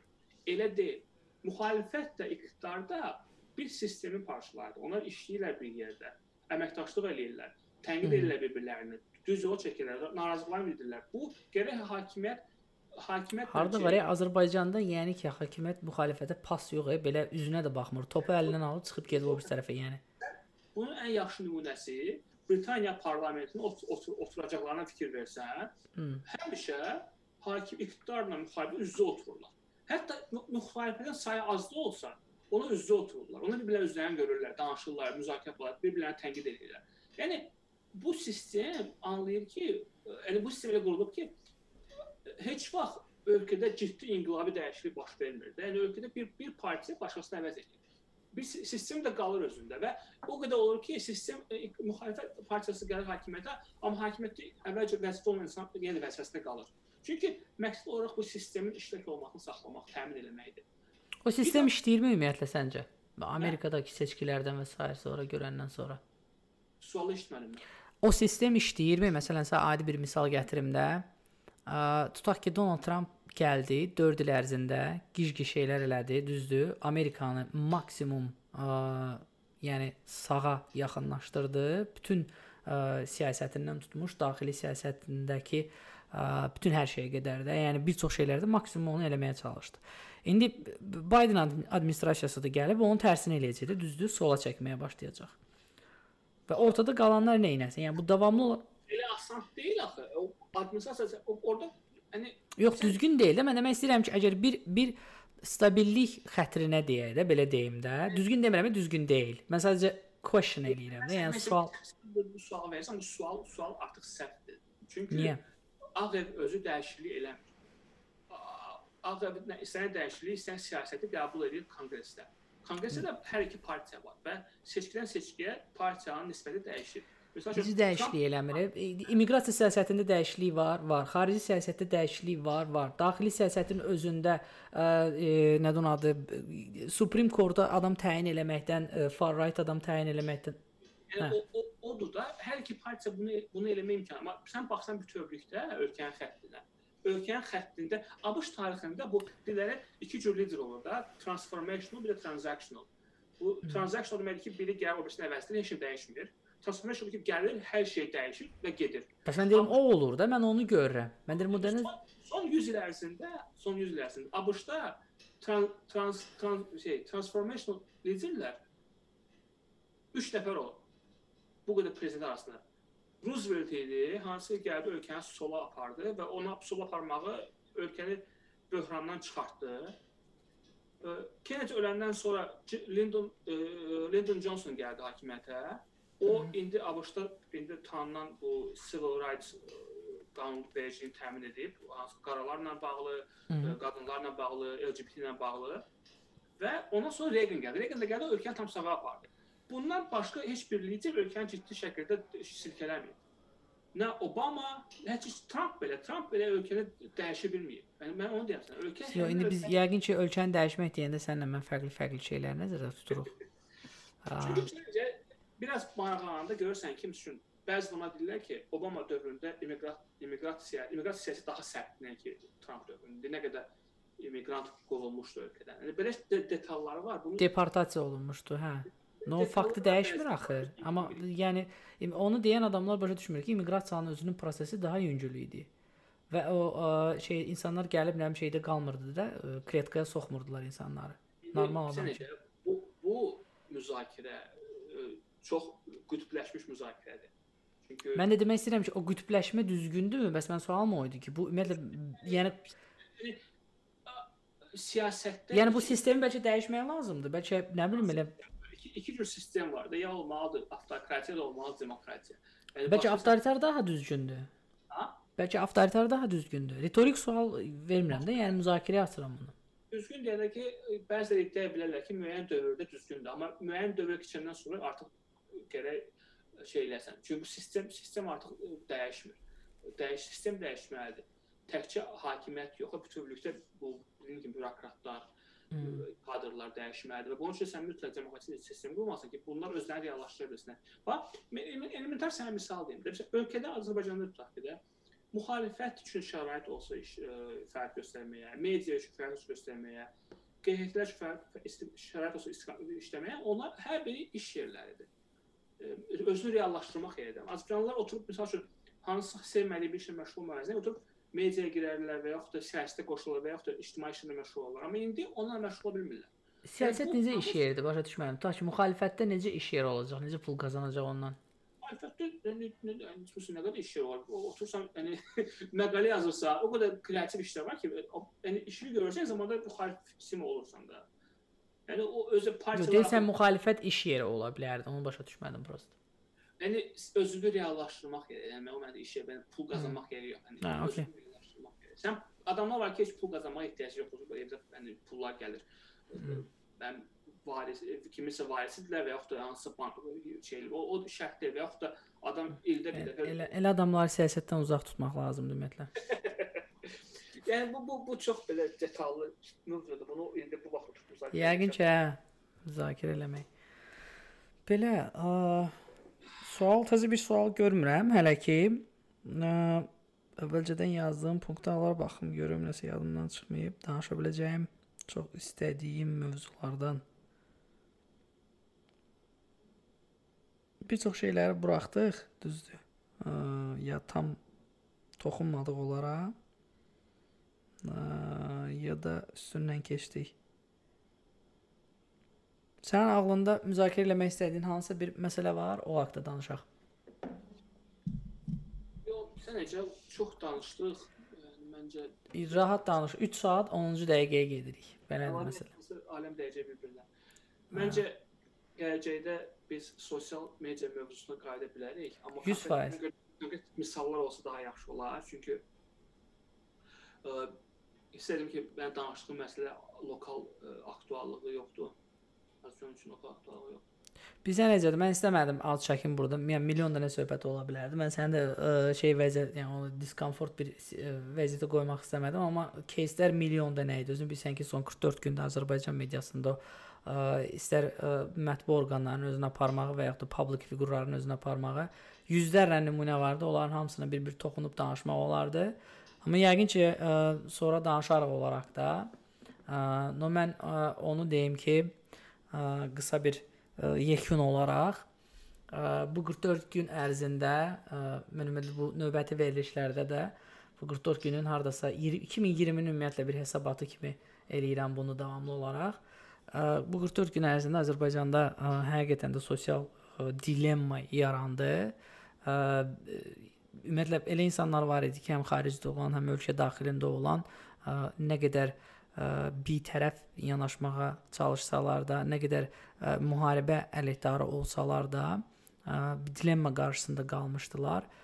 Bu insanları, yəni əminəm ki, sizin də ətrafınızda kimlərsə var, hansı ki, heç vaxt bu mövzulara qarışmayan adamlar belə ə, müharibə mövzusunda Azərbaycanın nə qədər haqlı olduğunu, haqlı davasının nə qədər ə, düzgün olduğunu dəstəkləməyə məcbur oldular. O dilemma qarşısında qalan ə, insanlar ə, əslində Azərbaycan üçün həm Qarabağ müharibəsinin, həm bu Qarabağ müharibəsi dövründə istər xarici mediada, istər də sosial mediada, istər də xarici jurnalistlərin özlərini biabırçı vəziyyətdə aparmasına və o haqsızlıqları görəndən sonra ə, yəni baş verənlərə reaksiyası ə, yəni göz qarşısında idi. O birlik də ondan yaranırdı. Baxmayaraq ki, pandemiya dövründə hamı öz evində idi. Ə, bu birliyin də əsas səbəblərindən biri də o idi ki, hamı eyni məqsəd və eyni ə, fikir uğrunda ə, pis, yaxşı, ə, mənfi ya müsbət eyni fikri bildirir, hansısa bir fikri bildirirdi. Yəni belə, ə, əsas mövzumuz bu idi. Bilmirəm nə dərəcədə aça bildik, ə, amma Vüqar çox sağ olsun öz təcrübələrini bölüşdü. Mən inanıram ki, qulasan ə, ə, hamı ə, mənim kimi bir bir xeyli şeyi öz üçün aydınlaşdıra bildi. Ə, istər Amerikadan gətirdiyi nümunələr olsun, istər beynəlxalq praktikada ə, həm ə, media tərəfdən, ə, yəni sosial media tərəfdən, həm ümumiyyətlə ə, yəni siyasətin media təsiri tərəfdən, ə, Azərbaycandakı siyasi ə, ə, vəziyyətlə bağlı və s. Ə, öz məncə kifayət qədər ə, peşəkar fikrini ə, çatdırmış oldu. Vüqar çox sağ ol. Ə, həqiqətən də ə, səninlə dayanmadan danışmaq olar ki 3 dəqiqə 12-ci 3 saat 12-ci dəqiqədə artıq danışırıq və mən inanıram ki bu birin bu sonuncu ə, söhbətimiz deyil səninlə. Çox sağ ol Royal. Mənim mənə də xoş təcrübə idi bu və ümid edirəm ki, mənim danışdıqlarım nəsə faydalı oldu kiməsə. 100%. Çox çox xoş təcrübə idi. Təşəkkür edirəm sənə. Sən sağ ol. Ə, belə biz yavaş-yavaş yekunlaşdıraq mövzumuzu. Ə, dediyim kimi yəni hər həftə olacaq bu verilişlər və yayımda mən plus bir nəfər qonaq olacaq.